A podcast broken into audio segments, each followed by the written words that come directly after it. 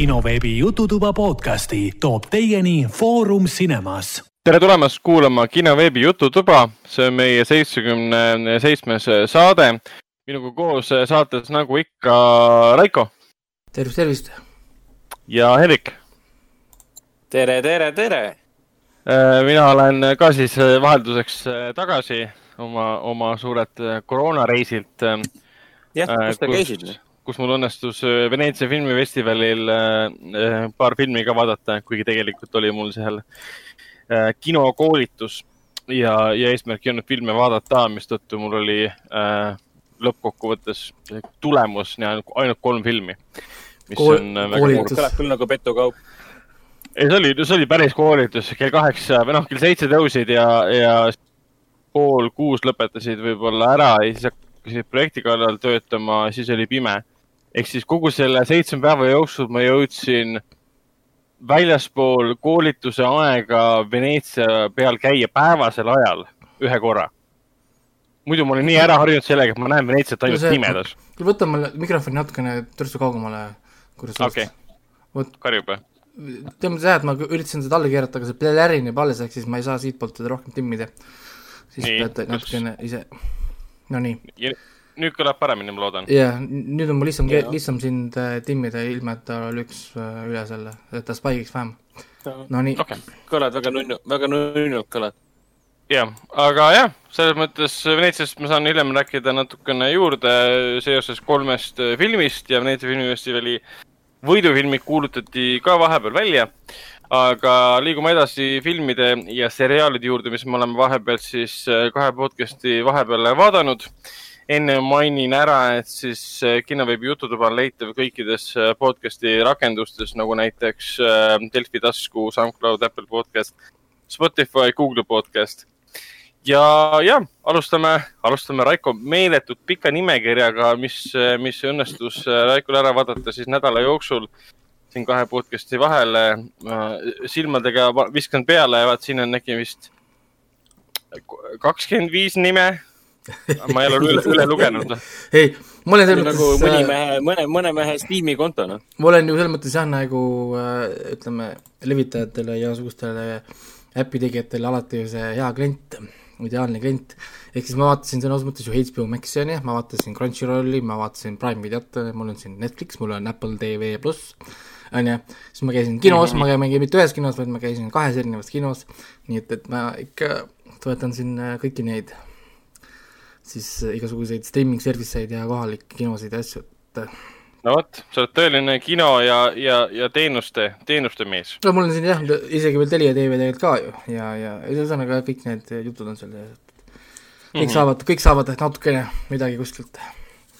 aga jaa, mul, mul, mul oli siin ikka mõttes nagu natuke aru, arvuti, arvutikesksem äh, nädal, enne kui mul tuli nüüd see füüsiline ehitusmaterjal mis tähendab seda, et mul tõenäoliselt tuleb nüüd rohkem stand-up jälle vahelduseks äh,.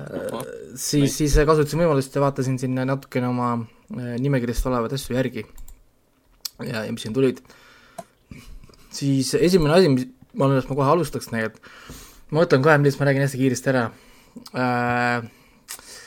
no ma vaatasin ära stand-up'idena siis Eddie Murphy't ja ja tuletasin endale meelde, sest ma olin tegelikult äh, suht mingi kolmteist neliteist, kui ma vaatasin seda viimati.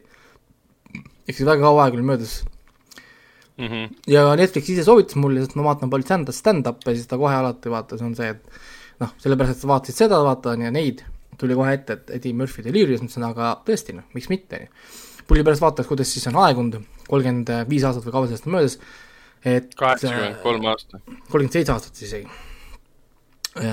on, on, on möödas, et vaataks, kuidas see on aegunud siis tegelikult ega enamus naljad on põhimõtteliselt ikka nagu samad, aga lihtsalt me ei saa öelda enam päris palju asju, mida tema seal äh, ütles ja kasutas sõnu ja et, et näiteks kohe alguses juba selle esimese mingi kümne minuti jooksul, kui ta teeks täna neid nalju, ta oleks juba Twitteris cancel datud viisteist, viisteist korda äh, peale ja üle. ja, ja kuidas ta publikuga rääkis või asjad, et ma mõtlesin ka, et, et, et, et olid ikka head ajad, kurat. kus, kus inimesed said ikka teha nalja ja ja, ja oli nagu fun. siis, siis ma sattusin kohe peale seda, automaatselt hakkas, hakkas mul ise mängima, mina ise ei tahtnud seda panna, ma lihtsalt panin, et, et võid mulle panna edasi mängima. viskas mulle kohe peale mingisuguse Rory Scovel, ma ei teadnud, kes see on, on ju. -hmm. äh, mingi Rory Scovel äh, Try stand up for the first time on siis see, mis iganes tal see spetsial seal on. ja sorry, mul tuli kohe Amy Schumeri äh, flashback. räägib palju juttu, onju, aga, aga kus see nali oli? Kohe nagu üldse ei tea. mind hakkas ilgelt häirima lõpuks see publik seal saalis, et äh, iga natukese aja peale kogu aeg naeravad. mul oli ka nagu, et, et, et nagu miks, ootaks nagu nalja ära, vaata, enne kui sa naerad, vaata. ei, vend ütleb mingi suvalist asja, kõik naeravad. ja muidugi kusjuures äh, hästi palju oli nalju, millest ma ei saanud aru ka. ehk siis ma saan aru, et tegelikult, et ta on äh, võib-olla Ameerika kohalik siis äh,, mingi võib-olla siis kunnas osariigis võib-olla tuntud nimi, võib-olla noh, vaata seal on jagatud need Tri-State areas ja seal on see US West, US South, North, noh, neil on kõik mingid omad nagu niisugused regioonid või regioonide sees, on ju, et meie mm -hmm. kuuleme siin ju neid suuri, on ju, kes rahvusvaheliselt läbi murravad, siis tegelikult neil on ju seal ju kümneid ja võib-olla sadu, võib-olla isegi tuhandeid koomikuid, kellest meie kunagi ei kuule, sest noh, nad ei lähe kaugemale kui oma mingi osariik või asi, on ju. ja siis ta tegi hästi palju niisugust nalja, mis ma lihtsalt ei saanud aru näiteks rääkis seal mingist Minnesota mingist söögikohtadest või noh äh,, mainis seal mingeid linnapäevasid asju, mul oli, ma, ma, ma ei tea.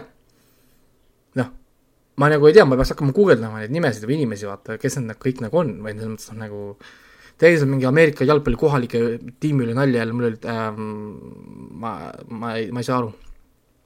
nojah, ta ongi siis kohalik, kohalik naljamees ja keda inimesed tunnevad puhtalt selle põhjal, et kuna nad elavad samas kohas, samas piirkonnas, nad tajuvad neid nalju, et siin ei ole sellist rahvusvahelist äh, rahvusvahelist hõngu, et iga suvaline inimene üle kogu maailma saaks seda vaadata. et jah, et ta ei kasutanud väga palju niisugust noh, nagu suuri Ameerika kuulsuid, mingi presidente või noh, keda võiks teada kõik maailmas, vaid tõesti, mul oli noh, et Google peaks olema kõrval ja Vikipeedia kõrval, et, et äh, lapata neid inimesi või noh, nagu saada aru, miks ta nagu neid nimesid vaata välja viskab, on ju et selles mõttes see läks veitsa nagu mööda, aga no ma kinni ka ei viitsinud panna ja, ja kuulasin siis rahulikult lõpuni ära.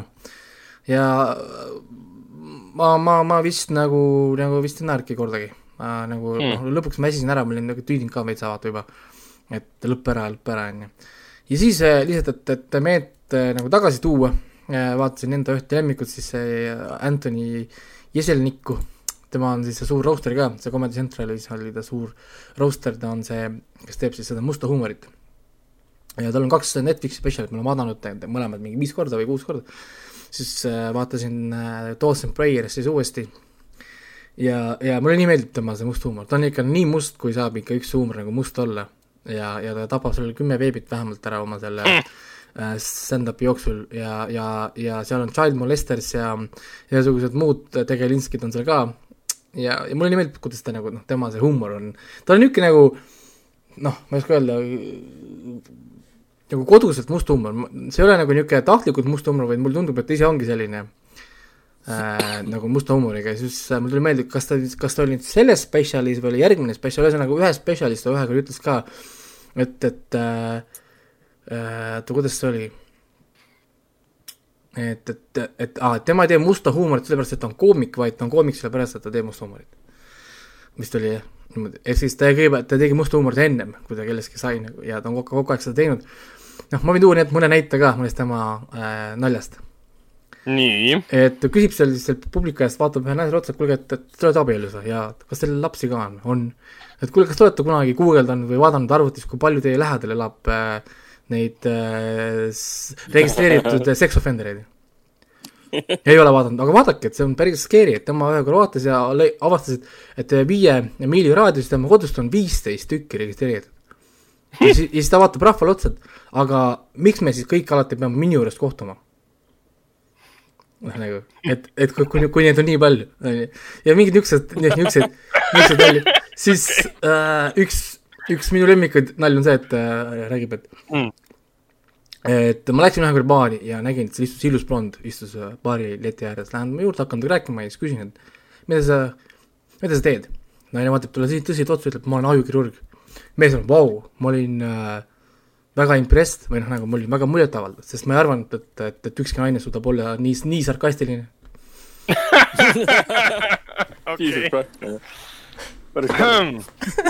Veider on naerda, naerda selle üle.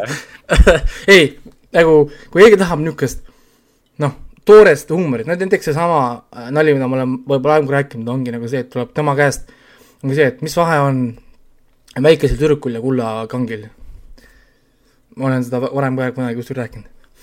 ja siis vaatab jälle tõsise näoga otsa, ütleb, et äh, väikest tüdrukut äh,, ei, kullakangi mul küll keldris ei ole. okei. väga, väga must, väga sünge ja väga, väga solvav äh, huumor. see on ikka, ikka jube. ja, ja siis ka rääkis, et oo, et ta oli vist San Franciscos oli vist. ütles, et oo, mulle meeldib San Francisco, et, et esimene asi, mis ma tulin, nägin parklas oli jäetud äh,, laps oli jäetud kuuma autosse. Tulin tund aega Mhm. hiljem, hiljem tagasi ja tuli ikka veel seal, küll on ikka hea, küll teil on ikka hea linn.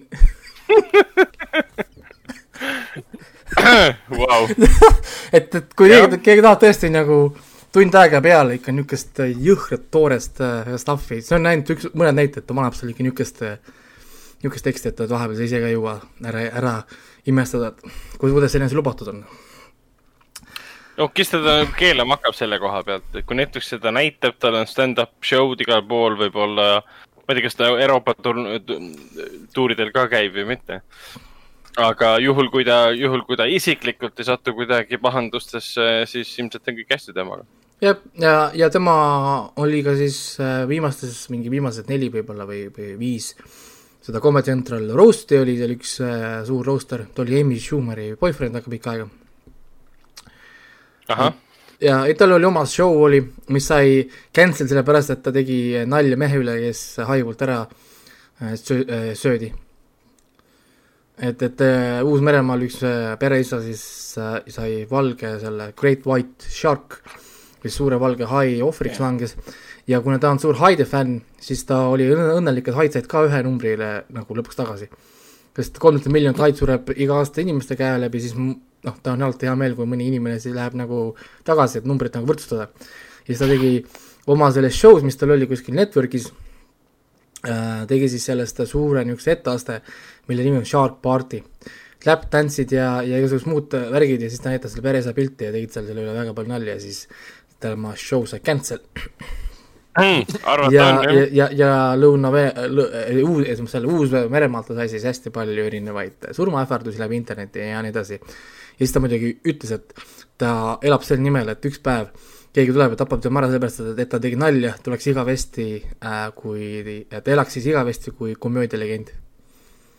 komöödialegend, mees, kes tegi nalja ja tapeti selle eest ära. nojah, sest ta, Märter, Märter. sest ta tegi Mm. mm. nii, nii hea nalja, et see läks lihtsalt nii sügavale, see lõikas nii sügavalt, vaata, et keegi pidi niimoodi reageerima. et, et ei no muidugi lõikab, kui sa võtad, võtad teise inimese, nende lähedased, kes seda kuulavad ja näevad.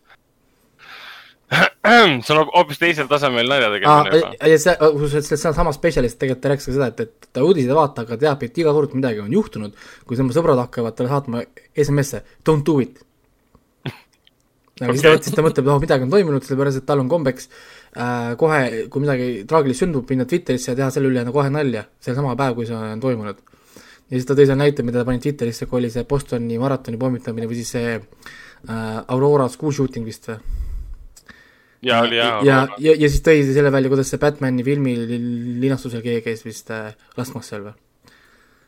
ja siis ta tõi, tõi näiteks näite, kuidas ta pani Twitterisse selle Batman'i filmi kohta, et olid all things aside uh,, how was the movie? okei. see on ikka, jah, ja, ja siis Ja, siis selle Bostoni maratoni kohta ta pani Twitteris selle, et, et, et there are some uh,, there are some lines that shouldn't be crossed. okei. no mingid niisugused jaa, nagu see on, see on väga terav, terav huumor ja ta teab, et selle huumoriga ta saab reaktsioone. jaa, aga kusjuures läbi. kui sa vaatad tema nagu intervjuusid, siis kuskil erinevates talk show des asjades, kus ta räägib nii-öelda, ta ei ole oma sellest karakterist, tal on nagu see karakter, kui ta on seal lava peal. siis ta tegelikult rääkis, ta selgitas ka seda, miks ta nii teeb, ta ütleski, et et, et ta ei tee äh, mitte sellepärast, et teha nalja ohvrite üle või kellegi üle, vaid ta teeb nalja sellepärast, et see situ- situatsioon on muidu liiga tõsine. ja, ja, ja kui me võtame liiga tõsiselt seda, siis need terroristid, kes iganes seda teevad, said seda, mida nad tahtsid. nagu ja, ja tema, tema kohe siis kasutab oma talenti, et natuke tuua bilanssi sinna, kus on niigi kõik paigast ära. jah, noh, kui terroristid soovivad tekitada, külvata hirmu, siis see neil õnnestus. Aga tema siis eh, teeb ja vastukaaluks näitab, et ma ei karda, ma. ja neid Suut- äh, kindlasti Anthony Jeselnik jätkab meelde, tal on Netflixis kaks spetsialidist praegu. tegelikult tal on rohkem ka, tal on üks enne, ennem seda ka, netis on tasut-, tasuta täitsa olemas, nii et saate vaadata. Mhm. nii, siis ähm, Okei. okay. vaatame sarju, räägime siin korraks, enne kui ma räägin filmidest eh,. nii, ma vaatasin ära Hoops, on ju, millest ma rääkisin varem ka, tuli Netflixi uus äh, täiskasvanute suunatud Jah. siis, täitsa Sari.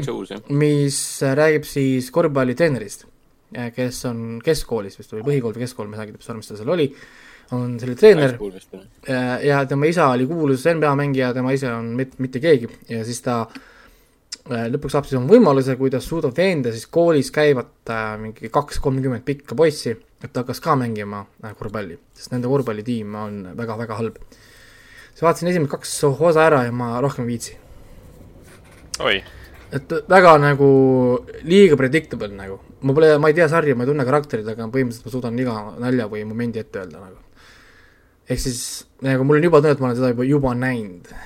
ja lii-, noh, ühesõnaga mul ei ole, mul ei olnud siin ühtegi niisugust umbes, et noh, ma küll naersin küll selles mõttes, aga ma naersin sellepärast, noh, ma ma teadsin, et see tuleb, aga noh, ikkagist mingi asi oli nagu naljakas, aga selles mõttes ei ole, ma ei, ma ei, noh, ei ole midagi, mida ma viitsiks vaadata kümme episoodi. Et või- võib-olla ma eksin, on ju, võib-olla noh, kaks on liiga vähe, aga ma noh, nii palju muid asju on vaadatud, et ma ei leia, et ma peaks seda edasi vaatama. nojah. selles mõttes ma saan, tuttav tunne. treileri põhjal ta üritas ennast maha müüa sellise noh, tavapärase roppusega. et ma olen animatsioon ja ma teen midagi teistmoodi, kus mul on üle keskealine mees üritab mingeid lapselikke unistusi täita ja samal ajal on ta siis täielik äh, põrsas ja siga ja teeb hästi palju, hästi palju siukseid ülimalt piinlikke olukordi tekitab.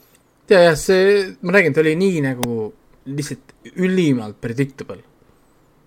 et, et noh, nagu mingi hetk oli selline tunne, kas ma, ma vaatasin juba seda episoodi või noh, nagu umbes, et pidin korra pausile panema, et kas ma olen juba vaadanud seda või noh, nagu tegelikult ei olnud vaadanud, lihtsalt, lihtsalt äh, liiga nagu äh, noh, ongi igav selle, selle koha pealt, et ma tahaks ikka vaadata, et mul on üllatusi või noh, nagu isegi kui ma vaatasin näiteks Paradise BD, mis oli küll noh, iseenda proodi lõpuks nagu, aga siiski, vähemalt seal ma noh, nagu ei teadnud, mis, mis tuleb, kuigi noh, ütleme, sa said aru, ütleme lõpuks, kuhu ta kogu aeg läheb, on ju.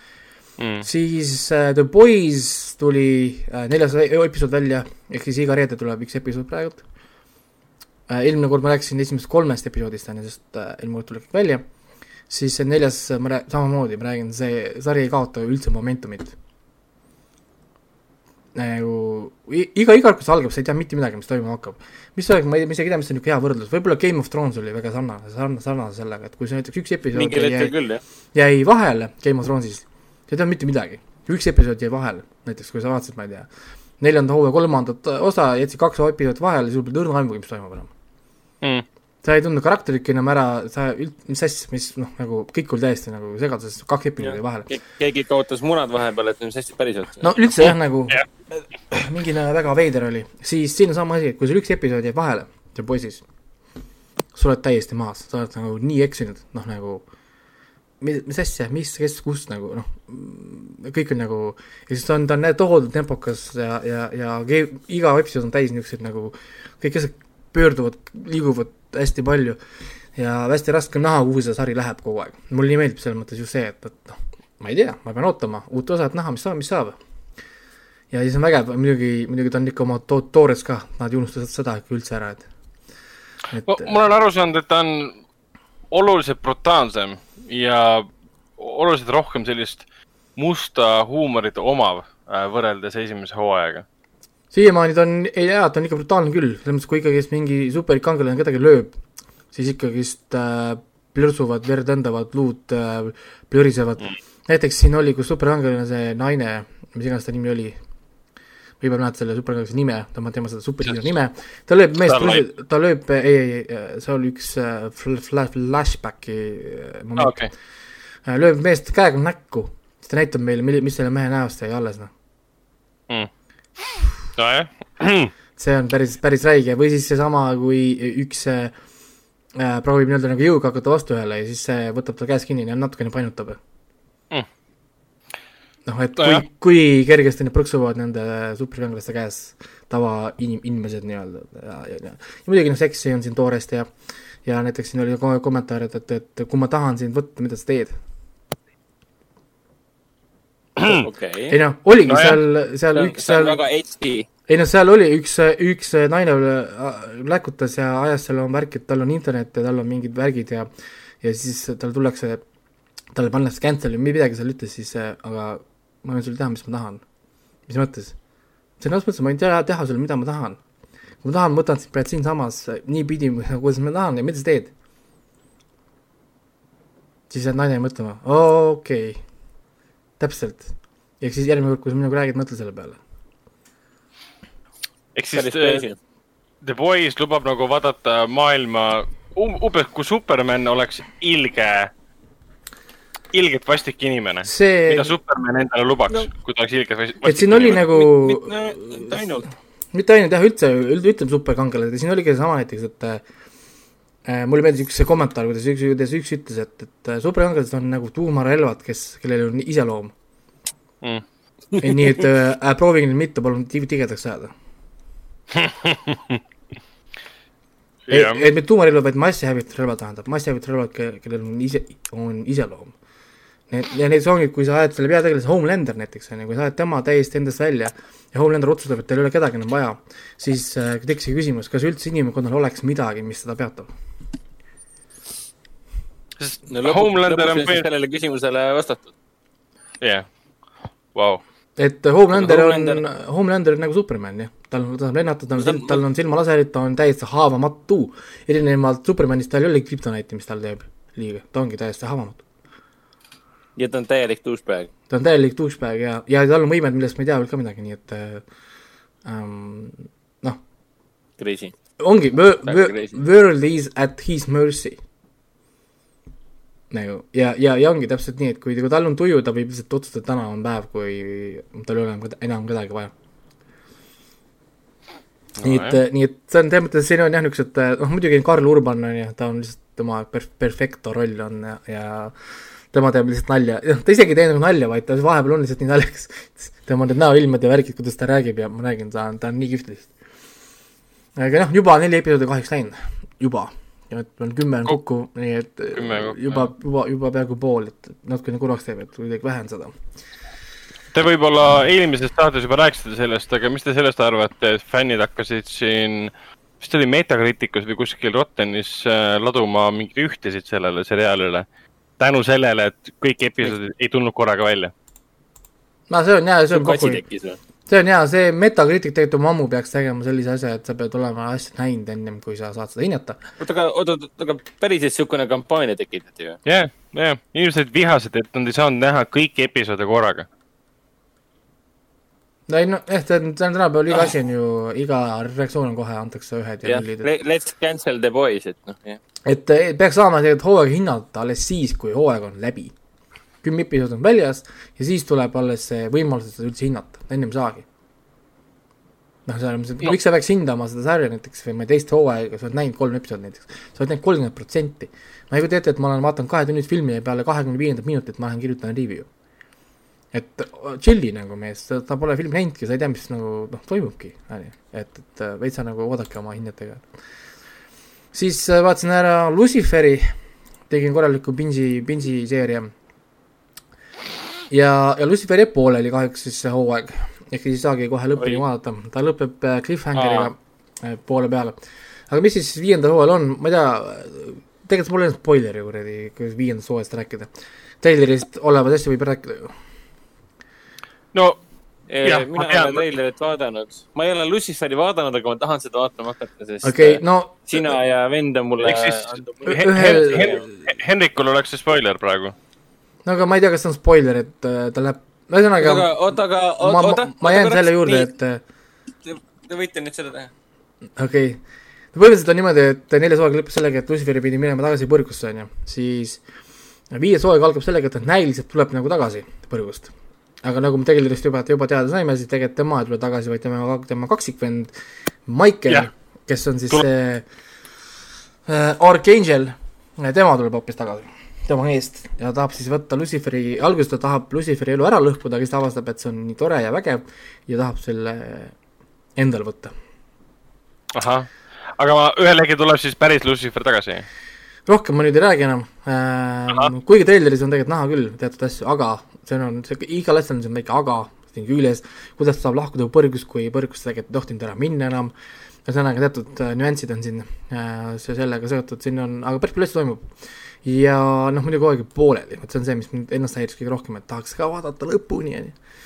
aga kogu aeg jääb pooleli ja nüüd peab ootama siis järgmist kaheksa episoodi ja korralik cliffhanger on ka, aga me tegelikult juba teame, mis juhtub, sest äh, seesama episood tegelikult põhimõtteliselt ütles meile ette, kuidas see situatsioon laheneb mm, -hmm. aga no sellegipoolest okei okay,, aga kuidas sa muidu esimest poolt nagu praegu hindad, võrreldes ütleme eelmiste hooaegadega um,? no mind ilgelt häiris see kakskümmend Michael, see on niisugune seepi ooperi lõhnaga niisugune evil twin, see kuri kaksikvenna värk, et ja, ja, ja, ja mind millegipärast talle tehti, et ta kõnnib natuke nagu küür, see on veel nagu eriti mingi äh, ta, ta on nagu küür seljas või? hästi nagu õrnalt on nagu küürus, et siis me saaksime Aha. aru, aru vaata, et see on see äh, Michael tegelikult, mitte nagu äh, Lucifer, on ju. oota, kas ta hakkab seal siis kõiki neid suhteid Chloe ja kõikide teistega nagu ära, ära rikkuma nii-öelda äh,? tal on plaan küll jah, selles mõttes. et äh, aga, aga need mm -hmm. ei lähe, need ei lähe päris nii, nagu vaja on, sest inimesed ümber on targemad, kui ta arvas. ja tal on teistsugune võime kui Luciferil ka. tal on, tal on kaksteist vennad, aga ta ei saa teha, mida teeb Lucifer, et uh, what is your deepest desire nii, nii, nii, et äh, tal on, vaadake sarja, siis saate, saate teada, mis võime siis tal on, et seda ma ei ütle. mul on ta kavas, mul on ta plaanis kindlasti ja esimesed neli hooaega mulle väga meeldisid. nii, aga nüüd võib lehvitada Ragnarile, et äh, panna omal Hen Henrikule. see on sama, sama, sama, see, see on üks ja üks ja sama. siis no, äh, vaatasin ära Ted äh, Lasso, ehk siis sel hetkel, kui mina vaatasin, oli kuus episoodi väljas, nüüd on seitse episoodi. ma pole veel viimast vaadanud, see on siis Apple TV plussi uus äh, originaalkomöödia mm. -hmm. ja nimi siis Ted Lasso viitab siis peatreenerile, kelle nimi ongi Ted Lasso algab sellega, kuidas siis Ted Lasso koos oma abiteeneriga lendavad äh, lo- äh,, mitte Londonisse, aga issand, mis selle linna nimi oli? ühesõnaga, issand, mul juba, üks, üks Inglismaa linn, ühesõnaga. lendavad sinna Inglismaa linna äh,, kas see oli Chelsea või Leicester, ühesõnaga mingi, üks tuntumatest linnadest, aga ikkagist noh, mitte nagu see Manchester või mingi London, on ju. Lendavad sinna, et võtta üle äh, siis üks äh, väga keskpärane jalgpallimeeskond. Premier League mängib esiliigas aga ta ei tea jalgpallist mitte midagi, sest ta on ameeriklane ja ta kogus tuntust sellega, et ta tõi oma esimesel äh, nii-öelda nagu kohtunik, mitte kohtuniku, vaid treeneri äh, hooajal äh, viis siis nagu äh, tundmatu Ameerika jalgpallivõistkonna siis tiit-, tiitlini, karikani.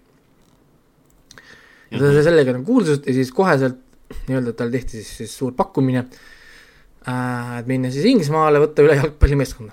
ja, ja sari algab sellega, et ta on lennukis äh, ja ta esimest korda siis lennukis võtab lahti siis jalgpallireeglite raamatu üldse, et kuidas see mäng üldse käib. on ju, aga ta juba ju lendab, lendab, lendab selles mõttes ju Inglismaale, et, et nagu aga ta nagu üle võtma. ja endale üllatuseks ma avastasin, et mulle räigelt meeldib see sari. ja see pole, ta ei ole päris puhas komöödia tegelikult, sa, sa saad naerda küll päris palju, aga ta on tegelikult niisugune draama ta on niisugune, ma ei oska öelda, draama, natuke draamat on siin, niisugune, sest äh, noh, hiljem hakkab nagu äkki selguma, miks Ted Lasso selle vaks võttis, noh, nagu selle töö Inglismaal, miks ta peaks minema Inglismaale, esiteks, on ju. ja, ja siis erinevad sündmused nagu selle, kuidas see meeskond üldse sattus siis selle naise kätte, kes on siis selle meeskonna omanik, miks Ted Lasso sinna palgati äh,, tegelikult noh, seda kõike nagu tegema ja mm -hmm ja noh, tegelikult see pole spoiler, see on tegelikult, vist Telleris oli ka, et Ted Lasso tegelikult palgatakse sinna nagu naljana. see oli niimoodi, et see meeskonna uus omanik on siis naine, kes sai meeskonna endale lahutuse käigus. ta lahutas siis oma multipilja, biljonär või see, mitte biljonär, vaid äh, miljardärist äh, mehest lahutas mm -hmm. ja, ja siis lahutuse käigus sai meeskonna jalgpallimeeskonna see endale siis. noh, ja, ja palju-palju raha. ja kuna see mees hoolis jalgpallist nii palju ta oli nagu suur jalgpallifänn, siis see naine äh, tahab kätte maksta sellega, et ta tahab selle jalgpallimeeskonna hävitada oh.. aga ta ei taha seda hävitada otse, vaid ta tahab, et see häving oleks niisugune pikk ja lauge ja eriti mõnitav talle ja pole midagi mõnitavamat kui ameeriklane, kes ei tea jalgpallis mitte midagi. kes tuleb, hakkab seda nagu majandama ja tegema. ja aga sellel on suur backfire, sest naine polnud Ted Lassot näinud ja nüüd, kui ta hakkab Ted Lassoga tuttavaks saama, hakkab nägema, kuidas Ted Lasso meeskonda üle võtab ja kõik asjad seovad, siis sündmused ei lähe nii, nagu ta tahab, on ju ja, ja üllatuseks ka üllatuseks, Ted Lasso ongi hea treener. ja see on päris, see on päris kihvt sari ja ma räägin, et, et alguses ma, kui ma alguses planeerisin vaadata niisugune üks, võib-olla kaks episoodi lihtsalt nagu, mis see on, ma panin kõik kohe kuus äh, tükki järjest ära. nii et äh, igal juhul, ta on lühike ka, pool tundi on, on, on episood, mingi veider kolmkümmend, kolmkümmend üks minutit on episood, mitte mingi kakskümmend viis või kakskümmend, vaid kolmkümmend, kolmkümmend minutit. ja aus kaup. Ja ongi, ta on nagu segamini komöödia ja niisugune draama, ehk siis ta ei ole puhas komöödiaseriaal umbes, et vaataks The Office'it, The Office või midagi, vaata, kus on nagu ainult nagu, nagu huumor. siis siin on ikka tegelikult päris palju niisugust draamat ka, et seesama, kuidas näiteks kohalik käituvad temaga, kes ta on ameeriklane, ja kuidas, kuidas kohalik meedia ja kohalikud jalgpallifännid temasse võtavad, suhtuvad näiteks. noh, täpselt nii, nagu sa võid, võid arvata, kuidas suhtutakse ameeriklasele, kes ütleb jalgpalli kohta sokker mis juhtub mehega, kes, kes tuleb Inglismaale jalgpalli õpetama ja ütleb selle kohta sokker et äh, jah, aga väga hästi, väga hästi tehtud sari, selles mõttes, et mulle nii meeldib see idee ja jälle väga kvaliteetne asi jälle Apple TV poolt. nii et mm, igal juhul, kel, kel, kellele tegi juba praegu tekkis mõte, võiks vaadata, siis vaadake ära ka. hea vaadata ka, mõnus, mõnus lühikene, niisugune nagu ei ole nii suured noh, ampsud, et, et saad nagu kiiresti läbi närida siis äh, vaatasin, äh, noh muidugi ma vaatan jooksvalt seda ReZerot ja God of High School'i Crunchyrollist, kes tahab kvaliteetset animet, siis äh, need mõlemad on lihtsalt täiesti tipus praegult. ReZero on eriti, teine hooaeg on veel tumedam kui esimene. see on, see kohati läheb nii dep-, depressiivseks, et sa vahepeal lähed õue kümme minutit värsket õhku lihtsalt võtta, et nagu holy shit. okei. et äh, igasuguseid tuletan meelde, et siis ReZero on siis see, kus kohas suvaline poiss nagu meie maailmast koduteel äh, koju, läheb see äh, teel siis äh, toidupoest koju, transporditakse fantaasiamaailma, miks, keegi ei tea. ta leiab ennast siis võõrast maailmast ja mingil põhjusel tema ei saa kunagi ära surra. iga kord, kui ta sureb, ta alustab kuskilt checkpoint'ist uuesti, tema ei tea, kuidas need checkpoint'id tekivad. miks, miks nad tekivad? aga nii, aga see nii on.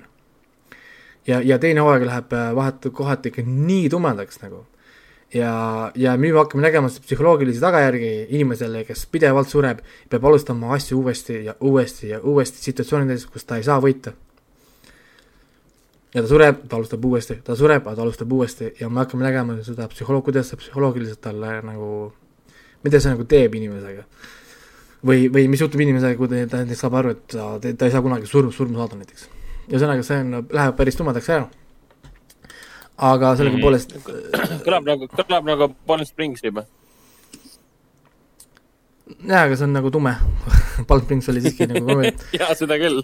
aga, aga see on ikka päris crazy tegelikult ka, et, et see viimane episood, see Love you, love you, love you, love you vist oli pealkiri, oli ka nagu, seal oli väga palju niisuguseid nagu holy shit momente nagu.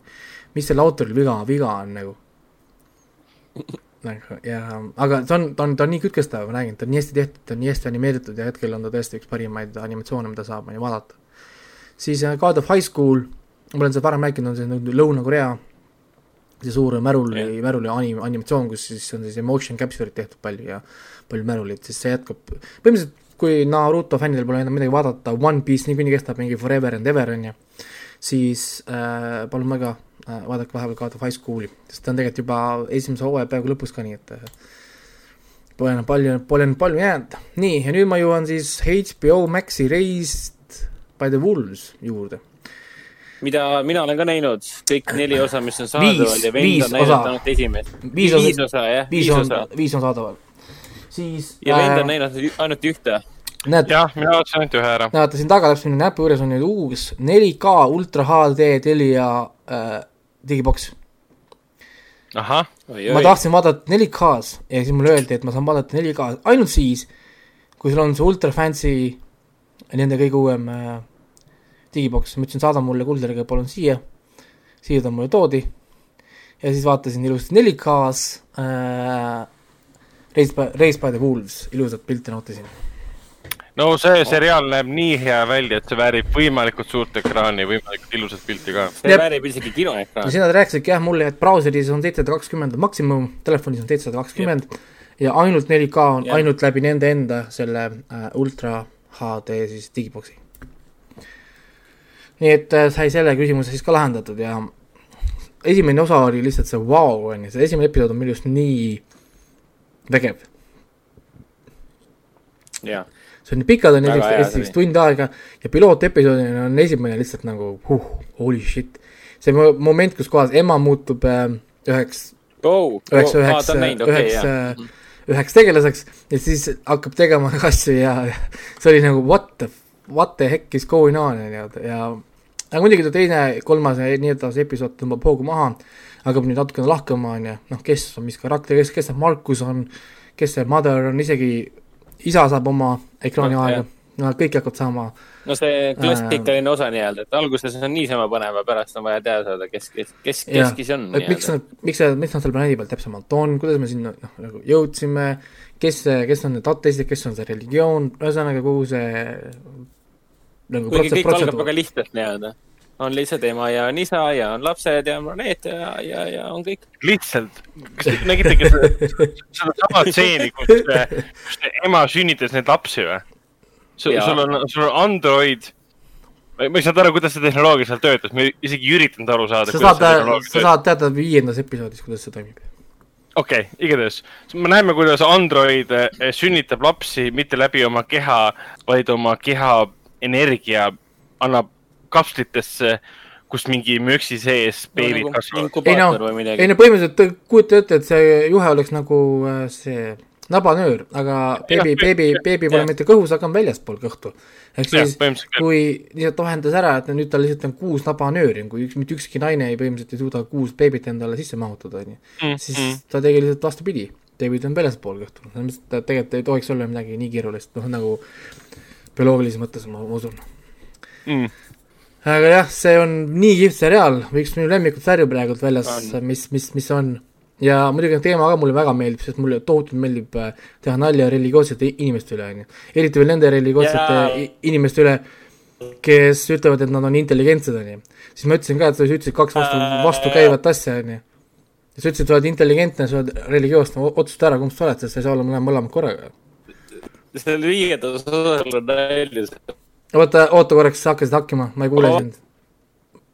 aa, aa, nii, nii, E, endiselt natukene, natukene hagib. ei kuule Hendrikut praegu, meil on, Hendrik läks natukene korraks Võru, Võru poole sõitma, siia aga, siia, siia sobiks see technical difficulties see, see paus vahele panna. aga ma tean, ma tean isegi, millest tahta, tahaks rääkida sellest viiendas episoodis kõige rohkem, me saame nüüd pilku siis nii-öelda selle ususekti või siis selle religiooni taha ja ma n- natukene rohkem, Ragnar veel ei tea, kes Markus näiteks on või kes need tegelased on, aga aga, aga see on päris nagu kihvt on ja, ja nüüd meil on siin kaks niisugust huvitavat sit- situatsiooni.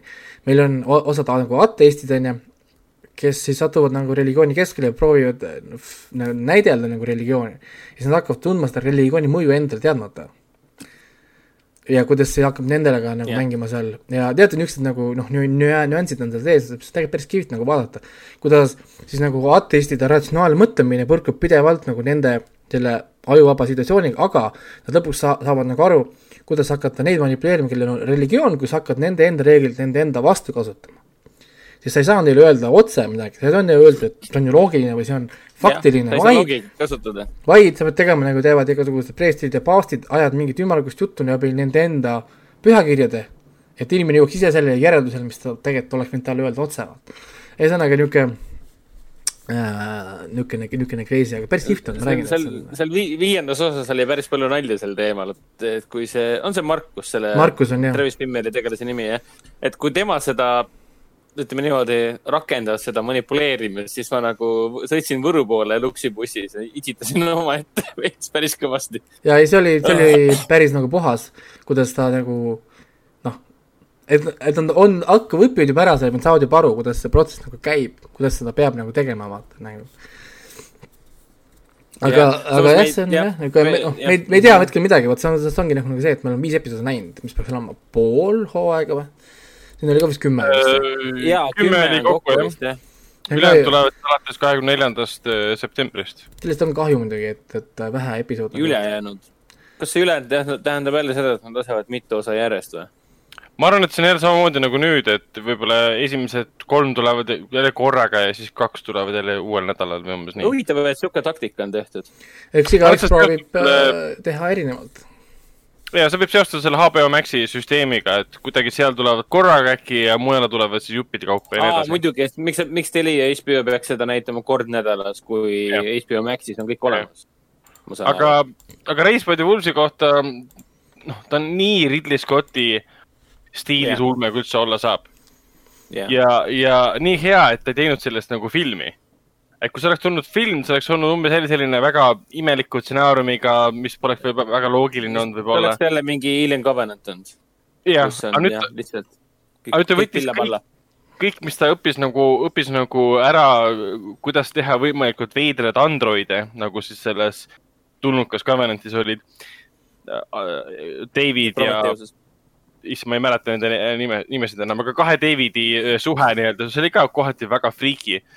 Aga nüüd ta lihtsalt ehitas selle ümber siis, mis oleks, kui maailm on hävinenud ja on alles ateistid ja androidid, kes kasvatavad lapsi mm..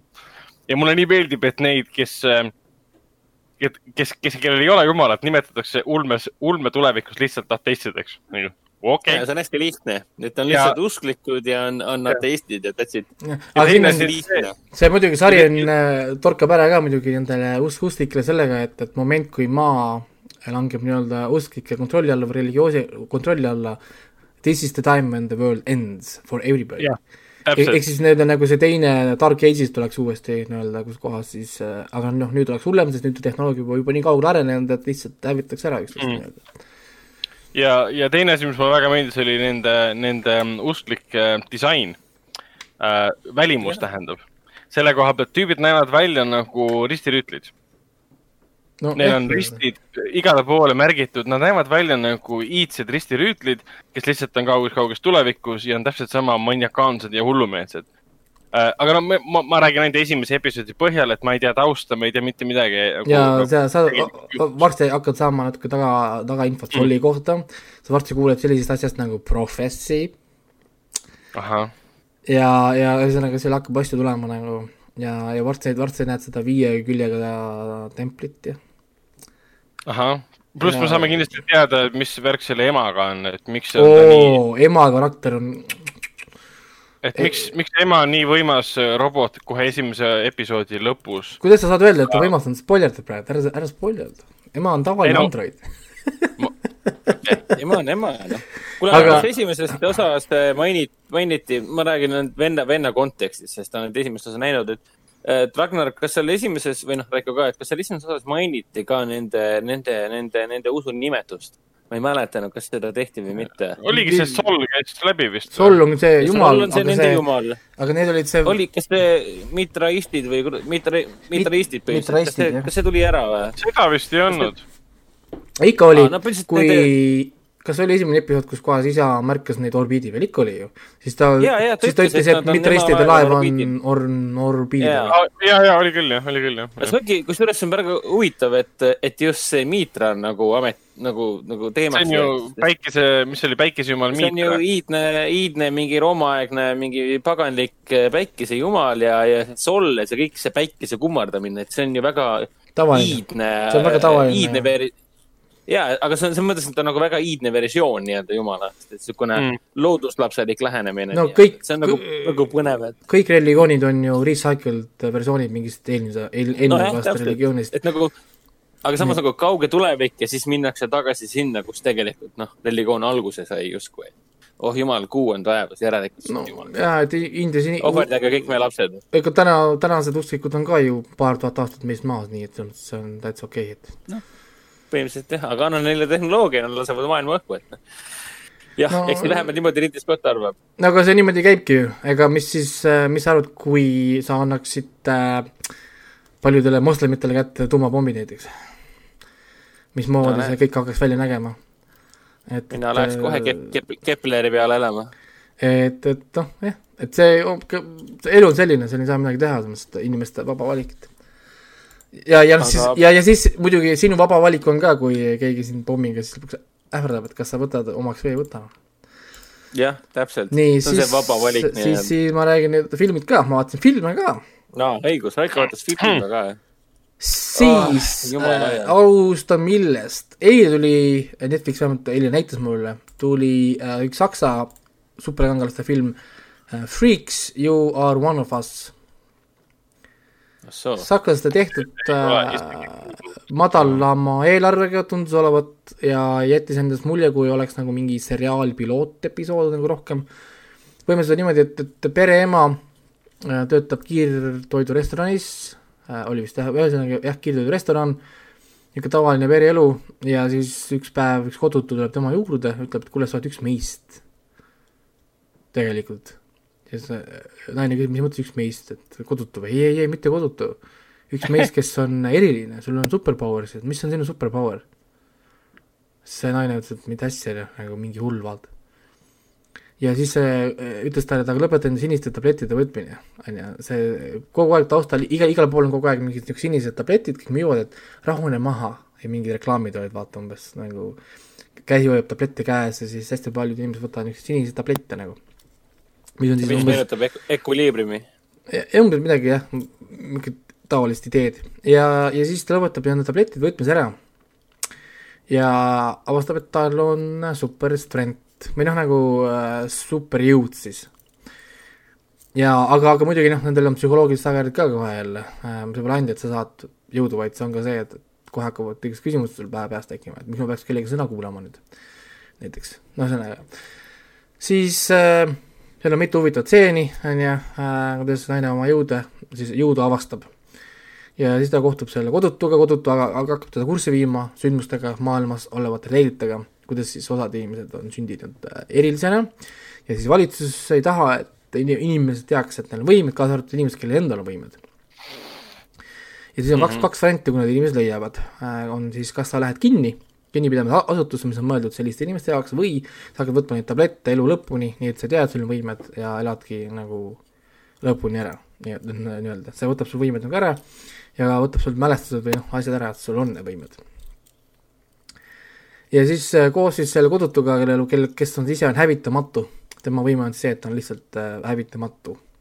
lihtsalt, ma ei tea ehk siis see on kõik, et sa, sa võid ükskõik mida talle teha. ja, ja ta, ta demonstreerib seda, et ta hüppab silla silla pealt alla re, rekka ette ja siis saab rekkalt suure paugu. mm -hmm. mitte midagi ei juhtu. aga kui sa paned ta ookeani põhja, kas ta seal upub ära või? tõenäoliselt ei upu, aga ta lihtsalt jääb sinna kinni okay.. ta on põhimõtteliselt nagu noh, surematu jah nagu. nagu ja... väike, väike old, old card'i spoiler uh,. no tal on selles mõttes nagu veits story ka, et äh, ma ei tea, kas see on spoiler või mitte, aga tegelikult, see on spoiler, ma ei ütle. tal on oma väike back story ka, sest äh, meie tegelikult ei tea tema vanust. meie mõtleme, et ta on nii vana, kui, kui me näeme, on ju. Mhm. aga noh, kui ta on hävitamatu ju, siis võib ka ju eeldada, et ta ei vanane. Äh, ja siis saab teada, on ju, et on hunnik neid igal pool maailmas tegelikult, kellel on võimed ja et saada teada, kes nad on, näiteks ta võib minna siis oma selle psühholoogi juurde kes siis talle neid tablette välja kirjutab, et tal on umbes kuskil dokumendid ja värgid, siis ta leiab sealt hunnik inimesi, kellel on äh, võimed, kaasa arvatud siis üks tema enda tuttav.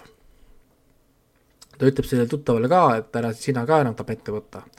aga siis, kui nad ütlevad selle tuttavale, et ära tablette võta ja sa lõpetad tablettide võtmise ära, siis nad, siis nad saavad õppetunni, et miks need on tehtud nii, nagu on, et miks antakse nendele inimestele tablette ja miks need tahetakse kinni panna ja, ja nüüd, kui nad on siis lahti lasknud ühe kurjami, kellel on võimed suuremad, kui nad äh, suudavad toime tulla, siis põhimõtteliselt film ongi selles, kuidas siis seda peatada nüüd mm. -hmm. kuidas siis taas, taastada see esialgne tasakaal, mis tegelikult oli juba olemas. aga miks sa ütlesid, et ta mõjub nagu seriaali pilootosa? sest ta jääb pooleli, ta lihtsalt lõpeb nagu ära, ehk siis ja mm, -hmm. ja viimane tseen konkreetselt filmis oleks nagu see, et, et näeme järgmine nädal. ahah võib-olla see oligi nende esialgne kavatsus. ei tea, sest sest tal on, tal on niisugune kvaliteet ja, ja niisugune production on kõik, mis viitaks nagu madalale eelarvele, ehk siis nagu oleks umbes nagu üks episood, et neil on nagu eelarve küll, see on umbes nagu ära jagatud mingi kahekümne viie episoodi peale. ehk siis me ei saa nagu hullu panna, aga me noh, midagi peame sulle nagu näitama ka, vaata.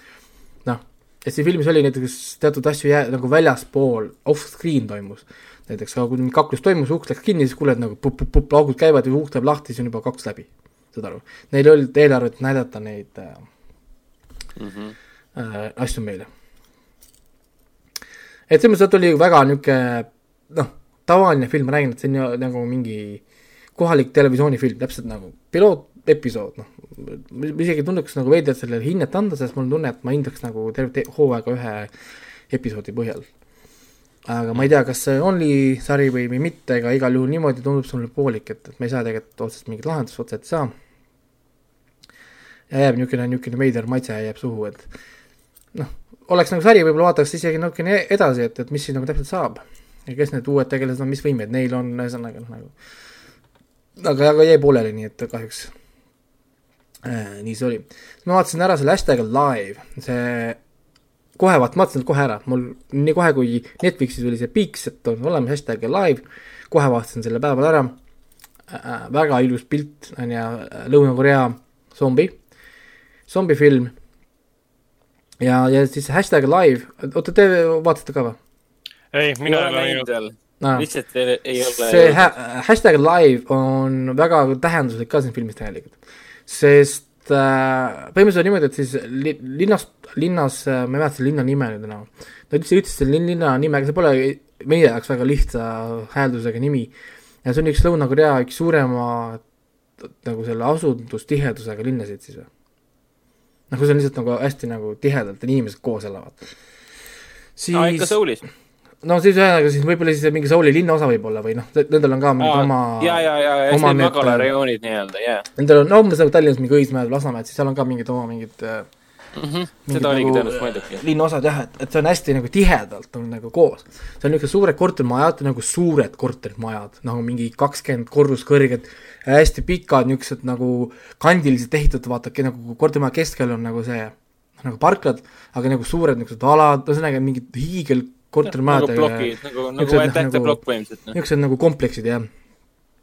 ja algab siis sellega, kuidas üks mingi seitsmeteistaastane poiss või mingi kahe, ühesõnaga seitseteist kuni kakskümmend, tegelikult me vanust täpselt ei saagi teada äh,. mängib, mängib sõpradega videomänge, ärkab üles mingi kell üksteist hommikul või noh, nagu päeval äh,, sööb ja läheb kohe mängima sõpradega mingit Call of Duty't või ma ei tea, Counter Strike'i, ühesõnaga mingisugust tulistamismängu äh, online'is, striimis ja äkki üks sõber ütleb, kuulge, et vaadake, pange tele-, telekast tööle.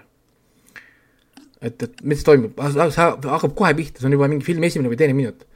paneb teleka tööle, vaadake, uudised räägivad, mingi salapärane haigus liigub mööda Seuli, ärge õue minge. siis ta kuuleb õuest mingi labi, lahmimine käib, vaatab õue, zombid jooksevad igal pool ringi, kõik ründavad kõiki, kaos. see on filmi teine minut juba, saad aru kohe nagu, film hakkab kohe nagu pihta, selles mõttes, keegi mitte midagi ei oota, lihtsalt nagu instant. ja siis me hakkame alles seda poissi tundma õppima, nüüd on poiss on kodus kinni äh,, leiab vanemate kirja, et umbes käib, käib poes, too süüa. nüüd ta avaldab külmkapi lahti, vaatab, süüa pole, ah kurat, oleks pidanud ikka ema kuulama ja poes käima ennem enne kui zombid tulid. ja, ja, ja nüüd tal ongi, tal on mure ta peab jääma koju, sest valitsuselt tuleb siis sõnum, jääge koju ja kõik, kes on kodus, tehke sotsiaalmeediasse postitused, kus te olete elus, pange oma aadress ja pange juurde hashtag alive. et me selle järgi, selle järgi hakkame inimesi leidma ja päästma, sest me, me peame teadma, kus te olete, aga ärge lõikuge, vaata nagu välja. ja noh, poiss siis vaatab, et tal on süüa ja päevad lähevad, üks päev, kaks päeva, seitse päeva, kümme päeva, viisteist päeva ja söök on otsas, vesi saab otsa, elekter, noh, net kaob lõpuks ära, vesi kaob ära, noh, saad aru, nagu noh, asi läheb järjest nagu tõsisemaks. siis, siis, siis äh, lõpuks peab hakkama nagu planeerima nagu, mis, mis noh, tegema võib midagi, sest noh, vett ei ole, süüa pole, midagi ei ole, tead, sa ei saa lõpuks nagu kodus passida, vaata. ja siis ta hakkab vaikselt nii-öelda korterist välja äh, rändama. niisuguste nagu lühikeste käikudega, kõigepealt naabrite korteritesse. noh, nagu nii-öelda ühele poole, teisele poole ja noh, rohkem mööda oma korruste ringi käima, siis ta õpib neid zombisid tundma, noh nagu akendest vaadates, teha, tehes niisuguseid mini, mini, minikatseid zombide peale, palju nad kuulevad, palju nad näevad, vaatab telekast uudiseid tagantjärgi, kus antakse infot zombide kohta, vaatab, kuidas nende käitumised on ja nii edasi. ja siis, kuni siis äh, ühel momendil ta otsustab ennast ära tappa. sest ta ei näe, et tal on nagu šansse või, või variante. see on kõik alguses praegu, ma räägin esimesest viis, see on esimene viis minutit praegu see on praegu. oot, oota, oota, need on need filmi esimesed minutid praegu. ma teen seda show best'ist sealt Little Weaponist, okei, okei, okei, okei, okei, okei. see, see on kõik treileri kraam, ma vaatasin treilerit mitu korda, ma tean täpselt, et mida ma, mida, mida ma võin öelda. siis äh, hakkab ennast ära tapma, kui äh, ennem nii-öelda enda äratapmist ta äkki sealt näeb laserit tulemas maja ja siis teiselt poolt sama majaga nagu see üle nagu õue. Kus keegi annab talle laseriga märku, et tema on ka elus, ta pole ainsana elus. ja siis, siis, siis lähebki film nagu rohkem nagu tempokas ka, et nad proovivad omavahel kokku saada noh, kõigepealt toitu jagada äh,, ressursse jagada, siis on mm -hmm. sa, ta saab nagu rohkem infot, teine saab anda talle üle maja infot, mis ruumid on tühjad, mis korterid on tühjad, ta näeb nagu äh, akendest rõõmu sisse vaata. kus korteris liigub zombid, kus ei liigu zombid mm. -hmm. Ja, ja saavad teha niimoodi. Ja film lõpu, lõpuks muidugi läheb päris siin on nüüd mitu nagu ihtu, on ju, siin on päris palju zombi action'it, on ju, mingi hetk sul on kakskümmend, kolmkümmend minutit järjest. Jõhkrat zombi tagaajamist, hüppamist äh,, söömist, stuff'i. Siis on niisugune vaikne triller, hiilimine, luuramine, on ju, siis sul on äh, teatud momendid, mida ma ei saa spoil ida, kus on, sekkuvad siis teised inimesed ka, ütleme siis, no mitte ainult nemad, on ju see, see, see ja... igaks juhuks ütlen, et see kõik, kõik kõlab väga sitaks põnevalt nagu.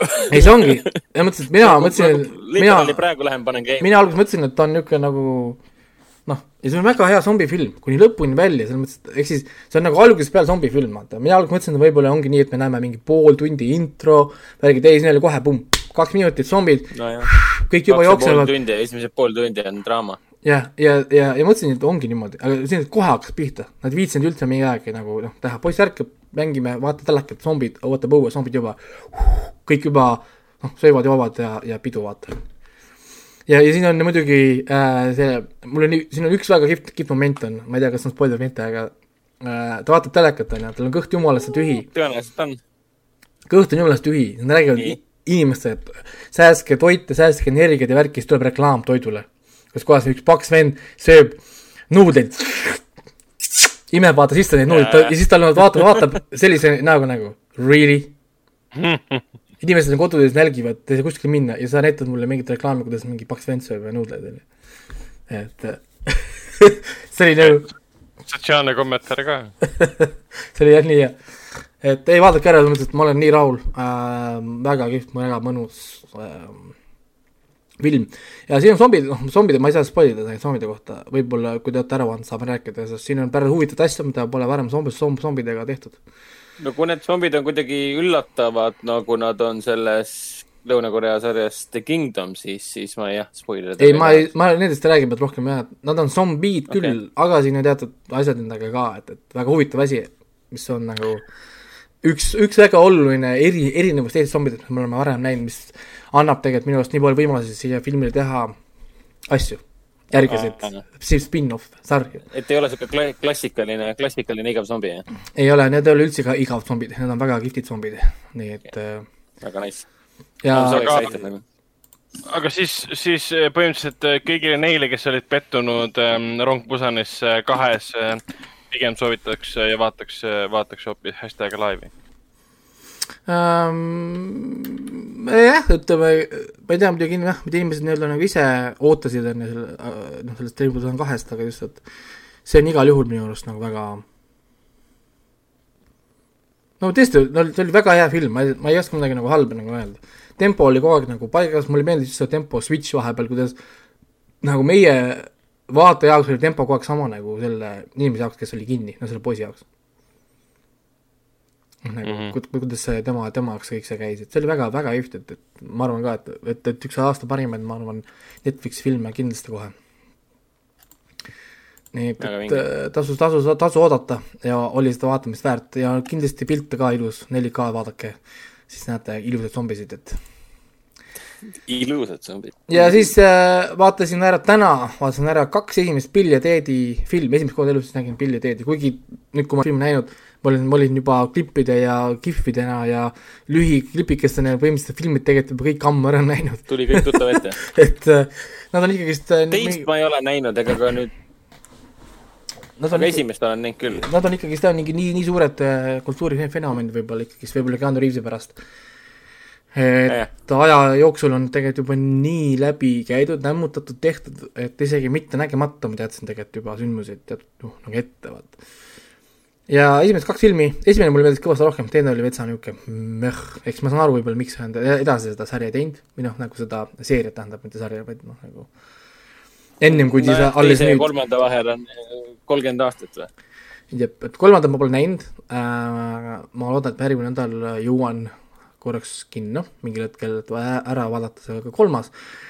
Aga esimesed kaks esimene oli tõesti väga kihvt, mul oli Tove Irva näol, kui ma vaatasin, sest ta ei ole nagu päris komöödia, võib-olla on ka komöödia, aga sa, ta on niisugune ebanormaalselt positiivne film, kus sündmused on kõik nende kontrolli alt käest ära, aga neid ei häiri mitte midagi. Täpselt, midagi väga halba ka kunagi otseselt ei juhtu nendega. Neid ei häiri mitte midagi, nad lähevad igasse sündmusesse lihtsalt nii naiivselt vastu, kui üks, keegi veel saab minna nagu.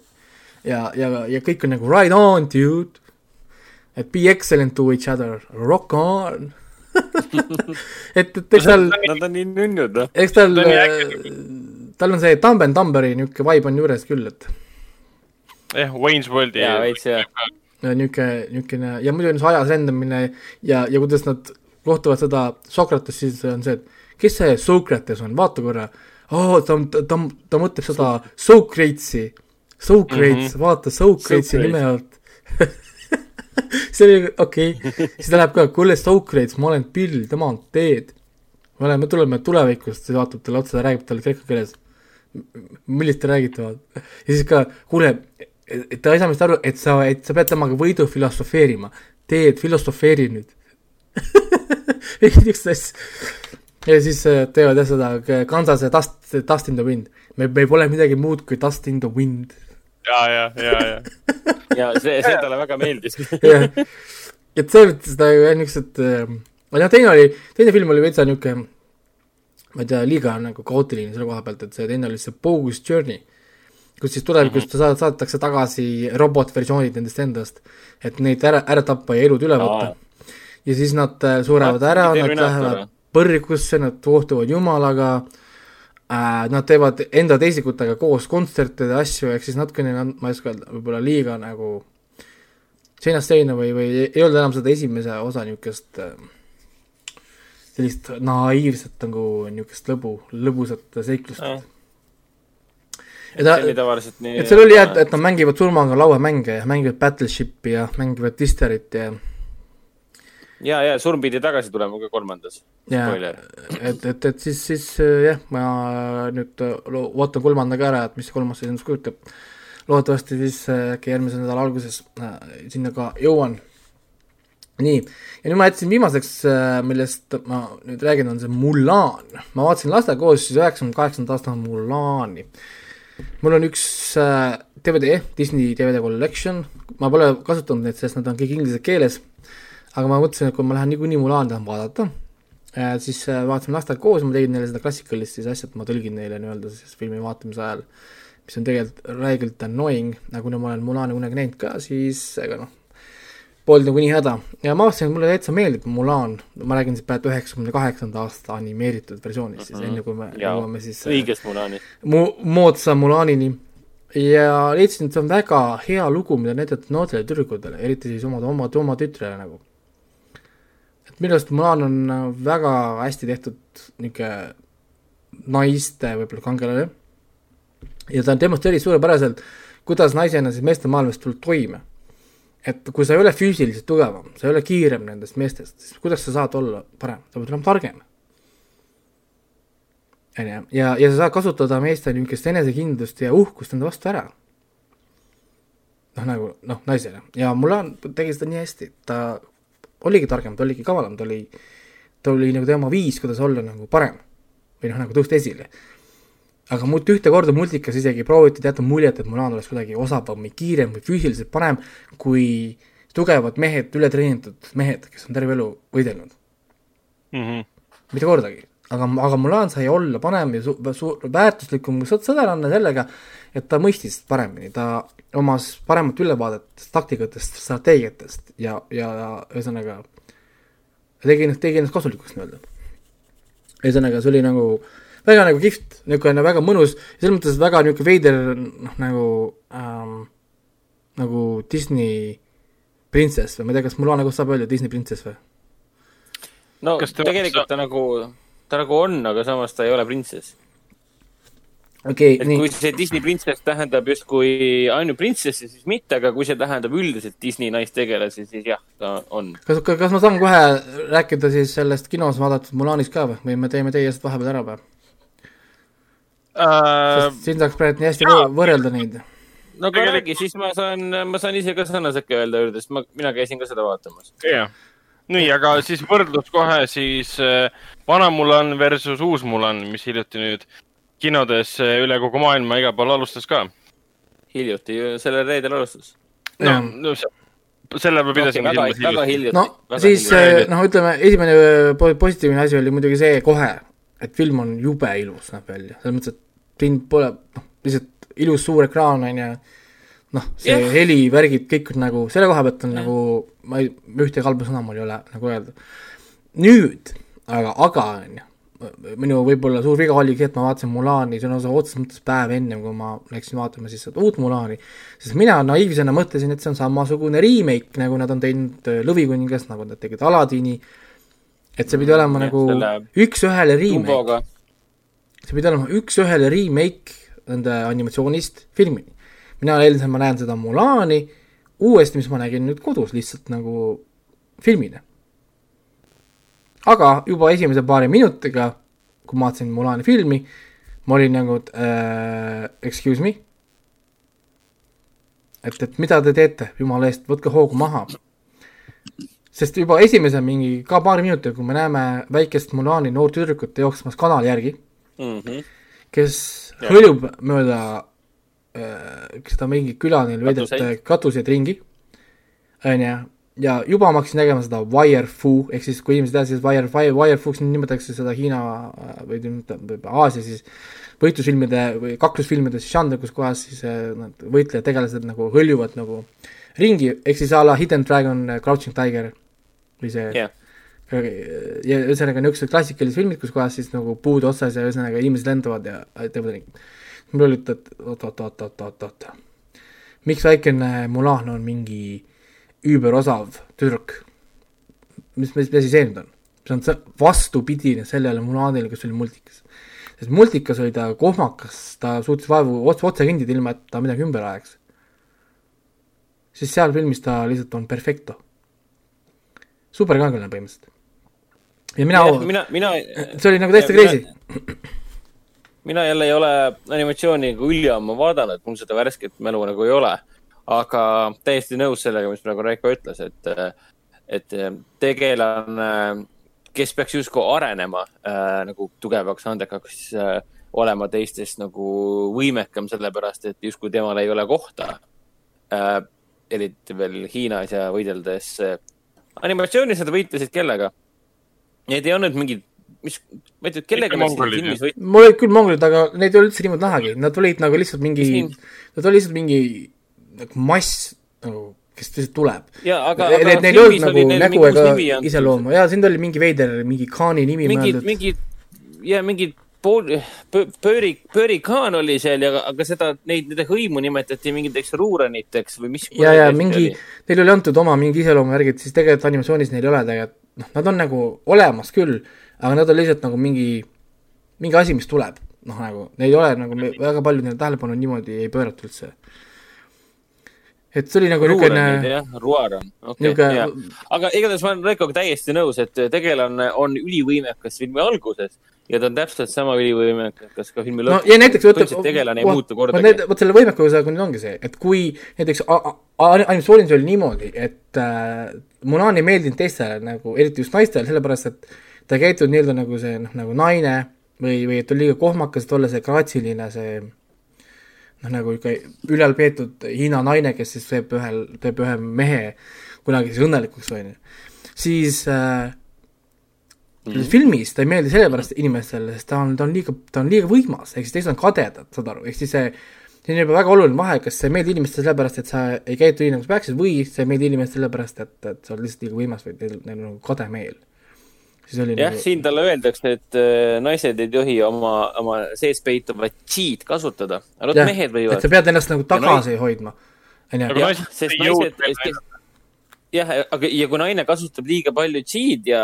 üldse nagu tahab olla nagu mees, siis eh, tal on kaks varianti, kas ta toob igasuguse häbi oma perekonnale ja oma rahvusele või eh, ta muutub nõiaks, nagu film meile väga ja, ja, ja muidugi äh, siis läks eriti hulluks, kui ta nüüd äh, noh, muidugi siin tegelikult juba suur vahe, issand, siin on nii palju asju. seesama näiteks viis, kuidas ta läks ära äh, kodust läks ära, siis animatsioonis oli väga Jah. emotsionaalne nagu protsess ja, ja moment. siis filmis ta lihtsalt varastas, ta võtab, varastas armurid, mõõgad, asjad ja läks, läks lihtsalt minema. kõik, ja seal hästi kiire momenti, mingit, mingit mõtlemisaega nagu ei olnudki. Mitte midagi nagu olnud. siis, kui äh, nüüd see animatsioonis Mulan jõudis siis sinna äh, laagrisse või noh, nagu kus hakatakse neid treenima äh, ja, ja, ja, ja asju tegema, siis ta ei saanud hakkama seal teistega, ta oli nõrgem kui teised, ta oli kohmakam kui teised äh,, teda peaaegu saadeti minema juba sellepärast, et ta oli liiga kohmakas ja liiga nagu noh, ta ei saanud hakkama. siis oli see moment, kus kus neil tuli kus neil tuli see äh, katse, et ta peab posti otsast saama kätte, mis oli pall või, või, või kelluke, ühesõnaga mingi asi oli posti otsas, pidi saama sealt kätte, siis Mulan mõistusega ta oli, ta oli targem kui mehed, kui mehed proovisid lihtsalt oma jõudu kasutades, lihtsalt toore jõuga sinna posti otsa saada. siis tema kasutas ära neid raskusi, sellel, sarnaselt sellele, mis oli selles äh, Captain America esimene film, vaata Ah, ah, kus kõik sinna otsa, tema võttis selle poldi alt ära ja see poiss kukkus vaata ümber. ja siin oli umbes taoline idee, ta Ah, kasutas raskusi, et tõmmata ennast äh, ülesse, Mulan. ja sa, ta sai kõik esimesena kätte, siis kõik, kõik olid väga impressed, et ta suutis kasutada noh, olemasolevaid asju, mõistust nagu ja et, et, et, et, et kui ta proovis füüsiliselt võistelda, ta oli lihtsalt noh, ta ei saa lihtsalt nagu vastu, on ju.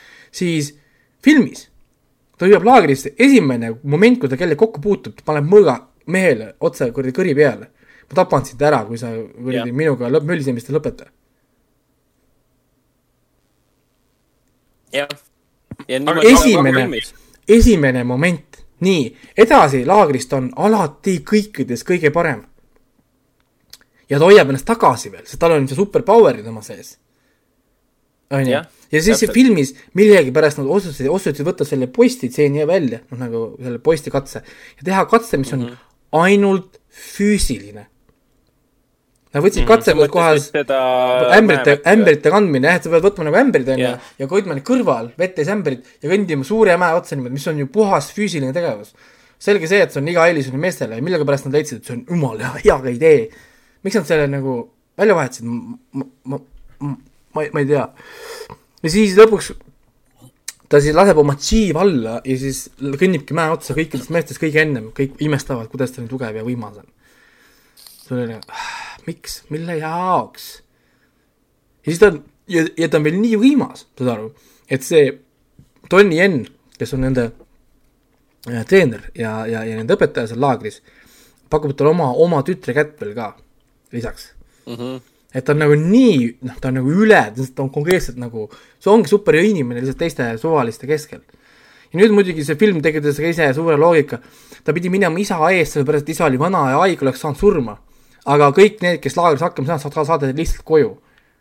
ehk siis, ehk siis kui ta oleks isa Jaa. saatnud enda eest, isa oleks läinud laagrisse oleks- mitte hakkama saanud ja koju saadetud, oleks kõik olnud. no täpselt, isa oleks niikuinii koju saadetud, täiesti mõttetu ju. ehk siis, ehk siis, selline asi siis, üldse sisse kirjutada? ehk siis kogu see premise oli juba nagu noh, ridiculous. see oli nagu noh, mine istusid ja vaatasid, noh, aga see ei läinud kuidagi nagu paremaks. Sest nüüd me jõuame lõpuks sinna, ütleme, me eirame siin stseenid, kus see äh, see järve tseen, kus ta läks pesema ennast, mis tegelikult on animatsioonis ka hoopis paremini tehtud ja nagu ma ei, ma isegi ei viitsi. siis äh, lõpuks, kui nad lähevad nagu sõtta, siis äh, sõda, siis animatsioonis tegelikult nende nii-öelda võit oli nagu see, et nad lihtsalt äh, hoidsid tagasi või nad noh, nagu need jõustus kohe nagu üle. No saad aru, sest äh, mongolid või oli vist ka mongolid seal, ühesõnaga nad tulevad nii suure nagu power'iga, et nad teadsid, et nad surevad nagu ära ja siis tänu mul Mulani nagu niisugusele tarkusele ja taktikatele suudavad selle no põhimõtteliselt napilt üle elada, ütleme siis nii. ja see ei olnud koheselt totaalne kaotus siis filmis Mulan üksinda võidab terve lahingu. jah, ta mitte ainult ei võta, põhimõtteliselt ei hävita va- vastaste armeed, vaid ta nagu võtab vastaste armee maha, pluss veel päästab äh, kõik emperorid ja kõik asjad ja, ja, ja ühesõnaga jäetakse mulje, et ta üksi võidab lahingu. mitte, ei, mitte ei jätaks mulje, vaid ta võidabki üksinda, üksinda jah, sõna otseses mõttes ta Mängu. võtab ühe kinni missiooni ja teeb selle ära ja üksinda päästab kõik ära. ja see on nagu kogu filmi, see ongi nagu kogu filmi võtmesõna, et miskipärast on, vahet pole, mis soost see tegelane on, miskipärast on meie peategelane eh, tehtud eh, ülivõimekaks juba algusest peale, aga samal ajal tehakse nägu, et ta justkui areneb et see on täiesti sisemine konflikt, see ei toimi lihtsalt, see siin, see, sul ei saa olla arengut, kui tegelikult arengut ei ole, sa ei saa öelda, et seda juhtub, kui seda tegelikult ei ole. sama asi, millest süüdistati Reid äh, äh, uues Star Warsi filmis. jah yeah. yeah,, ei, ja, ja need, ja nüüd ongi näiteks see, et Mulan polnud ühte korda ohus siin filmis. mitte ühtegi korda, isegi kõige suuremas viimases lahingus keegi isegi ei puutu teda, mõtle korra selle peale, mitte üks inimene isegi ei puutu teda. ta tuleb täiesti puhtalt välja suurest lahingust, sest ta on täiesti puutumatu tavaliste inimeste mm -hmm. jaoks lihtsalt. Siis äh, animatsioonis tema sai viga ja kuna ta sai viga, siis see teie vigastus reetis lõpuks selle, et ta on äh, naine mm. -hmm. siis siin ta, filmis ta ise reedab ennast kui naine, sellepärast et see üks, üks veider, üks, üks veider, veider karakter äh,, mis ta nimi nüüd oli? see kotkas, kes mu, oota, ma korraks lähen natuke tagasi. Ja see Kong Li tegelane. jah äh,, noh, animatsioonis äh, tal on, tal on kaks sõpra, tal on nähtamatu draakon Mushu, mis on tema siis äh, perekonna nagu kaitseingel või, või, või ma ei tea, mingi niisugune kaitseloom, ühesõnaga spirit ma ei tea, hing, hing, kaitsev, ma ei tea, vaim. No see on see ancestor. jah, ja siis on see kriket, kriket on ka, tõesti kaks niisugust sõpra on tal, väikene kriket ja siis see Drakon Mushu. Drakon Mushu on väga koomiline tegelikult tegelane, ta on hästi uudishimulik ja tahab ju kõiki asju maailmas näha, aga tema saab maailmaga suhelda põhimõtteliselt ainult nagu läbi Mulani. ja siis tänu sellele Mushule Mulan satub pidevalt nagu probleemidesse, vaata, kõik need, kus need kohmekused ja asjad lähevad ümber, Mushu on tegelikult selle nagu taga. aga mm -hmm. tänu Mushule, tal on ka nii-öelda need arengud ja asjad toimivad. tal on alati kellega suhelda, Mushu on alati, kes on tema nagu see pilk nagu maailma või noh, ühesõnaga nagu kelle kaudu see kõik nagu protsess nagu käib. siis filmis äh, Mushut ei eksisteeri, Mushut lihtsalt ei ole olemas, kõik jätab olemas, ta on, üksinda. on ju et, et, et filmi niisugune pluss võib-olla ongi see, et, et selle asemel, kui nendel Mushut suhtleb natukene rohkem nüüd nende äh, teiste sõdalastega, kes seal laagris. ega see on võib-olla niisugune hea asi no,. So is so, jah, jah. siis äh, nüüd Mushu asemel on siis kaks asja siin filmis, neil on see mingisugune fööniks, keda näeb ainult äh, Mulan, mis on siis tema pere kaitseingel siin. suur mm -hmm, mingi nähtamatu, nähtamatu hing fööniks ja siis on see mingisugune veider nõidkotkas nahkhiir slaš mingisugune hüper, super power, põhimõtteliselt ma ei tea, võib-olla kõige võimsam olend üldse seal, äh, mingi nõukogude naine, kes siis ongi siis mongolite heaks ja põhimõtteliselt film jätab meile selgelt mulje, et see naine võiks võtta võitu üksinda terve lahingu Hiinast vastu, kui ta tahaks.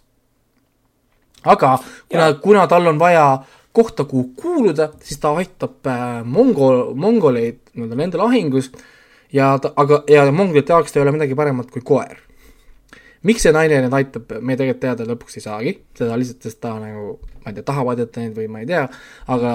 seda, seda muidu nimetatakse vigaseks loogikaks, aga. ja, ja, ja, ja tal on võimed täiesti nagu absurdini ulatuv võimed, ta saab muuta enda välimust mis iganes loomaks ta tahab, mitte ainult üheks loomaks, vaid ta suudab viiekümneks nahkhiireks muutuda, kui tahab, teha igasuguseid. saab inimese keha üle võtta. jaa, mingeid igasuguseid täiesti imelisi asju teha nagu ja nüüd, kui need kaks tükki nagu kohtuvad omavahel lahingul, siis see üks superpower naine versus teine superpower naine, siis muidugi ainuke jutt, millest nad räägivad, on see, et nad on naised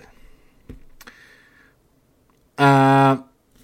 Yeah. nagu noh, sa kohtud keset nagu lahingut, seal on suur sõda käimas ja millegipärast ainuke jutt, mis neil on, on see, et nad on nagu naised ja sa ei pea ennast piitma ja siis see annab siis talle nõu tasuta omavahelisele, et et, et ära peida ennast, näita, et sa oled naine ja sa vallandub sinu tõeline chi.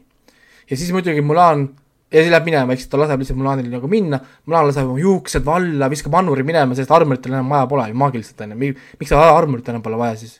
seal sees, ühesõnaga selleks, viskab selle armuri minema, ma naersin juba, selleks ammu, ammu, ammu naersin, sest ma olin juba nagu alla andnud, see öderong oli läinud.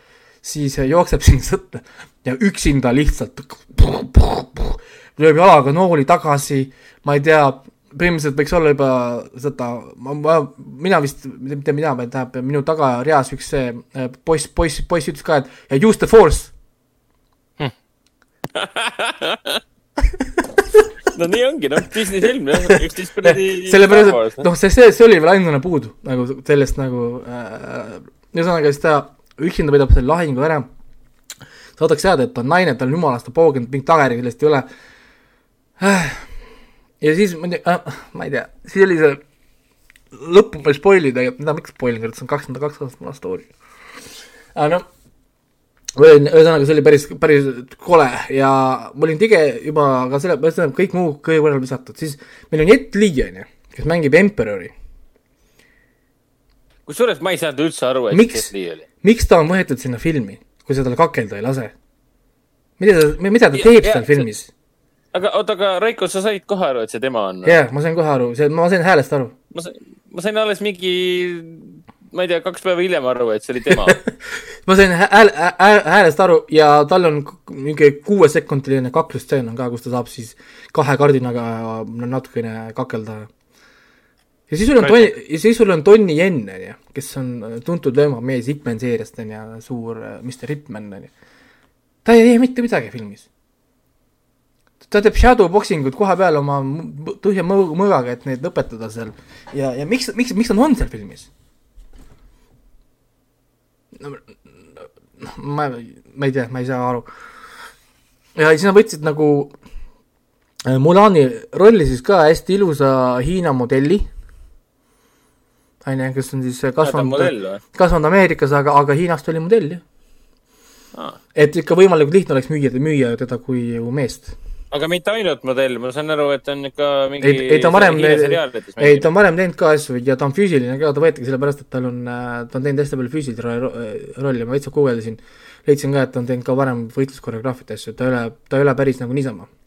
ta on ikka võitlukunstidega tuttav nii-öelda, et selles mõttes ma saan aru selle koha pealt okay., aga lihtsalt nagu vä välimuse Vähemalt. koha pealt, et, et nagu oleks võinud olla siis mingi noh, miks peab olema Mulan super ilus, sest animatsioonid said, kui mul pole ühtegi pilti kõrval, kõrval anim-, animatsiooni Mulan on tegelikult väga keskpärase välimusega naine, ta ei ole nagu noh, ta ei pea olema nagu mingi printsess, vaata, noh, ehk siis, ehk siis mul, mul, Mulan oma väli, välimusega ei olnudki tegelikult nii keeruline teda müüa kui poiss, vaata. no see, see, ühesõnaga. ja ühesõnaga, kogu see pikk jutt lühidalt, Mulan kaks tuhat kakskümmend on pask. ma lihtsalt okay., äh, ma olin nii pettunud no, ma, ja, ja muusika, veel üks asi, muusikat ei ole ka kõik muusikalised fucking numbrid on välja lõigatud. animatsioonis olnud yeah. muusika lihtsalt enam ei eksisteeri. sul on põhimõtteliselt Mulan on uus WC film ja hiljem, kui ma guugeldasin seda crap'i, selgus veel selline asi, et nad isegi põhines samal alg-, all, algmaterjalil, kui Mulan põhines veel raamatul, mis oli kirjutatud siis selle vana Hiina legendi põhjal, siis Mulan tehtud ainult otse Hiina legendi järgi.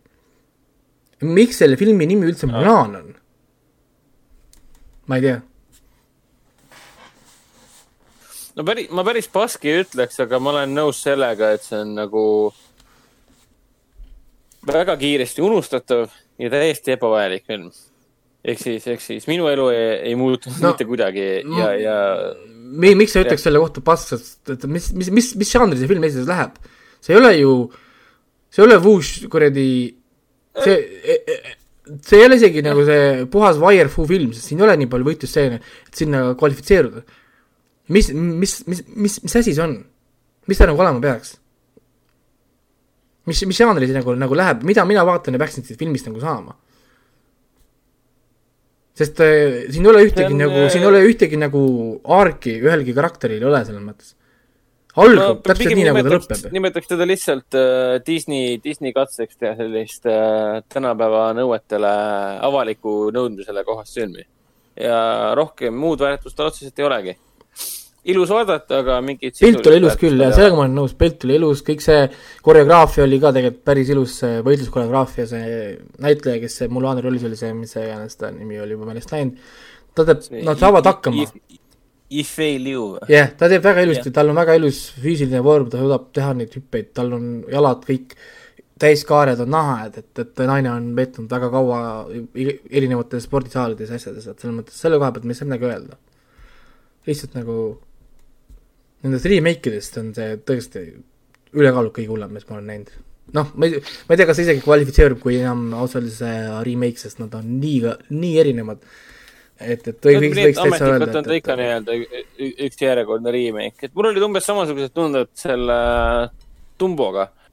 et äh, No, jah. kõige rohkem mind häi- häiris just see, et filmi lavastajaks on ju täiesti legendaarne, oli jah, see Tim Burton ja Tumbo oli äh, igav äh,, absoluutselt mitte mingist nurgast tähelepanuväärne ja, ja ütleme nii, et sa pidid ikkagi veits pingutama, okei okay,, sa nägid Michael Keatonit, siis sa said aru, et see on äh, Tim Burtoni film, aga muidu oli nagu, ma ei tea, lihtsalt mingi toode. umbes nii, nagu mul on. aga jah, minu jaoks nendest filmidest, mis ma siis kinos vaatasin äh,, Mulan oli kõige, kõige suurem pettumus. ja ma arvan, et selle pettumuse süü ongi see, et ma vaatasin animatsiooni ennem. tõenäoliselt, kui ma oleks jäänud otse, otse vaatama, ilma et animatsioon oleks nagu värskelt just vaadatud olnud, arvatavasti ma oleksin filmiga palju-palju rohkem rahul. tead, aga kuna ma olin otse nagu konkreetselt nagu kaks asja, mis ma järjest vaatasin, oligi nagu animatsioon ja siis film, siis oli küll selline tunne, et nagu mind on petetud või noh, nagu oligi tunne, et ma nagu keegi lihtsalt nagu valetas mulle kuidagi või niisugune veider, veider tunne oli. nojah, jah, võib öelda küll, et äh, järjekordne, järjekordne pettumus. no nii Ragnar, mis sa vahepeal vaadanud oled? ei, mul, mul on nii suhtes see, jah, eks ma lähen vaatan ta ka ära siis.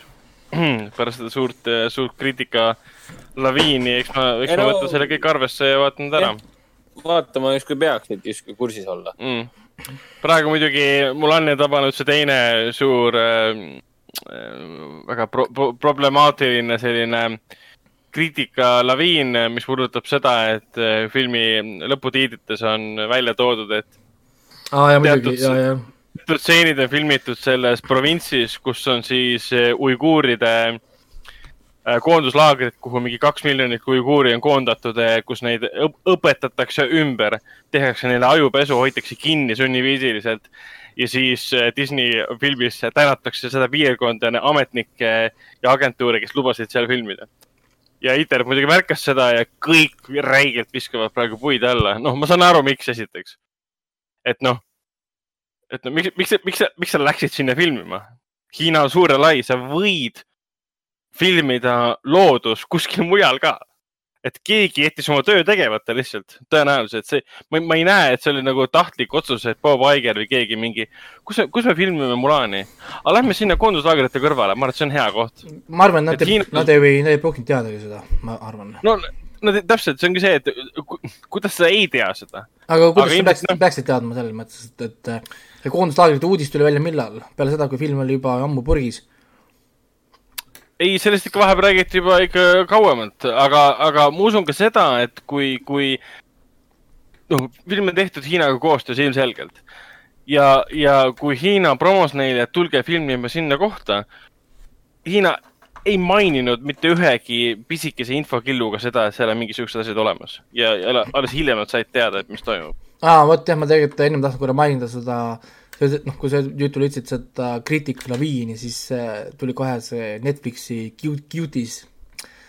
Äh, tuli mulle ka pähe, ma siin äh, paar päeva tagasi istusin siin mõnusalt mingi tund aega ja lugesin siis erinevaid arvustusi ja vaatasin klippe sellest filmist ja, ja mul oli tõesti selline tunne, et, et kuidas selline film üldse tehti ja kes need nagu need filmid tegid, aga see on omaette teema, ma, mina seda filmi ära ei vaata ka, nii et jumala eest ja see Re- Reischer on, oota, ma saan aru, et see film räägib siis nagu alaealiste tüdrukute mingisugusest tantsuvõistlusest. jah, ja jah, ja no vaata, selles mõttes, et äh, vaata neid klippe korra, seal reaalselt äh, tüdrukud võtavad endal topid ära, sa näed nagu bare chest. Ja nad katsu-, katsuvad endal teatud kohti, nad vaatavad äh, teatud stseene ja asju, filme, mida lapsed ei tohiks vaadata, kaamerad lähevad ikka väga veidrate nurkade alla, et ma tahaks äh, minna ja rääkida natukene selle lavastajaga, et, et äh, mis, mida sa teed miks sa arsti juurde okay., arsti juurde ei, ta- ei taha minna või? ja miks see film üldse nagu alles on? ja, ja ma, ja ma lugesin selle osade review sid ka, kus nad räägivad, et nagu mingi naiseks saamise lugu, mul on see, et halloo, need kümneaastased lapsed, mis kuradi naiseks saamine? Minge arsti juurde kõik kuradi ükshaaval sinna, võtke nendest kuradi kuskile rivvi ja täiesti crazy. täiesti crazy No, Ne- Ne- Netflix ise ütles, et see on, see on, film on sotsiaalne kommentaar, mis räägibki nagu noorte laste seksualiseerimise vastu. aga kasut- te,, tehes seda siis filmis läbi, et näidata meile, et seda ei tohiks teha. aga, aga tundub, et siin enamus, enamus ütlevad cancel Netflix selle peale, enamus ütlevad, et isegi Ted Cruz USA-s lubab mingi uurimise algatada, mis seostub selle Netflixi ja selle filmiga. no see on, see on päris crazy, ma olen tegelikult sellega nõus, et noh, see on umbes sama loogika, et umbes, et ma hakkan võitlema vägivalla vastu vägi, vägivallaga või. noh, see on ikka nagu, ma ei tea, mul oli kiusa, kiusatus korra seda vaadata, seda filmi, aga ma ütlesin, et ma ei, tõenäoliselt ei suuda vaadata seda filmi ja, ja loobusin. ei, jah, õnneks või õnneks või kahjuks mul selle vastu nagu huvi pole olnud, et ma nägin seda ühte posti või, või, või treilerit, siis ma mõtlesin, et milleks, et äh, näed, ma, ma panen teile korra äh, meie chati ka äh, selle reitingu kirjelduse, sest filmi reiting, pange tähele, filmi reiting on DVMA, mis tähendab, see pole mõeldud lastele. mm -hmm. ja, ja ma siis äh,, mitte mina, tähendab, ma leidsin selle pildi, kus kohas keegi oli siis vältinud selle välja, sest nad on ka avalik info, on siis see, et et mis põhjusel vaata see pannakse, see reiting, ja siis nad võtsid selle dokumendi lahti, seal on kirjas, mis, miks seal on, näed, seal on äh, näide, selle on saanud äh, MA reitingu sellepärast, et seal on sex and nudity, severe, mõelge selle peale nüüd koos väliste tüdrukutega. ja siis on kolm punkti, lugege need punktid läbi, mina neid saatesse ei tõlgi, sest fuck this shit. aga miks, miks teda paska peaks siis üldse vaatama? ma, ma, mis Netflixis üldse toimub nagu, on nad nagu see on, hullud peast? ma ei tea, mis asi see on või, või minu arust peaks siin tegema uurima, peaks esiteks neid vanemaid, kes oma lapsi sinna lubasid, teiseks, kes selle filmi kirjutas. kes see vend on? minge otsige selle venna arvuti läbi ja, ja lavastajad ja asjad ja kõik asjad, kes sellega seotud olid, see on see on no minu, ma ei tea, ma ei oska, see on just, ma ühesõnaga ma ei tea, see on veider, maailm on veider. okei okay,, ma lähen, ma lähen nüüd välja ja vaatan taevast siin mingi viisteist minutit, siis tulen tagasi, ärge mind ootama. täiesti crazy, täiesti crazy. okei okay,, ma arvan, et liigume, liigume edasi, sest järgmiseks nädalaks on, ma arvan, et kas Netflix ära cancel datud või, või see film on sealt igatahes läinud. aga Cancel Netflix, nice. Kui me edasi liigume, siis, et mida mina olen vahepeal vaadanud, Race by the Wolves'ist juba, juba rääkisime. seda ma vaatan edasi, Community's olen praegu neljanda hooaja juures, endiselt äh, fantastiline. mingi aeg tagasi ma vaatasin ähm, Lõuna-Korea seriaali Memories of äh, Alhambra esi, ka sinuga. esimest, esimest episoodi, mis oli päris äh, põnev, et algab hästi intrigeerivalt äh, ühe noore, noore mehega, kes ähm, justkui, justkui tapetakse kohe episoodi alguses. justkui keegi ajab teda taga, kuigi me tema, tema otsest surma nagu ei näe ja tema laipa ka ei näe ja me ei tea, mis tegelikult juhtus. ja siis selgub, et äh, asi puudutab äh, see on siis augmenteeritud reaalsus, liitreaalsus videomängu, mis, mis põhimõtteliselt töötab läbi selle, kui sa paned endale, kuidas sa nimetad, läätsed. Põhimõtteliselt läätsed paned endale silma ja sa näed videomängu enda ees, kus sa liigud läbi füüsilise ruumi ringi. füüsiliseks ruumiks, kas nad nimetasid seda nagu augmenteeritud virtuaalreaalsuseks või? midagi taolist jah, et füüsiliseks ruumiks äh, on siis äh, sinu ümbritsev maailm, aga sina näed läbi nende läätsede, läbi selle videomängu hoopis teisi asju ja saad võidelda. ja lugu saab, noh, käivitubki sellest, et sul on ühe suure eduka ettevõtte juht, kes saab teada, et selline mäng on olemas, läheb testib selle mängu ära ühes äh, Al Alhambra nimelises, oligi Alhambra nimeline küla, ei, Alhambra. jah, täpselt, seal saab kokku, pidi kokku saama siis mänguloojaga, keda seal ei ole, sest me saame aru, et mängulooja oligi see, kes oli kohe siis seriaali esimese episoodi alguses. ja sealt ta testib selle mängu ära, ära ja avastab, et see on maailma kõige võimsam asi, mis muudab tervet, tervet maailma. Mitte ainult videomängude maailma, vaid üldse kogu, kuidas, kuidas me tajume ja mõistame meid ümbritsevat ja tema ülesandeks saab siis see mäng endale omandada, oma ettevõtte jaoks omandada. ehk siis tal on vaja see arendaja välja üles, üles otsida, sest ta on salapäraselt kadunud. aga kuna arendajat ei ole, ta ei leia teda üles, siis ta leiab üles tema õe, kes on kohaliku hosteli äh, juhataja, kelle vastu ta oli äh,, ütleme nii, et pehmelt öeldes ebaviisakas ja siis ta avastab, et ta peab hoopis sellele õele nii-öelda külje alla pugema, et see õde annaks siis nii-öelda loa ähm, venna eest või aitaks tal venda leida, et ta saaks selle, selle mängu endale omandada, mitte omandada, aga allkirja kirjutada, et see on nende levitada.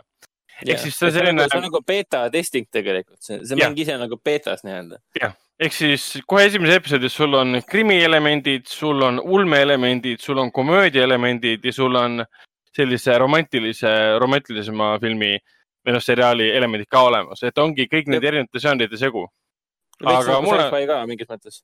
Sci-fi ka, ja, aga mulle tempo meeldis, karakterid meeldivad, näitlejad meeldivad, kogu see idee mulle väga meeldib, et kõik käib selle ümber, et keegi tegi maailma kõige võimsama äh, videomängu. Argumenteeritud no, videomängu. argumenteeritud videomängu ja kõik tahavad seda endale saada, sest see ei muuda mitte videomänge, vaid muudab kogu, kogu maailma nagu tulevikku. aga äh, teine asi, mis meeldis, on see, et see seriaal ei võtnud ennast nüüd nii tõsiselt, et siin olid nii palju stseene, mis olid niivõrd klassikalised, sellised härrasmees läheb viletsasse hostelisse ja ei saa seal hakkama, sest kõik on seal halb ja, ja kole ja katkine ja miski ei tööta korralikult nii, nagu ta tahab.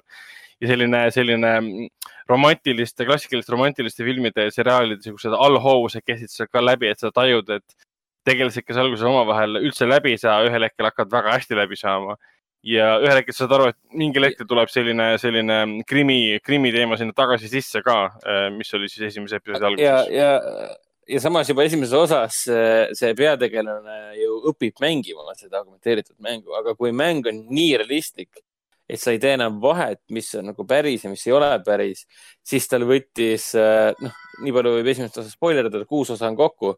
E-, et tal võttis nagu hullult nagu terve öö aega, et, et, et esimesest vastasest jagu saada ja see oli hästi naljakas vaatepilt, kuidas üks seesama Äh, vastane ja üks õnnetu inimene püüab temast jagu saada yeah,. püüab yeah. aru saada, kuidas, kuidas temaga võidelda nii-öelda päriselt oma füüsist kasutades. videomängudes on muidu ju tore, et no, lihtsalt see klikid või siis vajutad nuppe ja kuidagiviisi saad ikka hakkama. aga väga ambitsioonikas seriaal, et mulle, mulle meeldib see siukse huumori ja draama ja sci-fi ja videomängude teema kokkupanek nii-öelda.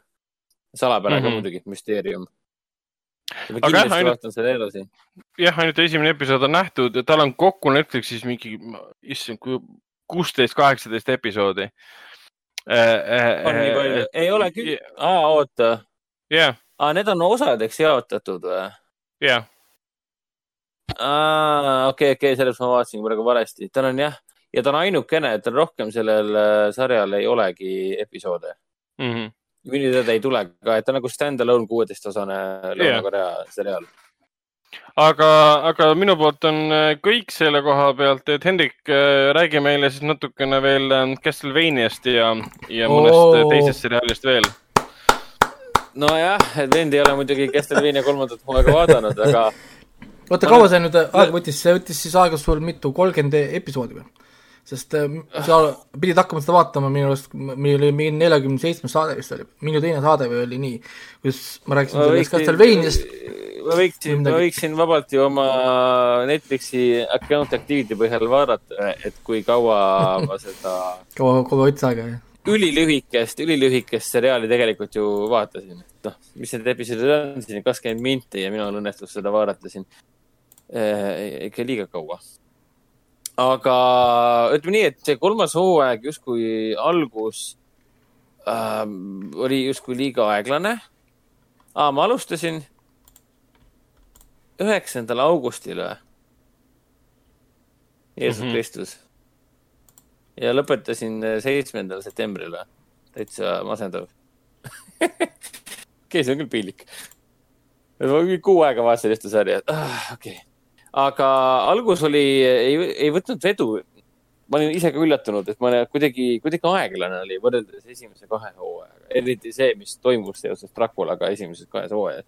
kui põnev see oli ja kui, kui eepiline ja kui ootamatu ja nii edasi. ja verine ja räige. Siis kolmas hooaeg võtab oma nagu armast aega, et erinevaid liine hakata rahulikult põimima omavahel ja, ja, ja tegelastele rohkem, rohkem ruumi anda, et nad saaksid tegelikult reaalselt nagu ennast väljendada paremini ja ise areneda ka. et ei ole vaja kiirustada kuskile. aga kuskil keskkohast läheb nagu nii fucking huvitavaks see, nad punuvad seda kuradi intrigant, intrigandid, noh, Warren Ellis ja see Ati Shankar ja kõik, kes seda, Sam Dietz on vist üks režissööridest ka ähm,. võin nimega mööda panna. Äh, ja, ja kuskilt keskelt läheb nii põnevaks, siis kui jõuame viimase kahe osani, siis ta läks umbes niimoodi, et ma panin arvutada. täiesti crazy ma, ma ei tea, ma võin muidugi üle pakkuda praegu, aga ma küll ei mäleta, et ma oleksin midagi sellist. Äh, ma ei ole muidugi nii suur animevaataja kui Raiko. Raiko saab ka parandada mind, kui ma midagi sellist nüüd välja ütlen, aga ma ei ole nagu midagi nii crazy't nagu animatsioonis varem näinudki või noh, animees nii-öelda näinudki et, et see, mis seal toimus, oli niivõrd nagu täiesti fucked up nagu. muidugi, kui nagu inimesed ütlevad, et pole nii crazy't näinud, siis vaadake Berserki näiteks. nojah, täpselt, noh et noh, selles ma mainisingi sind, et see pane kohe vahele, ja, et ja kui tahate, kui vaatate näiteks Castlevania kolmanda hooaja lõpu ära, siis mõtled, oh, see oli nii vägev, tahaks midagi niisugust veel näha, võtke Berserk ja siis pange ennast valmis. et, et võtke no. asjad, joogid kõrvale ja tõmmake kann juba pingule, sest kohe läheb tegemiseks kann pingule. selle, selles suhtes, et äh, vägev ja kõik need tegelased, kes, kelle lood jätkuvad pärast teist hooaega väga põnev, Eh, kohati meenutas täielikku siukest mingi troonide mängu stiilis andmist. et ta on sihuke rahulik, aga kogu aeg punutakse, punutakse seda ämblikuvõrku. ja see, kuidas nad eh, kulminee-, kuidas see kõik kulmineerub, kas seal oli kokku vist kolm erinevat lugu või? jah, kolm erinevat tegelast, kolm, või noh, neli erinevat tegelast, aga kolm erinevat lugu nii-öelda see ja, ja, ja see, kuidas see kulmineerub ja see, kuidas nad on monteerinud selle kulminatsiooni kokku, siin sõna otseses mõttes võib ka öelda, et siin toimuski kulminatsioon, on ju, Raiko ja ma saan aru küll, ma saan aru ja, ja saan aru, saan aru. et ma vaatasin ja. väga huvitav, nagu... huvitav huumor et ma, ma vandusin lausa omaette. et, et, et mõttes mitte, mitte selle, jah, eriti just puudutas seda eriti sellist nagu eriti nagu napakat äh, montaaži ja sellist eriti rõvedat äh, nagu, nagu, nagu, nagu, nagu siukest dark fantasy nägemust, kuidas on võimalik äh, oma jõudu või siis maagiat ära kasutada, et oma eesmärke täide viia äh,. eriti, eriti just mõtlen seda, seda asja nii-öelda. ma, ma, ma ei saa öelda, mida ma mõtlen et seda ma vaatasin tõesti niimoodi, et ma vahepeal isegi kerisin natuke tagasi, et uuesti vaadata mingeid momente. et noh, samal hetkel ma isegi ei suutnud nagu lõpuni vaadata, et uuesti pärast tagasi minna, vaid kohe kerisin tagasi, et uuesti vaadata. kusjuures siin oleks tegelikult päris pull teha niimoodi, et äh, lõikaks saatesse vahele selle, võtaks mingi minu saate selle osa, kus ma rääkisin sellest viimasest e osast või sellest. ja yeah. lõikaks selle siia vahele kuskile, siis saaks hea, hea võrrelda reaktsioone ja teeks väikse retrospektiivi, mis puudutab Castlevania kolmandat hooaega aga ja kõik, kes vähegi armastavad äh, sihukest tumedat fantaasiat, kellele esimene, esimesed kaks Castlevania hooaega meeldisid. ja kõik need, kes ei ole ikka veel otsustanud, et ah, mis ma peaksin mingit animeerima. see on keskaegne ja igav ja aeglane ja ei viitsi vaadata. nojah, mingid Dracula ja vampiirid, siis, siis on tõesti see, et kas sulle meeldib räme, kas sulle meeldib troonide mäng? Jaa, meeldib. Eh, kas sulle meeldib äh, kiireloomuline action, mis on ülivägivaldne äh,? ohtralt pakutakse sulle tegelikult ka seksi, eriti siin kolmandas hooajas eriti, eriti, eriti, eriti vägivaldsed tegelased ja nende, nende taustad.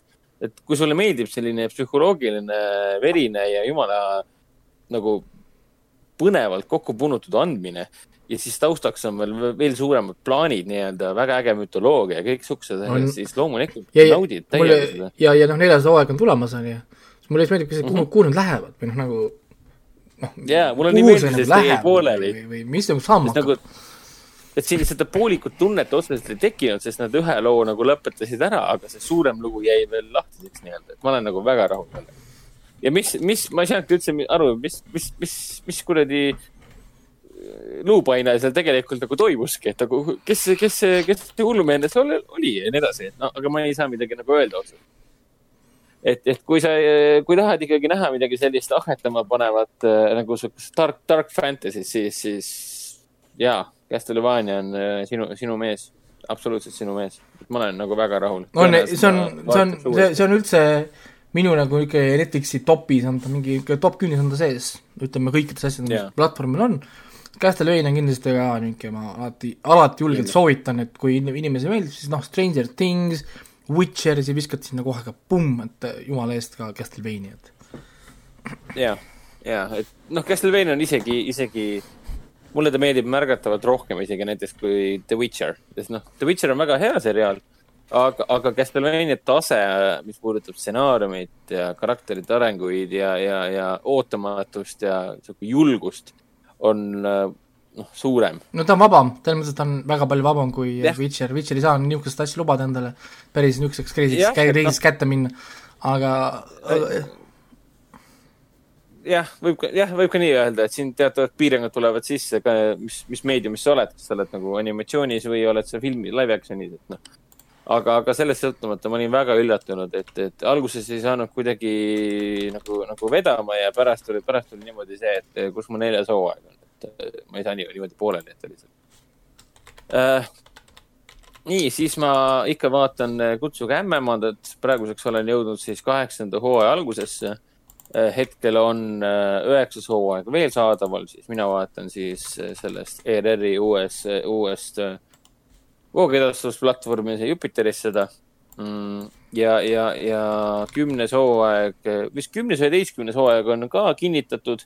Eh, nende võtted ju vahepeal pandi kinni, sellepärast et see koroona tuli vahele, aga minu teada mm, võtted all jätkusid. Eh, ja minu teada sellel detsembril tuleb, selles detsembris tuleb juba see kohustuslik eh, kümnenda hooaja sissejuhatav jõuluepisoodid, kaks tükki juba sisse ära linastuvad nii-öelda teles ja kas, millal nad siis Jupiterisse jõuavad, see on jälle teine asi või noh, ETV-sse jõuavad, see on jälle teine asi. ühel või teisel viisil ma vaatan nad kindlasti detsembris ära. Äh, mul on päris nagu hea meel, et ma olen äh, enne, enne kümnendat hooaega, põhimõtteliselt ma olengi jõudnud enne kümnendat hooaega kõik hooajad põhimõtteliselt ära vaadatud.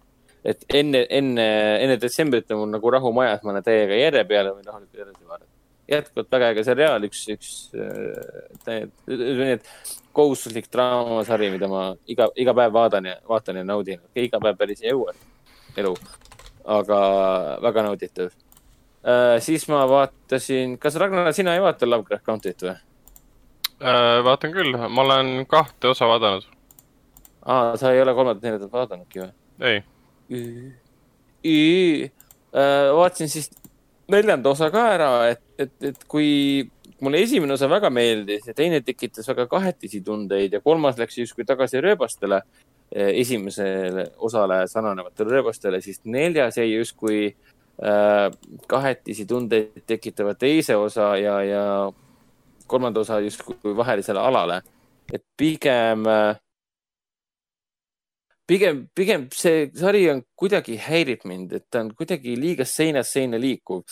et, et tegelased on ägedad, see, et nad äh, kogu Lovecraft County seriaali mõte on just anda äh, nägu ja tegu äh, mustanahalistele ameeriklastele kuuekümnendate USA-s, see on väga äge teema sest noh, nagu see Lovecrafti mõte ju, Lovecrafti country seriaali mõte ongi see, et igasugune väljamõeldud horror pole poolt, pooltki nii õudne kui äh, kuuekümnendad äh, kuradi Ameerika mm., mustanahaliste ameeriklaste jaoks, jaoks Ameerika Ühendriikides.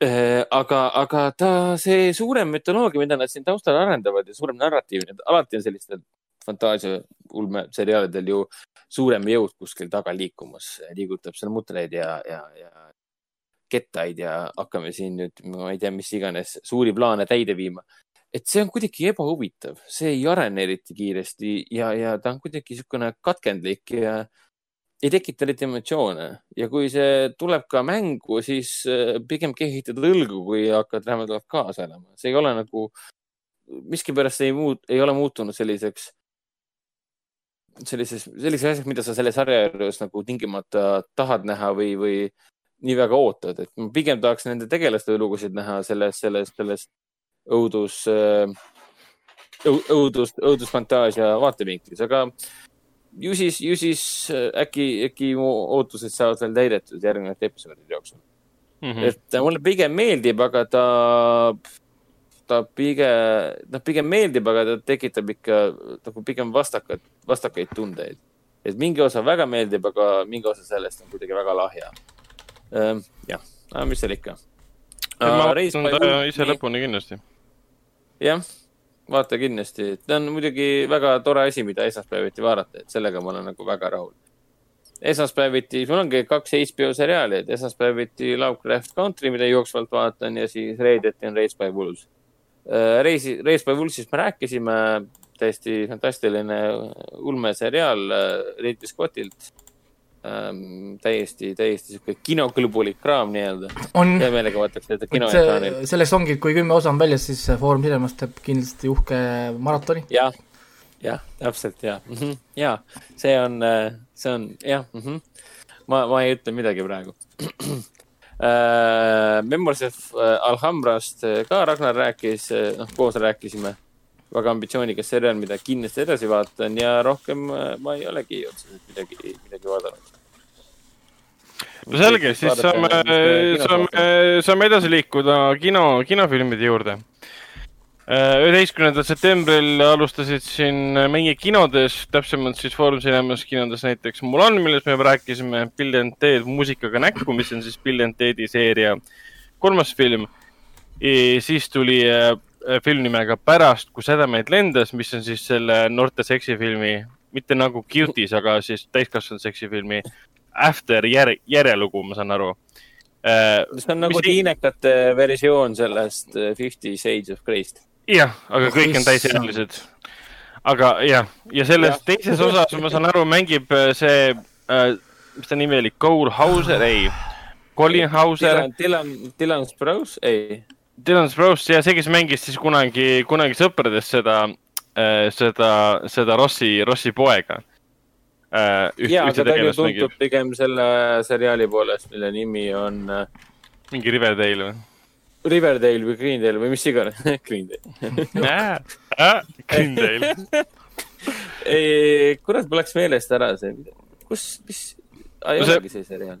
Polegi, polegi nüüd nii oluline, igatahes äh, film nimega Pärast, kui sädemeid lendas, on äh, olemas äh, nüüd ka kinodes. samal ajal jõudis ka lõpuks Secret Garden ehk siis Salaaed, klassikalise romaani põhjal valminud film, mis esialgu pidi tulema Oota. juba mais. Ragnar, kuule. oota, ma olen nüüd segaduses. on olemas Dylan Sprouse ja on olemas Cole Sprouse. nii, Neid on kak-, neid on kaks või? ja Riverdale'is mängib Cole Sprouse ja Cole Sprouse on ka see, kes vist sõpradest siis mm, alguse sai nii-öelda. Need okei on kak-, kak-, kak-, kaksikud siis või? okay.. Prince'is mängis Ben, noort Ben Kelderit või? kas nad on sugulased või? no ilmselgelt jah. Dylan Sprouse on tema kaksikvend. sa raisk. Nad on jah ilgelt sarnased. ma vaatasin After'i treilerit, mõtlesin, et kuule, see on seesama tüüp sealt äh, Five äh, Feet Apart'ist, see romantiline draama Hailey Lou, Lou Ri- Richardsoniga ja Riverdale'ist. okei okay,, selge pilt, kaksikud, aga ma polnud õnne aimugi. ma mõtlesin, et miks kaks eri pere äh,, alg-, eesnime on. Uh, jah You learn something new. Oluline info, mida me saame ära kasutada kunagi tulevikus võib-olla täna- mõnes viktoriinis või umbes nii. täna, täna, täna öösel ma magan rahulikult. kuigi peaks tegema mingisuguse live saate, et me tahaks, tahaks teha laivis äh, mälu, mälumängu. ja see on, see on äh, ka variant. aga kõigepealt peaksime selle saatega lõpp, lõpuni jõudma uh. jah, Salaaed jõuab lõpuks siis äh, kinodesse, mis pidi esialgu jõudma siis nüüd maikuus. samamoodi jõua, jõudis kinodesse Brasnik, mis on siis Vladimir Loginovi uus, uus dokumentaalfilm, mis räägib juba viisteist aastat siis Maardu linnas toimunud äh, sügis laadast, mille, mille nime ma ei hakka isegi hääldama, sest ma teen seda enda jaoks piinlikult ja teiste jaoks piinlikult. Ja siis ja viimasena jõudis siis ka Prantsuse, Prantsuse komöödia eh, Kuidas saada eh, heaks naiseks eh, Juliette Binoche'iga. ja needsamad filmid enamjaolt kõik jõuavad siis ka kinos, kinoartis, välja arvatud Bill and Ted, Mulan ja After, sest ok ähm,. Artises siis äh, ongi, ma mainin juurde igaks juhuks uuesti üle, Artises alustasid ka siis Kuidas saada heaks naiseks, Brasnik, Salaaed, aga siis ka Soome dokumentaalfilm Maailma kõige õnnelikum mees, mis räägib siis eh, Soome meeste vaatevinklist, mis teeb eh, mehed õnnelikuks. soovitan, väga, väga äge ja ilus ja ilus ja soe film äh,. mida ma veel mainima ära, et Foorum Cinemas kinodesse jõuab ähm, ühe, ühe ainsana seansina, nagu ma aru saan, siis viiendal hetkel küll jah.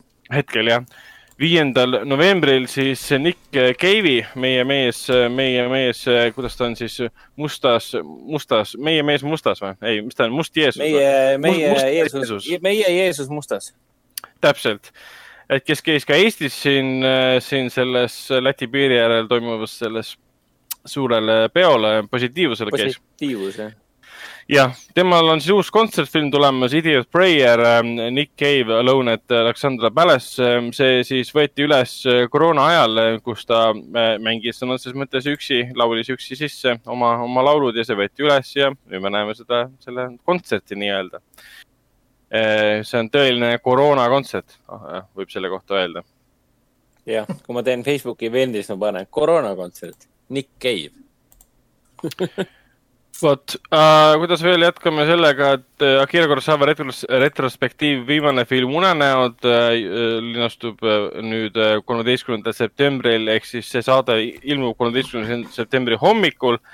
ehk siis, kui te kuulate seda pühapäeva hommikul, siis, siis teil on õhtul veel aega filmi vaatama minna äh,. Artises alustab neljateistkümnendal septembril ka kümne seansiga siis Meie maa, mis, mis äh, pidi meil esialgu siin äh, koroonakriisi äh, haripunktis äh, kinodesse saabuma, nüüd ta lõpuks, lõpuks jõuab seda lõplikult. kokku Yes. siis kümme seanssi ja kuni kolmekümnenda septembrini, et kõik, kes, kes ei ole seda veel juba näinud, saavad võimalust seda suurel ekraanil vaadata. ja ja lisaks toome muidugi ka siis põleva tütarlapse portree lõpuks. kahekümne teisest, kahekümne teisest oktoobrist. See film pidi ka meil tulema, ütleme nii, et mitte enam-vähem um- umbes koroona ajal, natuke pärast koroona aega. aga, aga nüüd me lõpuks saame filmiga välja tulla ametlikult ja samuti kümme seanssi ja kahekümne teisel oktoobril alustame, neljandal novembril lõpetame ja mis veel on Artises uudiseid, Andrei Tarkovski filmipäevad äh, algavad, algavad siis äh, kahekümne neljandal äh, septembril. ametlikult ürituse nimeks on siis Andrei Tarkovski filmiku palved. näitamisele tulevad siis kolm korda näitame dokumentaalfilmi Andrei Tar- Tarkovski film kui palve, mis oli ka PÖFFil. kolm korda näitame küll filmipäevade jooksul, aga film tuleb ise meile nagu kinno ka, et seda saate näha ka pärast äh, filmipäevi lisaks näitame ka Andrei äh, Tarkovski filmides näitame siis Peeglit, Stalkerit, Andrei Rublevi ja, ja Solarist. vot äh,, mida me veel saame rääkida filmidest? mina saan rääkida näiteks sellest, et ma vaatasin Veneetsia filmifestivali ära siis äh, Lõuna-Korea mm, märul draama äh, Night in Paradise, mis mulle tegelikult fifty-fifty meeldis ja ei meeldinud ka kuigi filmi reisijal on sama inimene, kes tegi väga hea äh, Lõuna-Korea märuli The Witch äh,, Subversion äh,. filmi lavastaja on mees, kes kirjutas ähm, I saw the devil'i stsenaarium, mis on Kim Jevoni üks parimaid filme ja üks kõige ägedamaid Lõuna-Korea kättemaksufilme. aga film ise on niivõrd klassikaline draama poolest, et seda oli lausa imelik kohati vaadata, ta oli nii läbinähtav, mida ka nagu režissööri stsenarist nagu kavatseb teha, mida nad tahavad, et me vaatajana tunneksime no.. et seda oli natukene halb, halb võib-olla jälgida. Aga kõik, mis puudutab, puutub action'isse, kõik, mis puutub märulisse, mis puudutab äh, eriti verisesse ja brutaalsesse võitlusesse, on fantastiliselt lavastatud, stiilselt lavastatud. et selle filmi kohta nagu Koreas ikka jah. nii no täpselt ongi nagu, kui sa oled nagu mõnes mõttes, kui sa nägid kunagi, kunagi Oldboy'd või siis Kim Jevoni seda, issand, mul hakkavad nimed meelest ära minema vaikselt. Bittersweet Life ju. Bittersweet Life'i näiteks, siis no mõnes mõttes sa võid või öelda, Man, Man of, Man, Man, Man from Nowhere. Man from Nowhere, et mõnes mõttes need elemendid hakkavad korduma ja see film on veits ongi nende korduvate elementide selline kokkuvõte. et sul on, sul on gängster, kes satub äh, pahandustesse, ta põgeneb ära, satub kokku, ütleme nii, et teise perekonnaga, kelle abil ta õpib ennast paremini tundma. ja, ja siis juhtub ikkagi see, et tema patud, mineviku patud jõuavad talle järgi ja ta, ühel hetkel satuvad konflikti äh, see on kõik hästi läbinähtav ja ta ei ole üldse nagu huvitav ega põnev, kuigi draamat on väga-väga üle selles mõttes mängitud, ta ei ole nii üle mängitud, kui ma ei tea, Rong Pusanisse kahe lõpus. aga ta on ikkagi natukene liiga melodramaatiline, natuke liiga selline emotsionaalne, rõhutame muusikaga olukordi film. aga action, et ütleme nii, et lõunakorealased oskavad anda nooremale neiule relva kätte ja lasta tal terve hunnikus mehi maha, eriti brutaalselt ja veriselt ja teha seda nii stiilselt ja nii ägedalt, et sa usud, sa usud, et see inimene on selleks võimeline. sest noh, tuletame meelde kõik need Lõuna-Korea filmid, kus äh, noored neiud tapavad inimesi, et noh, kas siis The Witch näiteks ja üks Lõuna-Korea film, mis me hiljuti Hennikuga koos vaatasime ka. praegu ei tule nimi meelde äh,. mälukaotusega sellest agendist.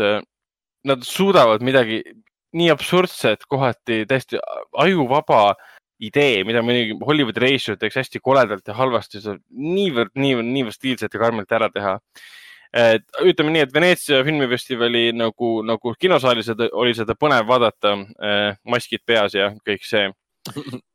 ja siis ma vaatasin ära Pieces of Women, mis on siis uh, uus film Vanessa Kirby'ga peaosas, kaasa teeb ka siis Shia LaBeouf filmiga seoses tegelikult täna siis alustamise hetkel tuli mitu-mitu uudist. esiteks äh, film võitis siis Veneetsia filmifestivalil auhinna. Äh, auhinnaks oli siis parim äh, naispeaosa, mis läks siis Vanessa Kirby'le. lisaks ostis Netflix festivalilt ära filmi maailma õigused, maailma leviõigused, mis tähendab, et film jõuab ühel või teisel kujul ainult Netflixi ja täiesti arusaadav, miks, ütleme pärast esimest kolmkümmend minutit ma nutsin vaikselt kinosaalis.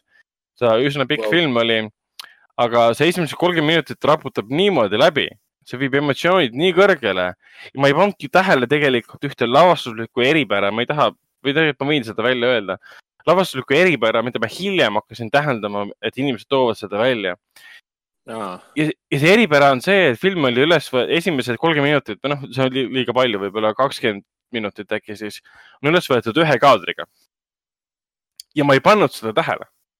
sest see, kuidas on ühe kaadriga üles võetud äh,, ei uhkusta, ta ei uhkusta seda, et näed, mul on lahe operaator, kes suudab kaameraga liikuda igal pool, ta ei uhkusta, ta ei näita seda vaatajale, et näe, meil on üks kaader. sest see, kuidas kaamera liigub selles äh, esimese kahekümne minuti, kahekümne pluss minuti jooksul, kaamera liigub täpselt nii, nagu sa lõikaksid kaadrist kaadrisse. kaamera liigub täpselt nii, et sa ei panegi tähele, et see on ühe kaadriga tehtud. ja see on, see on minu arust kõige suurem võimalikum isegi selline hämmastav asi, et me kõik teame, kuidas teha pikki kaadreid ühe kaadriga, äh, ühe, ühe kaameravõttega, me oleme näinud seda juba. aga teha seda niimoodi, et sa ei pane seda tähele, vot see, see on juba omakorda niimoodi vau wow võib-olla minu, minu nagu mõtted olid mujal, aga ei olnud, ma olin jäägitult pühendunud filmi ja, ja see on noh, tehniliselt kõige jalustavavam koht üldse võib-olla, emotsionaalselt jalustavav esimesed kakskümmend minutit ja pärast seda noh, minu jaoks hakkas selline langus toimuma selle koha pealt, et, et kui sind on nii ära raputatud kohe alguses, siis sa nagu hakkad ootama, et kas mind suudetakse veel raputada või ületada seda, mida ma juba kogesin. seda nagu väga ei tule, siis jääb film selle peale üle, et Kirby ja Shia LaBeouf ja siis äh, väga vanaks jäänud äh, Ellen Burstyn, keda me teame siis Requiem for a Dreamist näiteks. Äh, nende karakterid, kuidas nad põimuvad omavahel erinevatel, erinevatel põhjustel, aga filmi, ütleme, millest see film nagu tegelikult räägib, ongi sellest, et ähm, äh, lugu, lugu algab sellega, et äh, naine ja mees ähm, äh, te, osalevad siis või noh vi, viivad läbi, teevad läbi kodusünnitust ja, ja see ei lõpe hästi. ja, ja, ja pärast seda üritavadki kõik leinevad osapooled oma eluga edasi minna. Äh, noh, kes keda süüdistab, süüdistab siis seda ämmaemandat, kes pidi, tuli appi nii-öelda või, või, või kuidas igaüks üritab sellest leinast üle olla, on see Libufi karakter, kes polnud alkoholi tarbinud viimased kakskümmend aastat ja siis ühel hetkel otsustab, et ma hakkan uuesti tarbima ja kõik siuksed asjad aga, aga lihtsalt see esimesed kolmkümmend minutit, see, kuidas see oli lavastatud, see, kuidas, mis seal toimus, see oli umbes niimoodi, et ah! et seda peab ise kogema, seda peab ise kogema. nojah, äkki Ja. PÖFFil näeme, on võimalik või? ei, Netflix, Netflixis näeme. Netflixis aa. Netflix võttis ära, nojah, muidugi. Jah. mis sa ütlesid, Worldwide Distribution Rights või? Jah. täpselt. okay.. siis, siis viimase filmina vaatasin, kolmanda, kolm filmi oligi, siis vaatasin sellist filmi nagu Never Gonna Snow Again. mille, mida ma põhimõtteliselt valisin ainult sellepärast, et äh, filmi peaosas on Alek Utkov, kes mängis seda Stranger Thingsi kolmanda hooaja venelast. kui te mäletate teda. aa, see, jaa, muidugi mäletan. et põhimõtteliselt ainuke põhjus, miks ma seda vaatama läksin, pluss lugu tundus ka huvitav, et Ukraina immigrant töötab Poola, Poola mingis alevikus rikaste juures ja te, tema ümber tekib mingisugune kultus. aga kuna ma olin eelmisel ööl vist maganud ähm, poolteist tundi ja läksin filmi vaatama, esimesed vist pool tundi vaatasin ära, et haa, täitsa huvitav, siis ma nokkisin ja magasin umbes mingi ma ei tea, kui kaua, umbes lõpupoole märkasin üles ja inimese, inim-, nägin viimast, viimast episoodi filmist, mis oli hästi veider, ma ei saanud mitte midagi aru, kuidas see seostus selle algusega. ja siis inimesed hakkasid lõpus paksutama, siis ma eeldasin, et kurat, see oli vist hea film. et, et antud juhul ma ei süüdista filmi, ma süüdistan täiesti iseennast, et ma olin maganud poolteist tundi. see, see seostus, magamatus seostus koolituse selliste ähm, projektidega, mis me pidime ära tegema, jäime lootusetult hiljaks sellega lõpuks see saal oli mugav, sul oli mask ka peas, mis tegelikult noh, Venetsial ei tohtinud saalis olla ilma maskita. kui sa ära võtad, siis tuli kohe keegi koputas sulle, too, ma tagasi. ja, ja, ja mask oli ka peas, mis veits vaata, hingad seda sooja õhku, siis see veits hakkas nagu mõjuma. aga film ise tundus äh, hiljem nagu kirjutati, et ta on tegelikult ulme, kuigi ta on komöödiadraamana kirjeldatud. ta on ulme umbes nii nagu see, see imelik ulmekas, mis oli see Under the Skin vist oli selle mm, Johansoniga, Scarlett Johansoniga. et mingi teema on jah see, et see Ukraina immigrant, kes käib äh, Poola rikkurit seal masseerimas, nii et tal on hästi imelik mõju neile. ja, ja ühel hetkel midagi juhtub. see mõju läheb liiga hullumeelseks ja siis nad äh, tapavad selle või kaotavad äh, selle inimese ära. ja siis keegi ei leia teda enam üles. aga mis seal vahepeal juhtub, seda ma täpselt ei tea, et ma pean seda tagantjärgi vaatama. igatahes, see oli huvitav, huvitav kogemus. see oli kindlasti väga põnev äh, kogemus kinos. jah, et Aga- se sellega hästi kirjeldasid minu kõige esimest kinokogemus kunagi New Yorgis. Läksin öösel kell kaks kinno, järgmine moment oli see, et äh, ühel juhul hommikul mingi kell kuus koristaja äratas mind üles. no okei. ma olen New Yorgis, lähen kinno. vot, aga need olid äh, minu filmid, mida mina olen vahepeal äh, vaadanud ainult siis festivalil, et äh, Hendrik tahab meile võib-olla rääkida mõne sõnaga veel ähm, Kurosawa filmist ja ühest täiesti, täiesti vahelduseks teistsugusest filmist. Akira, Akira Kurosawa. kuule jah, sa siin ju tegid Artises seda Akira Kurosawa retrospektiivi, siis ma mõtlesin ka, et, et ajaloo, aja, ajaliselt ma jõuan äh, ainult ühte filmi vaatama minna ja lubasin endale, et pean ikka ühe asja ära vaatama siis ma läksingi vaatasin seda Varjusõdarast. Ehk siis Kagemushat. see oli siis vist kaheksakümnenda aastane film, oli vist nii, Ragnar? Äh, kaheksakümnenda aasta, kaheksakümmend üheksa, ikka kaheksakümmend, kaheksakümnenda aasta, kaheksakümnenda ja, ja, ja, selles mõttes, et äh, ma olin veits pettunud, et ma ei jõudnud seda Terese Urs- Ursaaret vaatama minna ja tahtsin seda Vene unenägude dokumentaalfilmi näha. Aga jah, elu on äh, keeruline mõni, Mhm. lihtsalt, lihtsalt ei jõua. aga selles mõttes, et Kagemusha on ikkagi, mis pu- puudutab nagu lavastuslikku poolt, siis nagu Jeesus Kristus, mis nagu võimas töö on ikkagi kaheksakümnendal aastal, siis see on. Kurosawa nagu ära teinud, see on nagu spektaakel ikkagi. ja õnneks ma käisin ikkagi jaapanikeelset versiooni vaatamas. huvitav, kas mõni inimene läks kogemata ka venekeelset versiooni vaatama? no kui Meil kogemata erinevat siis versiooni. äh, jah, me ikka nägime kõvasti vaeva, et inimesed teaksid, mida nad vaatavad. jaa, aga võimas, võimas värk.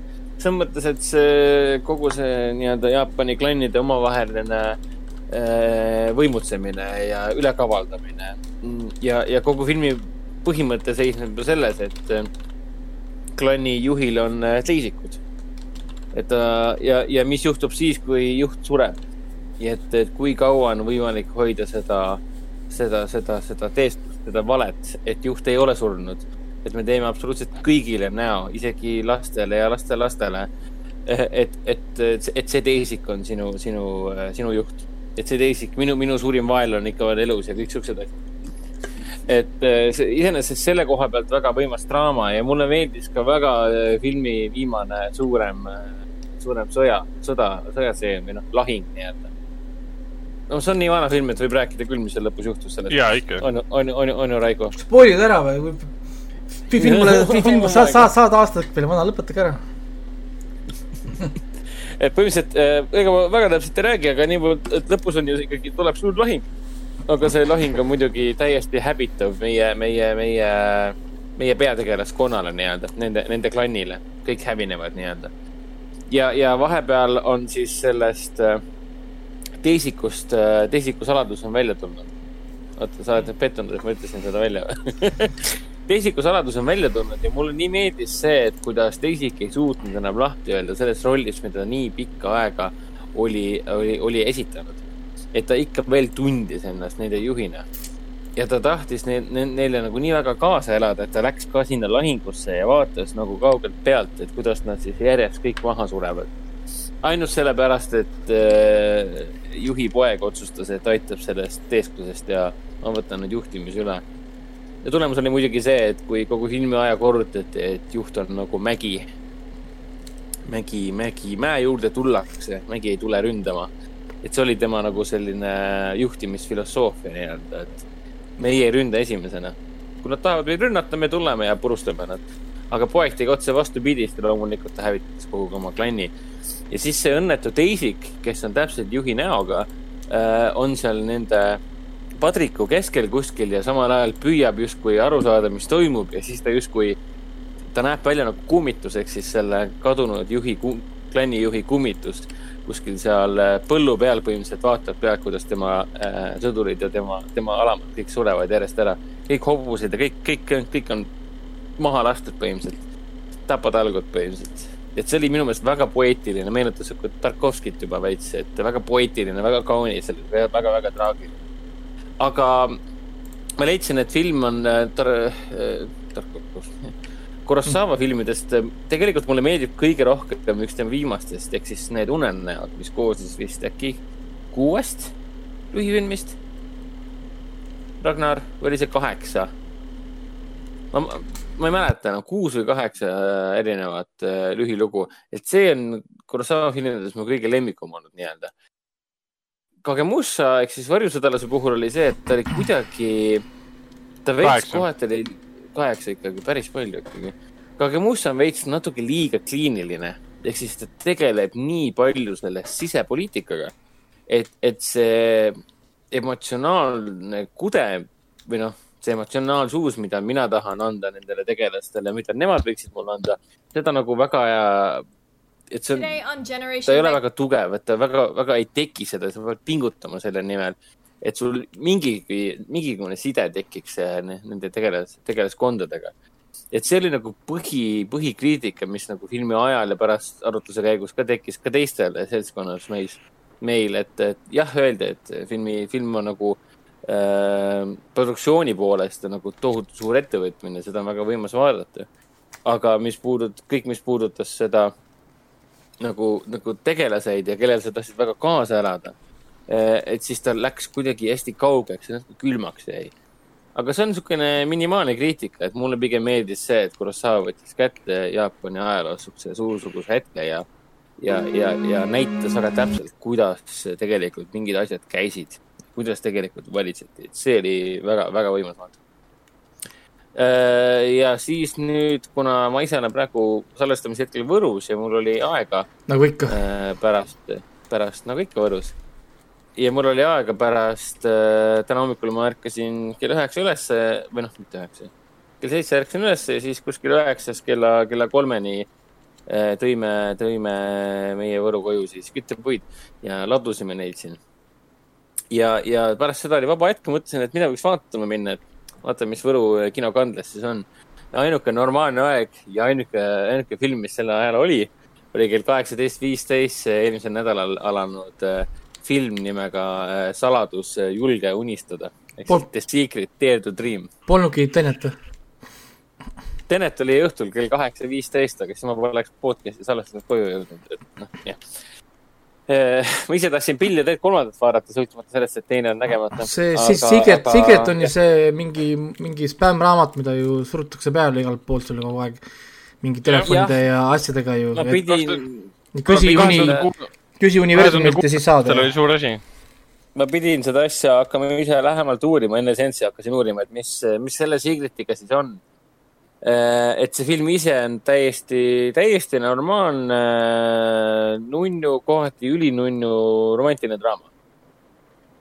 et kui seda The Secreti teemat siin ei oleks nagu taustal olemas, siis tal ei oleks seost The Secretiga. jah, siin on mingi elufilosoofia, et võtta elu positiivselt ja siis läheb sinuga ka niimoodi positiivselt nii-öelda. siin filmi peamine sõnum on see, et ära ole nii negatiivne. no ja ma isegi noh. mäletan selle, et Secret on olemas dokumentaalfilm, millega seda kunagi maha parseldati, seda ja ideed. ta, ta, Jaa. aastat kuus oli see dokumentaalfilm ja siis tuli see raamat ka, ta sai populaarseks selle embleemiga, et see, see vaata vanasti pandi, oli ümbrikud ja sa panid. see vahaga, vahaga jah. Pitseri, Pitseri sinna sisse. ma vaatasin jah, et see The Secret populariseeris selle mingisuguse new thought movement'i ehk siis uue mõtlemise liikumine või midagi visu, et- visualiseeri seda iga päev kuni sa lõpuks saavutad selle eesmärgi. ja siis Täpselt. ma mäletan seda, kui meil käis üks mammi, kes seda rääkimas ja promomas seda värki, siis ma küsisin ka, et kas see natuke convenient ei ole, siis ta ütles, mis mõttes, ma ütlesin, et et, et see on täpselt ju sama asi ju, mis on ju religioonis palvetamine. ehk siis, kui ma palvetan midagi, siis olenemata noh, mis iganes nagu saab, sina oled puhas poiss. ehk siis, kui ma visualiseerin midagi ja ma ei saa seda, siis äh, sa saad mulle öelda, et ma ei visualiseerinud õigesti või ma ei teinud seda piisavalt äh, tihedasti. ja kui ma, kui ma saan selle, siis on sellepärast, et ma visualiseerisin. igal juhul on sinu jaoks win-win. täpselt nagu Jah, palvetamine see... religioonis. siis ta mammi jäi mulle vaatama otsa kord, et äh, ütlesin jah, aga täpselt ja, ja, ja, ja siis ta muidugi, ma läksin temaga tülli, sest mina ütlesin ka, et ma garanteerin sulle, et tulemus inimestele, kes sigaretit loevad ja inimesed, kes sigaretit ei loe, protsent jääb täpselt samaks äh, kõikide vahel, kes e, nagu olenemata, kas raamat on seal vahel või ei ole. ja, ja siis ta muidugi ta... oli, oli juba tige ja, ja, ja ma olin jõle paha ja nagu ikka. aga see, selle, jah, selle raamatu põ- põhimõte vist oligi siis see, et mõt-, sa pead mõtlema, sa pead visualiseerima ja siis mõttejõul äh, sa saad oma ellu positiivset. seal oli see mingi tagline oli, et küsi universumilt, universum vastab, ehk siis äh, Ja, ja, ja, asenda täpselt. sõna universum jumalaga ja küsi jumalalt ja jumal vastab, ehk siis äh, jah, et Whatever. um, umbe, umbes niisugune värk, et no ma läksin ikka väga suure eelarvamusega seda filmi vaatama, mõtlesin, et okei okay,, järelikult on mingi räme roosamanna ja mind topit-, mulle topitakse näkku mingisugust rämedat äh, mingit, mingit spirituaalset kristi, kristlikku mingisugust propagandat põhimõtteliselt. aga mm -hmm. ei, see filmi peaosades on siis äh, Katie Holmes ja Josh Lucas. ja film oli nagu täiesti tavaline romantiline Äh, komöödia, jah. romanti-, ei mitte isegi komöödia komöödia komöödiadraama. ei, on ikka, aga ta on niisugune hea tuju draama nii-öelda, et noh, et, et kõik on jumala okei okay., et äh, filmi lõpus oli isegi tore, tore pööre, sisuline pööre, mida ma ise ei aimanudki ära, et noh, ta on jah, ta on ülevoolavalt niisugune pigem positiivne, siis ta on ülevoolavalt äh, noh, roosamanna, inimesed naeratavad ülitihti, kuidagi Disneylik tunne tekkis kohati Äh, ta meenutas mulle neid äh, mm, mingisuguseid Marley and Me filme, aga mitte nii pööraselt äh, Mm. mm., mingisuguse huumorit täis nii-öelda. siis ta meenutas neid Dogs Purpose'i ja Dogs Way Home'i filme nii-öelda. selline heatahtlik niisugune heatahtlik, hea tuju film nii-öelda, et noh, et tule vaata filmi ja tule meenuta endale, et jah, et maailm on ilus ja kõik on head sinu vastu ja mis iganes veel, et noh see on sihuke asi, mida ma teile te, vabatahtlikult kinos ei, ei noh, ei, ei vaata, et noh, pressilinastusel vaatan ikka ära, aga muidu ma ei hooli. minule meeldis, kui nad teeks neid filme kuskil asukohtades, kus on päris probleemid ka maailmas ma tahaks näha, kuidas see siis toimiks. et, no, kui kui, kui kaua nad suudavad ennast äh, positiivsena hoida, et et sul on mingisugune no täpselt, mingi lõhki pommitatud mingi Süüria linnad, kõikidel on mingid koolerad, difteeriad, koroonad ja mis iganes muud lakkavad äh, ja, ja siis äh, pole positiivne. mõtle positiivseid asju. aga mul pole jal-, mõtle positiivselt, okei. oota, mine jaluta sinna aga mul pole jalgu, mine jaluta sinna, mõtle positiivselt, okei okay, siis. ei no see oleks Jah. nagu, nagu challenge ütleme, et et, et selle mõt-, noh, mina tavaliselt niisuguste filmide puhul kaotan huvi ära, kui nad panevad selle tegevuse alati mingi kuskile poolt düstoopiasse või kuskile, tead, noh, nagu, nagu situatsiooni, kus kohas muresid ei ole, et elu on nii hea, et inimesed hakkavad ise leiutama, vaata, endale probleeme. et, et see võtab selle pointi, noh, minu, minu jaoks ära, noh, et, et miks sa teed niisugust filmi. vaata, sul on, sul on Nojah, kõik, kõik, kõik, kõik need äh, äh, filmidega või? joo, aga mul on vist, ah jah, nii palju mainiks, et äh, filmi noh, pööre oli tegelikult üllatavalt tore. iseenesest nagu draama koha pealt nagu toimis. seda on nagu tore vaadata ja, ja romantilise draama austajatele on see väga niisugune mesimagus asi, mida siin viimastel päev, vihmastel päevadel vaadata, et noh. Ma ütleks nii, et lausa isegi kiidaks seda filmi no, noh, see ei ole küll minu teetaist ja, ja mina seda otseselt mäletama ei jää. tõenäoliselt homme läheb meelest ära need, et see film olemas on. aga sellest sõltumata on ta tore ja nunnu film, et noh. Keiti Holmesi on ka üle pika aja tore näha, et noh, jah. aga rohkem äh,, see oli jah huvitav, et selle filmi sõnum tuletas ju mingid teatud elemendid siin filmis ka, tuletas meelde mulle seda Liam Neesoni ja, ja, ja Joe Connachani filmi The Grey, mis eesti keeles oli vist Lumevangid. kas see oli, kus ta kakles käsitsi hundiga või? jah ja., täpselt seesama film. ja, ja miks, miks ta seda, siin filmis on mingid teatavad elemendid, mida, millest otseselt rääkida ei saa. aga see on pigem see, et äh, no kui ta rääkis sellest nagu see, Josh Lucas on see tegelane siin filmis, kes kogu aeg räägib sellest eluküljesuunast. et, et sa pead üle saama elu raskustest ja nende silmitsi seisma nendega ja siis ma, mulle tuli miskipärast The Grey meelde, kus ja ei, Liam Neesoni tegelane lõpuks sai seal oma suitsiidsetest, suitsiidsetest mõtetest üle ja oma naise surmast üle ja, ja siis hakkas tõsi selle, tõsi. siin on äh, hundiga seal kaklema. siin on, siin on, see on see, vaata, mis sa ütlesid, see lõpupent, mida sa ei oodanud, et Keit Holm hakkab hundiga, hundiga maadlema. võtab need äh, kuradi pudeliklaasid, killud ja paneb endale nukkideks niimoodi. aga ei, mul lihtsalt tuli meelde, et see The Grey oli, vähemalt minu jaoks oli nagu sitaks hea film, et tahaks seda uuesti vaadata. oli, ei, ma olen nõus, Kei oli, ta on jälle niisugune mõnus, et võtad äh, joogid ja paar sõpra kõrvale ja siis saate mõnusalt nagu vaadata. jah, pluss, pluss ta on lisaks äh, sellele ka vist, ma nimetaks isegi seda alahinnatud filmiks, sest kõik ju nägid selles filmis ju ainult seda, et äh, ta kakleb hundiga. Või noh, see on klassikaline film, kuidas me oleme kuskil Alaskas ja siis hundi tahab meid taga, aga tegelikult filmi nagu film ise rääkis põhimõtteliselt selles, et mees on enesetapu äärel ja tahab ennast hävitada, sest ta naine on surnud. ja kogu lugu on selles, kuidas ta sellest üle saab, et see, see, see poeetiline osa, et siis Mark Strettenfeldi muusika ja Joe Conachani niisugune hästi tundlik ja niisugune poeetiline lavastus oli kohati umbes niimoodi, et nagu fuck, kuidas on võimalik nii head filmi teha. nii, aga rohkem ma tõesti ei vaadanud filme kinos. jaa, aga mina, ma räägin siis ka kiiresti enda omad ära, peale selle Mulani veel, ma käisin, vaatasin, tegin siis kaks kinopäeva, esimene päev vaatasin siis The New Mutants ja Greenland. ja siis mm. -hmm. teine päev oli siis Mulan ja Tõlkijad. et see, oi. sain seal vahepeal äh, pitsat süüa ja oota, oodata siis ja seda Mulanit äh, seedida ja kiruda, seda ma juba tegin siin ka täna ähm,. et, et põhimõtteliselt ainuke film, mida ma ootasin tegelikult äh, nendest äh, neljast filmist oli siis The New Mutants, sest noh, mulle X-mehe filmid meeldivad, isegi need väga halvad filmid, mulle ikka meeldib, sest et ma olen lihtsalt nagu üldse, üldse suur võib-olla X-meeste fänn võib-olla isegi. et, et äh, pigem las olla film, isegi halb film, aga noh, ta on ikkagi X-mehed, on ju. siis, siis The New Mutants tundus mulle väga huvitav, sest äh, noh, just seesama, et tal mingi horror element on ja nad on kuskil mingi kinni, mingi müsteerium, on ju, miks ainult miks ainult üks mm, -hmm. üks arst on näiteks ja no see on niisugused noh, niisugune, niisugune kerge jah, ja, ja. niisugune müsteerium.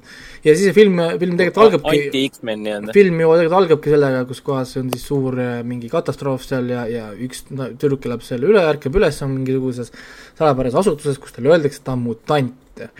aga ta ei tea oma võimeid, on ju. Noh, millest ma sain muidugi kohe aru, et, et okei okay,, selge, see ongi see filmi point. me ei tea selle tüdruku võimeid ja siis tõenäoliselt me siis selle filmi jooksul peaksime nad avastama koos teistega, et, et tegelikult ta on tõenäoliselt mingisugune ülivõimas äh, mutant ja, ja see oli ja selge sellepärast vaata, et, et nad, neile meeldis väga rõhuda, et see Anya Taylori karakter äh,, ma ei mäleta karakteri nime enam, et tema on see kõige tugevam mutant, kes sai mingi teleportida mingisugusesse oma mingi veidrasse dimensiooni ja tal oli see mingi armor, käsi, mõõk, asi äh,, mingisugune äh,, mingisugune vägev äh, ristapuudel, millega ta sai kõike lõigata ja kõike teha. Ja mina ei tea, mulle tegelikult see stiil täitsa meeldis ja mina võib-olla olekski väga, väga karm selle filmi vastu, et minu arust on ta kinos, oli väga kihvt vaadata, mul igav, igavene küll umbes ei olnud, et lihtsalt noh, nii palju oli, et, et see, et see, puänt ja tema see peidetud siis see võime, selle ma mõtlesin küll välja suht mingi suht, suht kohe. Juba mingi esimese veerand ja, ja ma sain, ma sain ka suht kiiresti sellest aru, et ahah, selge pilt, et no jah ja, ilmselgelt et... peab see olema just see, et noh, ja, ja, ja noh, muidugi siin tuleb seesama loogika alati jälle mängu, nagu mul oli selle sarja Heroes juures, et kuidas meie sisemine geneetika ja meie enda DNA saab mõjutada selliseid asju, nagu näiteks äh, oli seal Hero, kes sai ajas lennata või aega peatada või lennata või noh, nagu kuidas nagu meie geneetikas on peidus siis äh, meie füüsikaseaduste paigutamine või noh, nagu ja, ja, ja siis siin tuli seesama mõte jälle, et, et äh, kuidas see, mis iganes võime tal siis ka ei ole, äh, saab olla seotud äh, meie enda geneetikaga, siis see on olgu see selleks, see on niikuinii fantaasia. ja mina ei tea, ta on niisugune mõnus vahepala, siis ütleme X-meestele. ja noh, nüüd on meil muidugi X-meeste universumis paar nime juures seal, paar tegelast juures. et, et nad on päris tugevad X-mehed kõik, noh, muidugi, nad pole läks, veel, no pole läks, veel X-mehed. meelest ära, kes need kõik olid. Nad pole veel X-mehed, aga, aga päris tugevad tegelikult ka, nad on kohati isegi seal piiri peal, et äh, nagu, nagu meie kaklusmängude maailmas ütleme overpowered või noh, nagu OP aga, aga Anna Taylor-Joy karakteril on üks asi veel hästi tugev. see on tema hästi halb vene aktsent. tal oli vene aktsent seal? lõpuks äh, see oli mõeldud vene aktsendina, jah. kindel või? ma ei tea, et oleks seal aktsent olnud. sest ta nimi. tegelase nimi on Iljana Rasputin ei, et sa ikka, et sa ikka. vene peavalu ja ta on vene aktsent. et sa ikka kindlasti teaksid, et ta on Venemaalt, et Rasputin. ei, see on mingi karakter kindlasti koomiksitest, aga see on ikka naljakas lihtsalt. kusjuures ma ei tea, ma ei saanud arugi, et tal oli vene, vene aktsent, kui sa praegu mainid.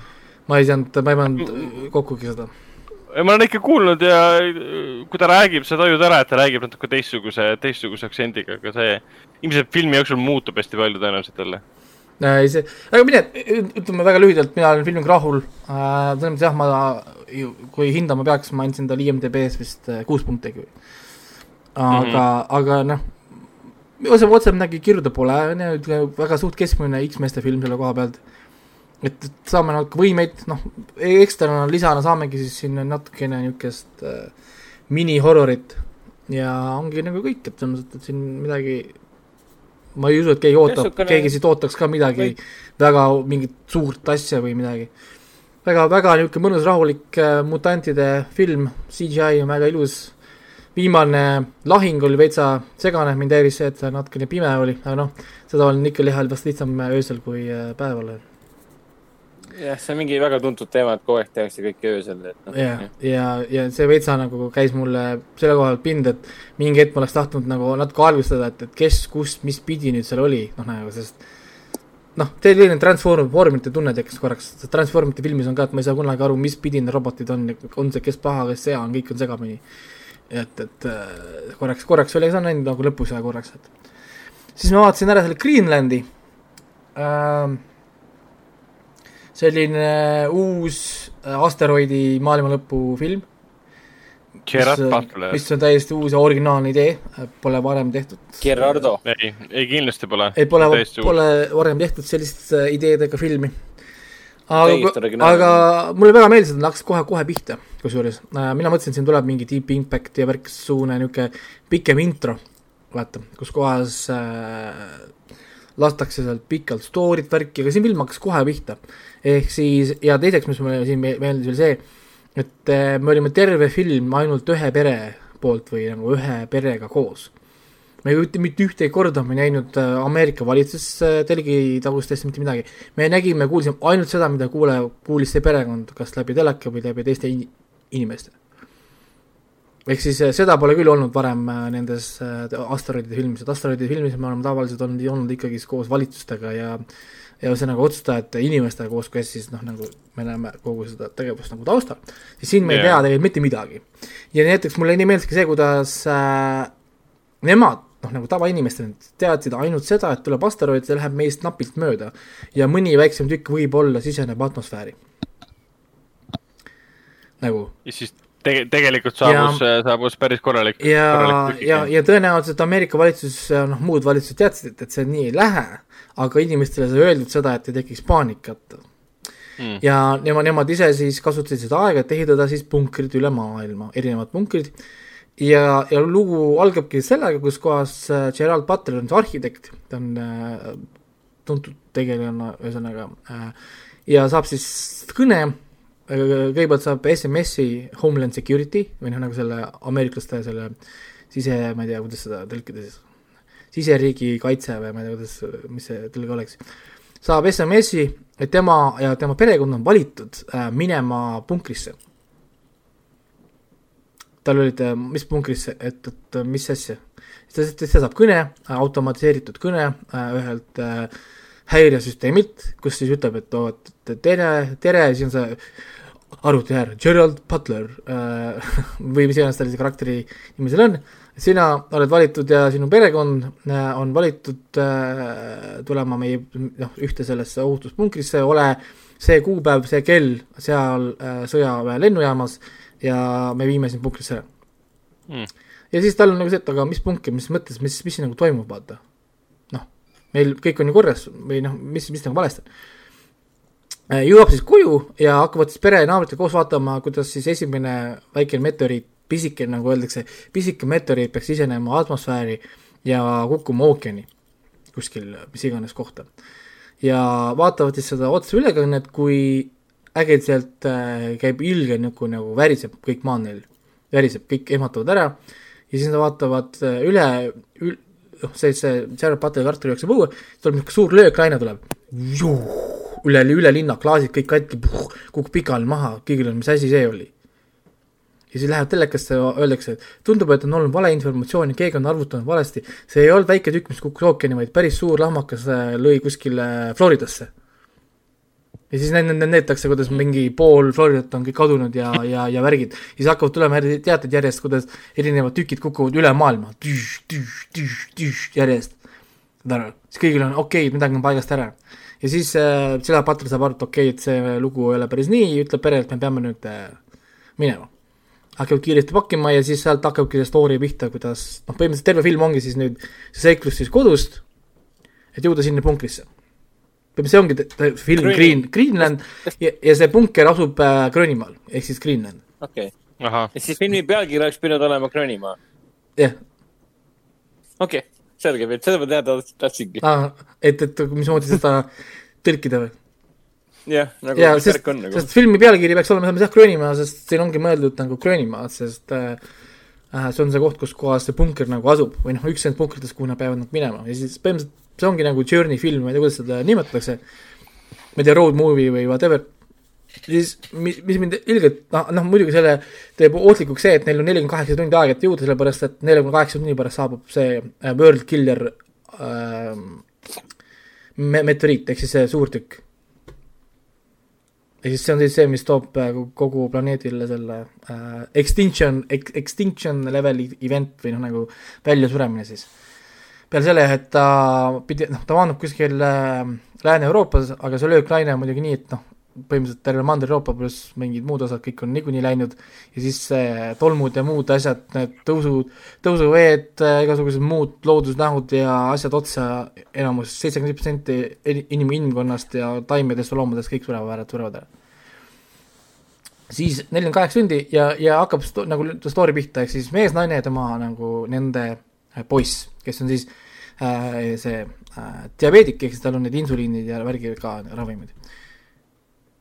Ja väsisin selles mõttes filmist päris kiiresti ära, sellepärast et, et see äh, iga asi, mis ta tegi, läks nüüd valesti.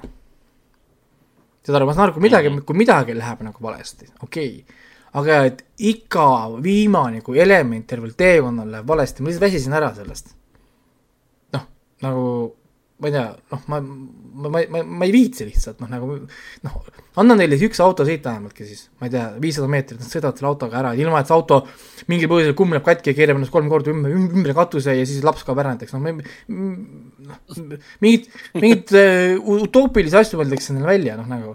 Et noh, sa ei saa isegi nagu, ma ei tea, kaks kilomeetrit minna ilma, et sul midagi kukuks pähe või keegi varastaks sult ära midagi või, või, või noh, noh, see on nagu, Vetsa nagu viskas nagu, nagu selles mõttes nagu kope ette.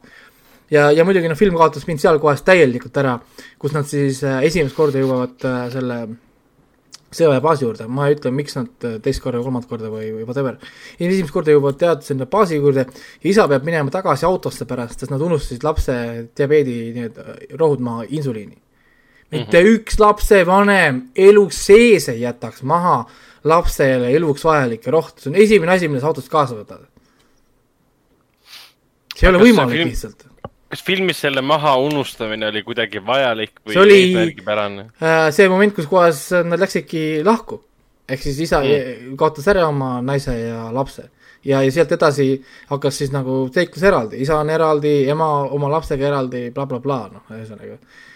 ja, ja päris kiiresti hakkasin kella vaatama noh, nagu kaua see veel kestab, kaua see veel kestab ja ma saan aru, et film oli kestnud alles pool tundi. ja mul oli oh my god, me vaatame seda veel poolteist tundi. ma hakkasin kella vaatama kogu aeg ja, ja mina mõtlesin, see on juba tund aega peale kestnud, et noh, davai, et nagu saab otsa või midagi. ei, see oli päris piin tegelikult, noh äh, no lihtsalt see oli nagu. väga vahvalt no,. see oli päris nagu nukker oli, tegi mind nukraks selle koha pealt, mina tahtsin nagu niisugust katastroofi porri, porri saada, et, et mulle meeldis, et film algas, lööklained, mingid kaos on ja värgid ja siis lihtsalt muutus see mingi jalutamise filmiks, kus kohas Butler hädaldab, pere kadunud, kõnnib, on ju, kakleb seal, siis e, mees on, siis on naine hädaldab, siis on vaadata, kuidas noh, nagu ma ei tea, ma, ma väsisin ära päris kiiresti ja, ja vaatasin seda kella ja kella ja kella, noh, kaua sa sinna kuradi Gröönimaale lähed, noh ja, ja kogu aeg, homme nüüd on läbi, nüüd oli, siis neil oli aega koju minna, tagasi käia, üles-alla liigutada, küll on ikka pikk, neil on kaheksa tundi. see on sama pikk kui kuradi kiirete veaste filmisse kuradi maandumisrada, noh. jah. et äh, jah, ei, ei olnud hea film, lõpp oli ka väga imal äh,, väga imal lõpp oli filmil. et, et äh, väga nõrk, ütleme selles mõttes, ka isegi, isegi sellises katastroofis nagu see ja katas-, ütleme žanris nagu katastroofifilmid, ma ütleks, et see on väga nõrk äh, film, selles mõttes, et äh, et, et äh, ei olnud mingit adrenaliini, mingit action'it, mingit möllu ka otseselt ei olnud. nii palju niisugust küsitavat asja oli, noh ja seesama moment, et, et oo oh,, ma unustasin lapse insuliini maha. kindlasti see üks, mitte üks lapsevanem elu sees sellist asja ei saa juhtuda. et ma ei tea, sul on, sul on laps invaliid, siis oi, ma unustasin ta ratastooli maha. kindlasti, noh mis, mis, mis, mis nagu, kas ühtegi muud põhjust ei olnud stsenaristidel, et äh, isa seda auto juurde saata või noh, nagu noh, ma ei tea, passid võid küll maha jätta, see on ju fine või noh, ma ei tea, jäta mingi noh, ühesõnaga mingi, ühesõnaga see oli jah, see selleks Kok... aga selles mõttes tundub, et vahelduse mõttes ikkagi tore, et su, et sa näed maailma hävingut läbi tavainimese. see küll ja noh, need osad, need olid küll kihvtid, aga see kodus. oli mõttes... nii nagu Roland Emmerichis see kaks tuhat kaksteist, seal olid tavainimesed ja siis oli president ja valitsuse liikmed yeah.. Deep Impact, seal oli ka president ja valitsuse liikmed uh,. Armageddon, president, valitsuse liikmed, kõik et vaaduse mõttes on jah päris tore, et me näeme lihtsalt tavainimene vaatab, et aa, maailm on hävinemas, mis me nüüd tegema peame. ikka kõik need maailma lõpu omad on seesama see, mis ma hiljuti vaatasin, see The Core ja värk, kõik on alati ja, seotud äh, valit-, valitsuste ja noh, me teamegi tead-, teadlased ja värgid, siis seekord mulle just meeldis ka see, et kuidas oli valeinfot antud ja siis kuidas inimesed reageerisid, kui äkki hakkasid nagu äh, meteoriidid kukkuma ja ja muidugi noh äh,, tegin siin veitsa nalja ka vaata, et see, kus noh, noh sõitsid autoga läbi linna, nägid need laastamist ja rüüstamist ja värki et nad oleks saanud raha kokku hoida, kui nad oleks oodanud paar kuud ja lihtsalt filminud seda BLM mässa, mässa seal Ameerikas. et ei, no sorry äh,, rahu, rahumeelselt protest, ma ei ole nende sõnade kasutamisega siin kursis. et, et oleks saanud neid äh, filmida ja raha kokku hoida. siis vaatasin ära äh, Tõlkijad, vot. Ja- ka väga, väga hea film oli kusjuures. ja kus see tuletas mulle meelde sellist filmi nagu Fermati tuba, ma ei tea, kas te olete kunagi näinud sellist filmi ei,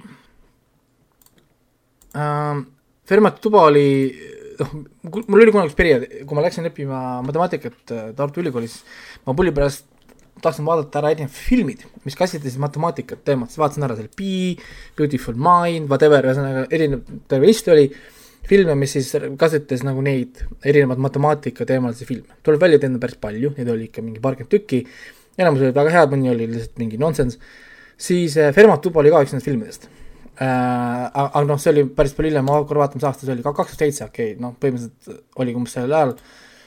ja Fermat tuba on niisugune põhimõtteliselt kiire pre-, preemiss oli see, et äh, neli mat-, kuulsat matemaatikat tuuakse ühte tuppa kokku, neil on suur mõistatus tahvli peal koos lahendusega, nad ei saa usu, nad ei usu, et keegi on selle ära lahendanud, ja siis tuba hakkab kokku minema, kahanema, niimoodi.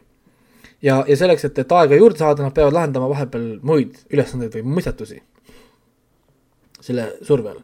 ja siis sul on niisugune, tekib nagu müsteerium, keegi ruumis olevatest matemaatikutest, siis üks neljast on selle asja taga ja siis ühesõnaga tekib niisugune dialoogipõhiline nagu mõistatus. hästi lihtne film, ühes väikses ruumis, neli inimest, saad aru, noh nagu päris niisugune kihvt müsteerium. soovitan vaadata, kes tahab niisugust head mõnusat matemaatilist müsteeriumit või lihtsalt proovida oma, oma, oma kätt nende ülesannete lahe, lahendamisel, need on tegelikult igal inimesel lahendatavad, kui sa suudad natukene kriitiliselt mõelda, on ju. siis äh, tõlkijad mulle meeldiski just sellepärast, et siin see premiss mulle väga meeldis äh,. filmi premiss on siis see, et äh, ilmub hittraamatu, mingi hüüber suur hittraamatu kolmas osa, viimane osa, triloogia viimane osa, see müüs mingi miljard kasumisse ennast eelmise raamatutega, ühesõnaga ta on mingi suur, suur, suur, suur raamat, siis selle äh, väljaandja proovib vältida lekkeid iga hinna eest, et nagu keegi kuskilt saaks lehekülgi või asju kätte varem, ja ta teeb pretsedenditu asja, et ta äh, paneb siis kõik tõlkijad korraga ühte kohta kinni ehk siis üheksa tõlkijat tuleb, seal on mingid keeled, noh, suured keeled, vene keel äh,, inglise keel, noh, see on tänu prantsuse film, ehk siis nagu see originaalkeel on prantsuse keel, ehk siis noh, raamat on originaal prantsuse keeles, ta kutsub tõlkijad, noh, nagu suured tõlkijad, seal oli itaalia keel, vene keel, ma ei tea, portugali keel äh,, hiina keel, noh, ühesõnaga, need suured keeled, kus see raamat peaks ilmuma. ja need kõik tõlkijad on nagu ühe, üheksakesi kõik koos kinni. Nendel on kõigil on leping, on ju, et nad on arvestanud sellega, et nad on kuskil kaks-kolm kuud on kuskil maa all punkris kinni, neil puudub ligipääs kõikidele asjadele. noh, kõikidele internetidele, ühesõnaga kõik asjad on puudu, iga päev neile antakse kakskümmend lehekülge raamatust, nad peavad selle ära tõlkima, siis see tõlge võetakse päeva lõpuks nende käest ära, järgmine päev antakse järgmised kakskümmend lehte ja saad aru, iga päev niimoodi, noh, nagu see käib. raamat on umbes viissada lehekülge pikk äh,. alguses on suht nagu straightforward, on ju, noh, näeme seal karakterid, saame tundma, kõik on äh, raamatu suured fännid, kõik tahavad tutvuda selle raamatu autoriga, aga muidugi seda ei ole võimalik, sest äh, keegi pole raamatu autorit kunagi näinud. ehk siis see on juba esimene vihje, et midagi on nagu pärast ära, mingi müsteerium on tulemas, on ju. ja siis hakkabki nagu pihta, et selle raamatu väljaandja saab äh, sõnumi või emaili, et mul on sinu raamatu kümme esimest lehekülge kui sa mulle kohe viis miljonit eurot ei maksa, need lähevad internetti ülesse. põhimõtteliselt noh, mingi ütleme sellise ideega. siis vend ei No, usu seda alguses, sest tal on kõik olnud kontrolli all, on ju. keegi pole raamatul ligi saanud, kuidas saab olla kellelgi kümme lehekülge. siis hakatakse ründama neid tõlkijaid, neid keeratakse tagurpidi, nende inimõigused põhimõtteliselt kõik rikutakse igatepidi, kui vähegi võimalik need rikud on. ja nad ei leia mitte midagi, sest ta mõtleb, et selge, et, et noh me hoiame neid kinni, et nad ei saa kuidagi seda täide viia, isegi kui nad andsid, kellelgi on kümme lehekülge kuskil peidus. ja üllatus-üllatus, kakskümmend neli tundi hiljem kümme lehekülge lähevad internetti üles. mm. -hmm. suur rahvusvaheline uudis äh, on lekkinud kümme lehekülge. tuleb järgmine email äh,. kallis härra kirjastaja äh,, me tahame saada sinu käest, mis oli kakskümmend miljonit eurot, me panema järgmised sada lehekülge ülesse. okei, nüüd on mehel, nüüd on mehel paanika aga mis keeles? see on ingli-, prantsuse keeles, prantsuse keeles on see kõik ei, ma mõtlen see, see. raamat läheb prantsuse keeles, prantsuse keeles läheb äh, üles okei, originaal siis ikkagi, okei. aga, aga see film juba see sättiski üles selle, miks ta kõike korraga tõlgib, oligi põhjus, sest eelmistel raamatutel nad kahjuks said palju kah-, kahjumit sellega, et fännid tegid tõlkeid instantselt. Ehk näiteks yeah., kui nad andsid raamatu välja Prantsusmaal, enne kui nemad jõudsid teha ametlikku tõlki inglise keelde, siis oli olemas äh, täisinkeid tõlkid juba internetis, saad aru, ehk siis igast mm., iga keel juba fännid tõlkis nii kiiresti ära, et, et neil ei olnud võimalik nagu ametlikke versioone teha ja kui nad tegid ametliku versiooni, siis fänniversioonid olid tihtipeale paremad kui ametlikud tõlkid, sest fännid nagu kamba peal või noh, nagu see interneti kogukond on nii suur, vaata, et sa ei jõua kunagi nagu võistelda sellega. ja sellepärast nad tegidki nagu korraga. Ja siis sellepärast nad, nad teadsid, et, et kohe, kui need, need on internetis, on see igas keeles ka kohe saadaval, noh, selles mõttes noh, nagu ja sealt, sealt hakkabki siis niisugune nagu mõnus selline, tegelikult niisugune päris mõnus niisugune mind game. et kes tegi, sest ainukesed inimesed, kes saavad teha, peavad olema seal ruumis. see hakkab nagu lahkamine, siis nagu selgubki, igal inimesel on seal oma mingi agenda, kõik natukene petavad siit ja sealt, keegi pole päris see, kes ta ütles, et ta on, mõni inimene ei saagi raha seal olemise eest, mõni saab liiga palju raha seal ole, olemise eest, mõnel on mingid, ühesõnaga, kõigil on mingid plaanid. aga kes tegi? keegi ei tea onju, ja siis, ja siis enne kui me enam spoilerida ei saa, on niimoodi, et äh, tal on, ta leiab nii-öelda enda mõistes siis selle süüdlase, mõtleb, et mure on lahendatud ja laksti sada järgmist lehekülge läheb äh, internet üles. onju, aga raamat on viissada lehekülge, esialgu ta veel mõtleb, olgu fine, me saame veel päästa. ja siis tuleb järgmine email, kaheksakümmend miljonit eurot või ma panen järgmised, mis oli kakssada või kolmsada lehekülge üles. aga nüüd ta saab, nüüd ta, nüüd, nüüd ta, nüüd ta teab, et see ei ole keegi sealt ruumist, sellepärast et ruumis olevat pole nii palju lehe, lehekülge veel saanud. sa saad aru? tõlgimise jaoks. jah, täpselt. ja, ja nüüd on nagu maailm läheb nagu pumm lahti ja siis film muudab suunda, et film hüppab tulevikku, laksti, lavastaja viib meid nagu sündmuste järjestikuse momenti kaks kuud hiljem, kus ta räägib kellegagi vanglas, miks sa seda tegid? Ja siis hakkab film hüppama edasi-tagasi, me näeme sündmusi siin, tulevikus sündmusi siin tulevikus, aga me ei näe, kellega see kirjastaja räägib, saad aru? noh nagu, kui kirjastaja küsib, küsib küsimuse, me hüppame ajas tagasi, mis sündmused, kirjastaja läheme tulevikku, küsib küsimuse, annab talle raamatu, näe, me ikka printsime selle välja, saad lugeda seda raamatut, aga noh, sa oled juba seda lugenud, pumm, hüppame tagasi minevikku, saad aru, ja niimoodi edasi-tagasi, kuni see müsteerium lõpuks äh, laheneb nagu.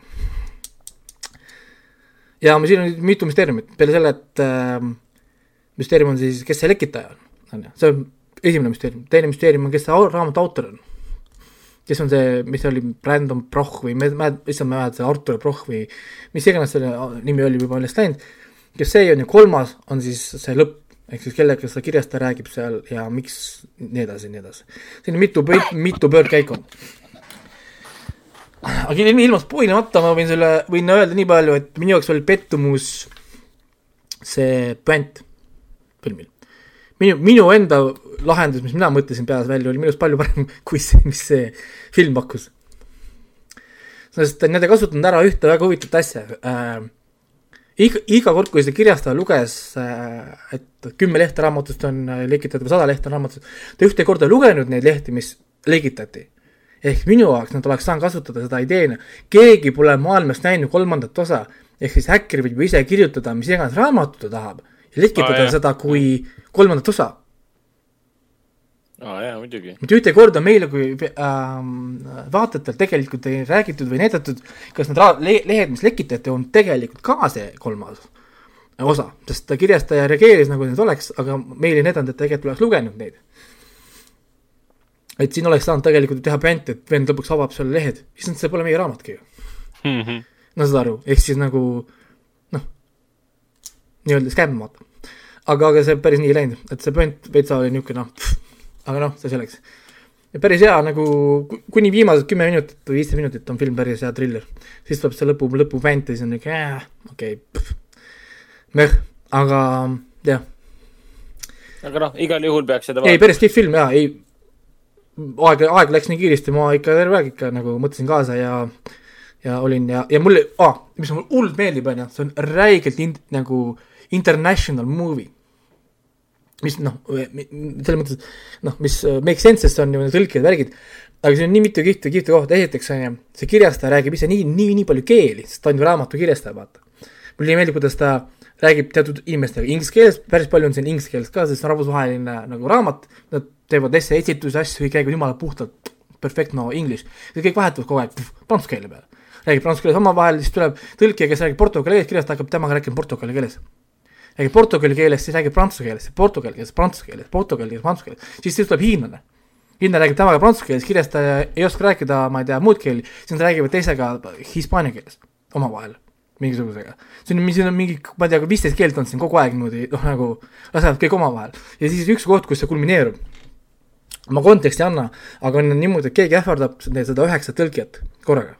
keegi teine ja nad kõik omavahel hakkavad rääkima siis üks tõlkija hakkab teistega rääkima erinevates keeltes, kuni ta näeb, et nende ähvardaja seda keelt ei oska.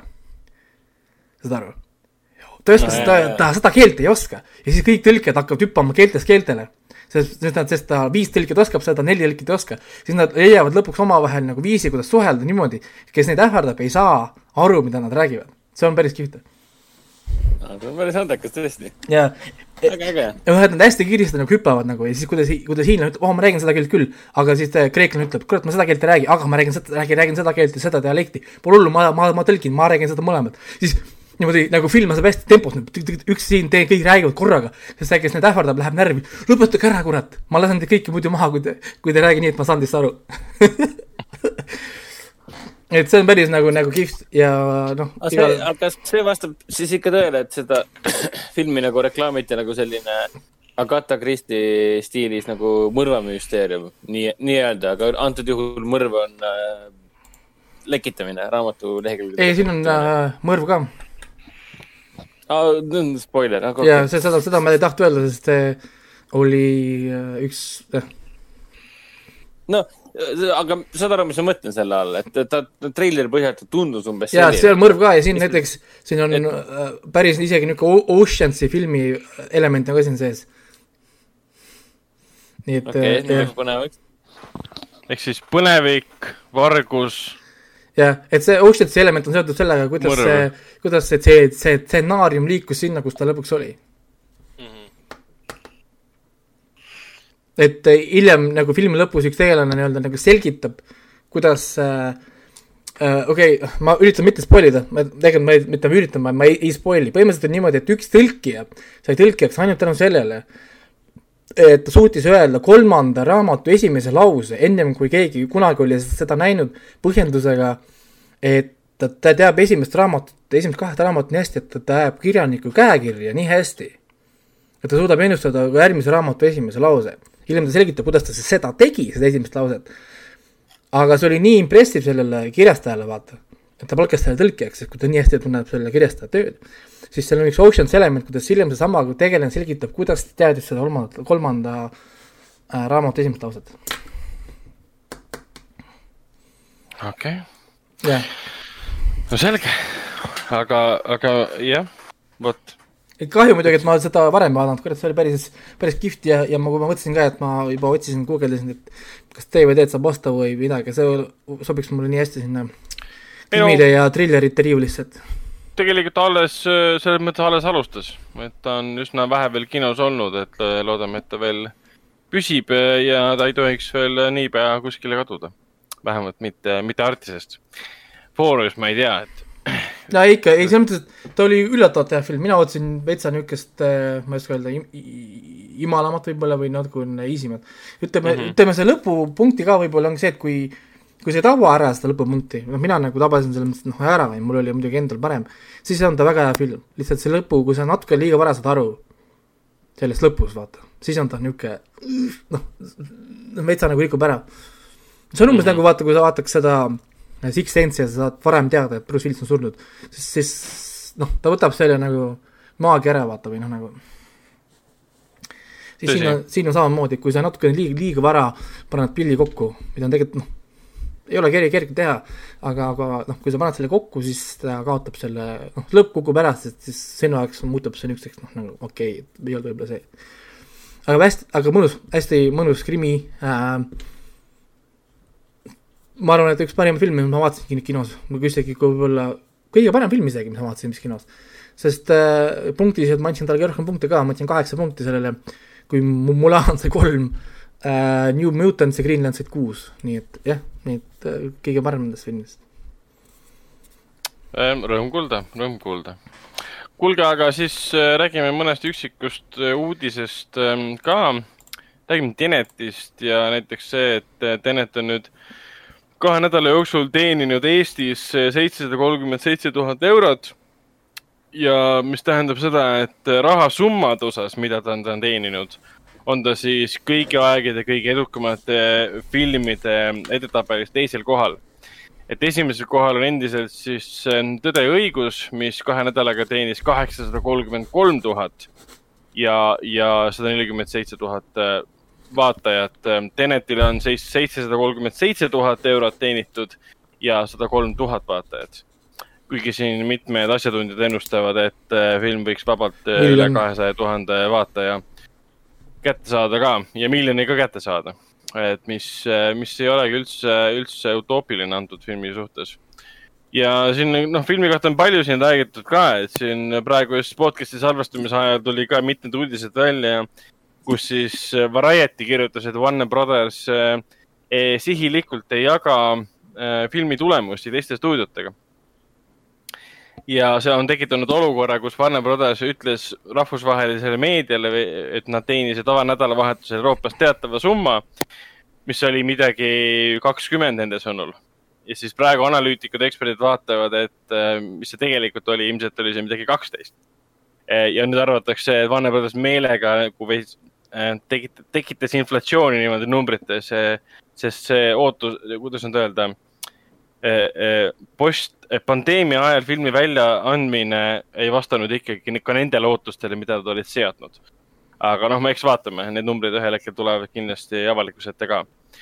aga jah, see, et Tenet on Eestis populaarne, see pole absoluutselt üllatav. võib-olla üllatav on see, et ta ei ole, ta ei ole veel nii, nii, nii populaarne, et oleks tõe, tõe, tõeõiguse ületanud, aga ilmselt kui meil oleks normaalne maailm ja normaalne aasta ja normaalsed suvekuud olnud, siis ta oleks seda ilmselt ka kohe teinud. vahepeal tuli välja ka siis äh, Margus äh, Paju ähm, sügisel filmi, oli Margus Paju, oli küll. O2 värske treiler, film, tegemist on siis filmiga, mille peaosas on äh, Priit Võigemast, kes, kes ajab siis topeltagendi jälgi. spiooni põnevik, ajalooline spiooni põnevik äh, Eestis. ja kui vaadata treilerit, siis see on väga, kuidas nüüd öelda, isegi esimene treiler vähemalt õrritaja oli väga tenetipärane. teine treiler on selline hästi-hästi stiilne Hollywoodi isegi maiguga mm, põnevik, kus on noh, kurjad pilgud ja keegi petab ja keegi seksib ja kuskil on valgus, keegi tulistab, et ta on nii stiilselt ja ägedalt kokku pandud, et see on äge treiler, see on igatipidi äge treiler. Ja- ma lihtsalt loodan, et see ja treiler, ja kõige olulisem filmile. on see, et Priit Veigimast jookseb. Ja täpselt, Priit Vegemast jookseb edasi ja, ja tagasi, sest ju me mäletame, kui võtted toimusid, siis Priit Vegemast tegi endale haiget äh, just sellesama jooksu, jooksuseini ajal, et äh, oli ka mõned päevad eemal või, või isegi nädalad eemal äh, võtetest. aga ma ei tea, kui te ise treilerit vaatasite, mis mulje teil filmist jäi? kuule, mina ei tea, mulle jättis ta suht teiste keskmise filmi mulje, et ma ei oska öelda, ma ei olnud väga impressed mitte ühegi asjaga seal, et aga Hendrik? Mulle täitsa nagu sobis, esimene treiler oli põnev ja teine samamoodi, et tundub, et võiks olla väga niisugune stiilne ja väga kenasti tehtud niisugune pingeline põnevik. et ma seda isiklikult väga ootan, õigemasti on äge ja, ja kolmekümne üheksandal aastal aset leidev spioonipõnevik siin äh, natside ja venelaste vahel on iseenesest ju väga lahe. et äh, jah, väga tekitas ootusärevust küll. mm. -hmm. Ja sellega ma olen täitsa nõus, et äh, samamoodi tekitas ootusärevust äh, värske Düüni treiler äh, filmis, mis jaa peaks, peaks ilmuma Dune. detsembris. väidetavalt siis kaheksateistkümnendal detsembril, aga kuna see on Warner Brothersi film ja Warner Brothers siin järje, järjepanu lükkab filme edasi, siis äh, on väike hirm, et ka Dune lükatakse detsembrist uude aastasse. Aga noh, sellest natuke pikemalt äh, hiljem. Teile tuli välja film, kus siis Timothée Ch- Chalamet, Chalamet. Chalamet on, on Chalamet. peaosas, kus ta kaasa löövad veel siis Josh äh, Brolin, Rebecca Ferguson ähm,, Javier Bardem äh, ja veel terve hunnik Dave, tuntuid. Dave, Dave Bautista. Kõige. olulisem on see, et ei räägi, et see on Villeneuve'i film. jah, see on Denis Denis Villeneuve film. Kes tegi Blade Runner kaks tuhat nelikümmend üheksa, mees, kes tegi Arrivali, mees, kes tegi Sicario, mees, kes Enemy. tegi Prisonersi, Enemy. Enemy. ehk siis ta on pigem selline tuntud režissöörina, kes teeb ülimalt intelligentseid, suuri ja ulmekaid suurte staaridega, mis kipuvad olema siuksed väga tõsised, väga mõtlemapanevad ja teistsugused. Eriti kui arvestada neid rahasid, mida on talle antud, kui me räägime siin Blade Runner kaks tuhat nelikümmend üheksast, mida Sony pidas tegelikult läbikukkumiseks kinodes, kuigi see oli eel-, selle aasta, kui ta välja tuli, üle-eelmise aasta üks hinnatumaid filme. Sony, Warner Brothers. ja, või no Warner Bros andis välja, andis või? ja, ja täpselt, miks ma Sony ütlesin. et äh, ta ei olnud jah edukas selle koha pealt, aga noh, mis teha, see on äh, kahe, mis ta oli, kahe ja poole tunnine ulmefilm äh, väga sügavatel teemadel, kus polnud palju action'it ja ilmselt see peletas inimesed eemale. aga Dune, Dune on esimene osa siis äh, kaheosalisest nagu filmist. põhineb siis esimesel kuuekümne viienda aasta Frank Herberti, Herberti romaanil, mis on siis kaheks jaotatud nüüd filmide kujul. ja esimene film äh, on siis nüüd detsembris tulemas. David Lynch tegi ka oma filmi sellest kunagi, millest ta käskis oma nime ära võtta, sest äh, väitis, et produtse- produtsendid hävitasid tema versiooni filmist ära. ja ta keeldus oma nime sinna külge panemast, aga noh, praegu me teame seda kõike ikkagi David Lynch'i filmina. mina, mina ootan seda filmi väga, see on nagu Jah. isegi oodatum kui Tenet oli. raamat on mul ikka veel pooleli, aga siin äh, lõpuks leidsin aega, et seda nüüd lugeda, mitukümmend lehekülge järjest üle pika aja.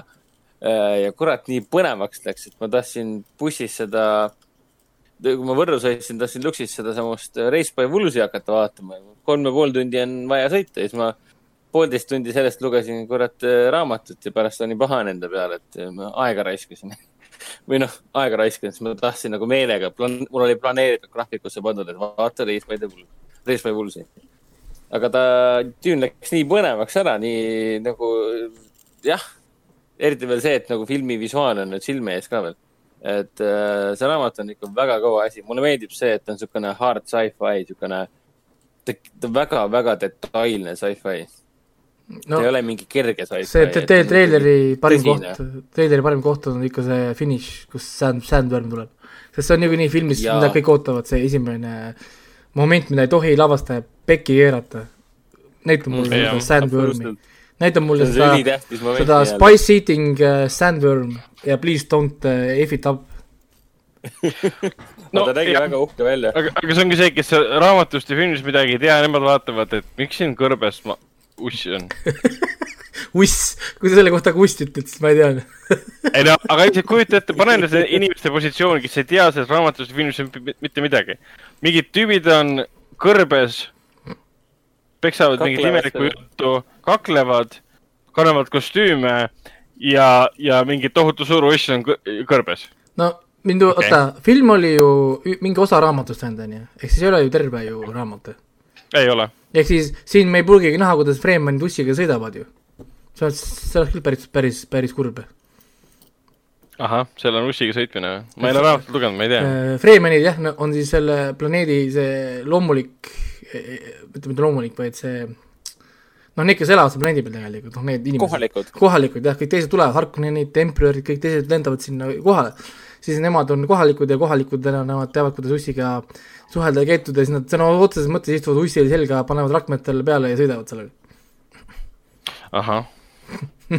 nojah, kujuta ette, kui see kaader oleks olnud siis treileris ka, see oleks veel rohkem inimesi segadusse ajanud oh.. aga ei, ta nägi võimas, eepiline, on, harukordselt ilus välja, nii et see peaks ikkagi inimesi kinni on, et kusjuures siin sci-fi inimestel on nii palju head kraamit tulemas järgmine aasta, et uh, sci-fi fännid lihtsalt chillavad, vaatavad niisugust pilti, naudivad sellist CGI-d, et sa enam ei saa aru ka. ja mõnus, mõnus. jah. Vot uh,, see nüüd järgmine film ei ole sci-fi, millest me räägime küll, aga ta on hull äh, komiksifilm.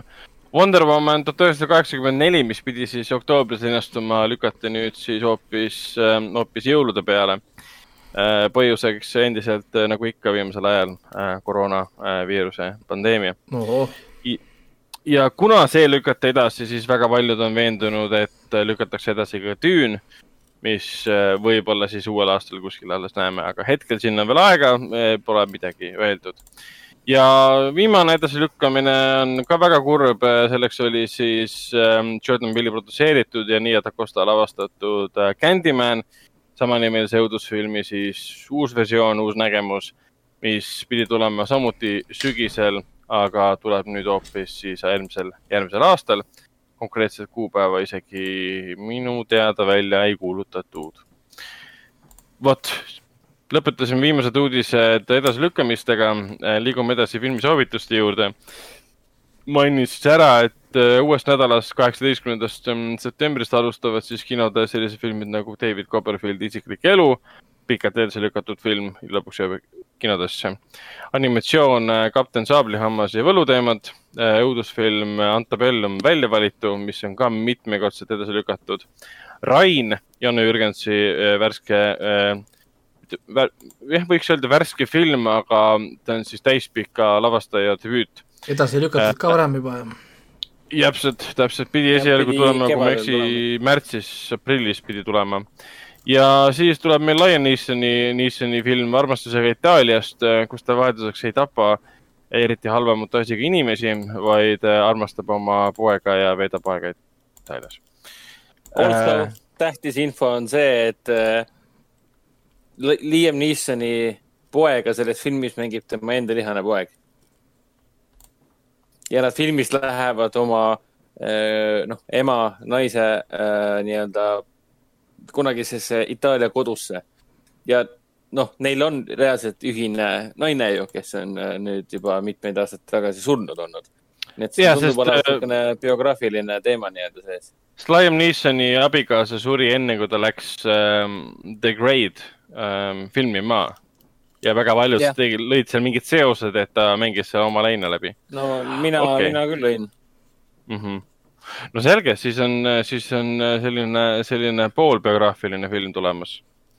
ja mida ma veel mainin, on siis eh, selline film nagu Haldjas eh, jõuab samuti siis kaheksateistkümnendast septembrist kinodesse. see on uus vene film, mille peaosas on Konstantin Habenski ja see räägib samuti virtuaalreaalsusest. aga seal on see probleem, kus enam ei, ei osatagi vahet teha, mis on päris ja mis mitte. vähemalt ühe tüübi jaoks mm. -hmm Hendrik kadus ajutiselt ära, vähemalt minu jaoks, aga tuleb varsti tagasi. Nendest mainitud filmidest äh, jõuab siis Artise ekraanidele David Copperfieldi isiklik elulugu armastusega Itaaliast, kapten Saablihaamas ja võluteemant ja muidugi ka Rain äh,. räägime Netflixist, ma tahtsin ära mainida, kindlasti inimesed ei tohi unustada seda, et nüüd uuel kolmapäeval, uuendal kolmapäeval jõuab siis The Devil All the Time, jõuab Netflixi tegemist on siis filmiga, mille peaosas on äh, Tom, äh, Tom Holland ja kaasa lööb ka meie kõigi, kõigi lemmik, äh, lemmik Robert Pattinson. seal on staarid jah, see on staaride paraad seal suht. jah, Bill Skarsgård ja Sebastian Stan ja Hailey Bennett ja, ja Riley Keough ja Miia, Miia Vasikoska. seal on palju, seal, seal on terve film on lihtsalt, lihtsalt ainult staarid, ehk siis põhimõtteliselt enamus filmi eelarvest ongi tõenäoliselt äh, näitlejate palgad, et. jah pidi olema niisugune korralik, peaaegu, peaaegu kahe ja poole tunni pikkune kooti triller, põnevik draama. esimesed arvustused ei ole just kõige positiivsemad eh, filmi kohta, aga oma, oma silm on kuningas. Eh, mida me veel Netflixist soovitame, on siis kindlasti Luciferi uus hooaeg, hashtag live, millest rääkis meile Raiko avast-, avastasin ka vahepeal, et The Babysitter Killer Queen on välja tulnud äh, lõpuks samanimelise filmi siis, mille nimi on The Babysitter järg. siis soovitasime kindlasti ka Memories of, äh, of the Alhambra, mida me oleme Hendrikuga vaadanud. siin tuli ka Hillary Swank, oli Hillary Swank? jah, Hillary Swanki ja. uus uh,, uus seriaal Away. kusjuures mis... esimene episood, mis ma vaatasin, oli väga meh. ma ootasin okay. nagu palju rohkem või ma sain vale mulje või pigem mul on tunne, et ma sain vale mulje. mina mõtlesin, see on nagu see For the Mankind või et noh, nagu lähme Marsi peale värki, tegelikult on see lihtsalt ema ja, ja, ja lapse film põhimõtteliselt. või noh, nagu ma ei, ma ei tea, esimese episoodi põhjal ma olin väga pettunud, et pigem tundub, et minu enda vale arusaam millegipärast, see on, see seriaalist mm. -hmm. ei, minule tundus see film automaatselt äh, lõi kellasid seoses ühe teise filmiga, Eva Greeniga, mis yeah. oli vist veebruaris meil kinodes, ma ei mäleta, mis selle nimi oli, seal oli ka, ta läks kosmosesse ja jättis oma lapse maha ja kõik olid kurvad um, ma ei tea, kas see on õige või hea kokkuvõte sellest mõlemast filmist ja seriaalist, aga. me vist aga... eelmises saates mainisime ka seda. aa, võimalik jah, ja täpselt. ja, ja mis on veel olemas, on Charlie Kaufmani uh, I m thinking of ending things uh,, mida mina ei ole veel vaadanud, te vist ei ole ka vaadanud, aga eelmises saates kindlasti mainisite uh,. seda peaks kindlasti vaatama puhtalt sellepärast, et esiteks Charlie Kaufman on vapustav stsenarist ja režissöör. nõus kui ei ole Sünnitöök New Yorki või Anna ma lihtsalt näinud või tema kirjutatud Eternal Sunshine of the Spotless Mind'i mm. või Adaptation'it või Being Joel Malkovich'i näinud, siis kohustuslikud filmid um,. praegu vaatan, et Charlie Kaufman on Chaos Walking'u stsenarist. see on see Doug Lyman'i film, mis on viimased mingi neli aastat development hell'is olnud. Tom Holland ja Daisy Ridley on peaosas. oh god ja, ja see, selle uue filmi siis peaosas on, äh, ühes peaosas on vähemalt on siis Jesse Buckley, mm, kes on vapustav, vapustav näitleja, eriti võtta arvesse, et ta mängis Tšernobõlis äh, Ludmilla Ignatenkot ehk siis selle ah,. Ah, tema see, ma mõtlesin, kus kurat ma teda, kurat ma teda näinud olen. jah, jah, ta oli, ta mängis ka Judy's ah. ja, jah, vot. tere, ma ei saanud aru, kes ta on. jah, ta mängis jah Ludmillat um,. Telia HBO-s on olemas äh, Lovecraft Country, äh, esimesed äh, neli episoodi on praegu, varsti tuleb sinna otsa siis viies. Raised by the Wolves esimesed viis episoodi, varsti tuleb sinna ka siis viis lisaepisoodi ja neljateistkümnendast ähm, septembrist peaks lisanduma ka The Third Day, kus siis, kus siis Jude Law ja Emily Watson ja väga palju, mitmed tuntud Briti näitlejad nagu Paddy Considine ja Catherine Waterston on sellises eralduses olevas kohas ja seal on toimumas kummalised asjad. Äh, see, see seriaal tundub mulle väga, vägagi meeltmööda. eriti kuna ta tundub olevat selline Wikerman pluss mingi kummaline kultus, mis ei ole noh, päris sama, mis Wikerman. see tundub räigelt sedamoodi olevat jah, seda küll. et, et ta on nagu Vikerman. ehk siis nagu Midsommar või midagi. Amazon Prime videos on olemas siis uh, The Boys um, teine hooaeg uh,. nii palju, kui seal episoode on praegu. ja, ja siin on olemas uh, romantiline komöödiadraama Chemical Hearts, millest te ka eelmises saates rääkisite. ja mina soovitaksin The Reporti Adam Driveriga puhtalt sellepärast, et uh, ma ei tea, vahepeal oli nine eleven ja see film räägib sellest oota, vahepeal oli nine eleven või, mis mõttes? oota, jälle või? jälle uuesti nagu, nagu kuupäev oli vahepeal, millest sa räägid? oota, ma, ma räägin kuupäevast. et see, see, sellega oli, mulle, mida mulle meeldib üheksa, üksteist teha, on vaadata, vaadata meeme, mis on aastatega tulnud. siis äh, üks nii hea meem oli, kus äh, keegi tegi nalja selle nine eleveni kohta, siis Twitteris oli, et kas sul häbi ei ole, et, et inimesed ka, mina, inimesed kaotasid lähedasi, mina kaotasin ka oma äh, isa selles üheksa üksteist ära, siis pani vastuseks. oh, et ma tunnen, ma, mul on nii suured kaastunded sulle. oh, et ja siis see vend vastas, et äh, aitäh kaastunde eest, et minu isa oli parim piloot Kesk-Aasias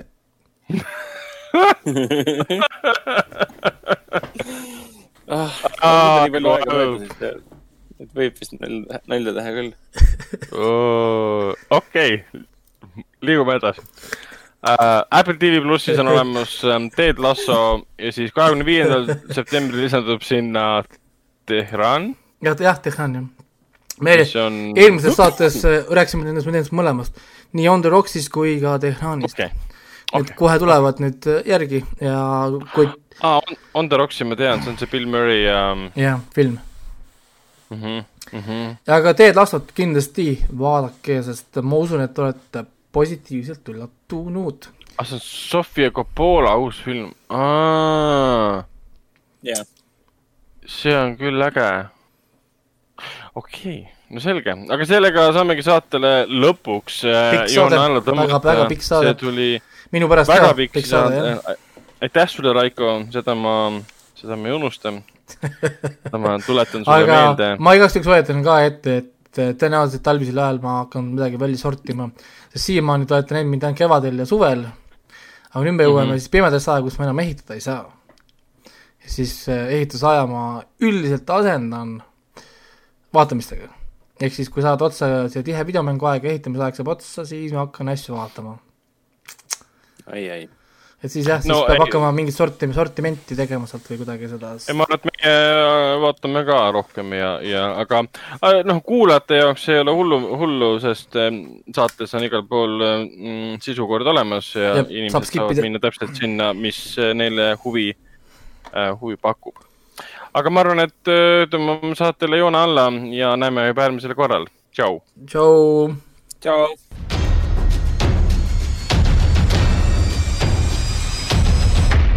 Kinoveebi Jututuba podcasti toob teieni Foorum Cinemas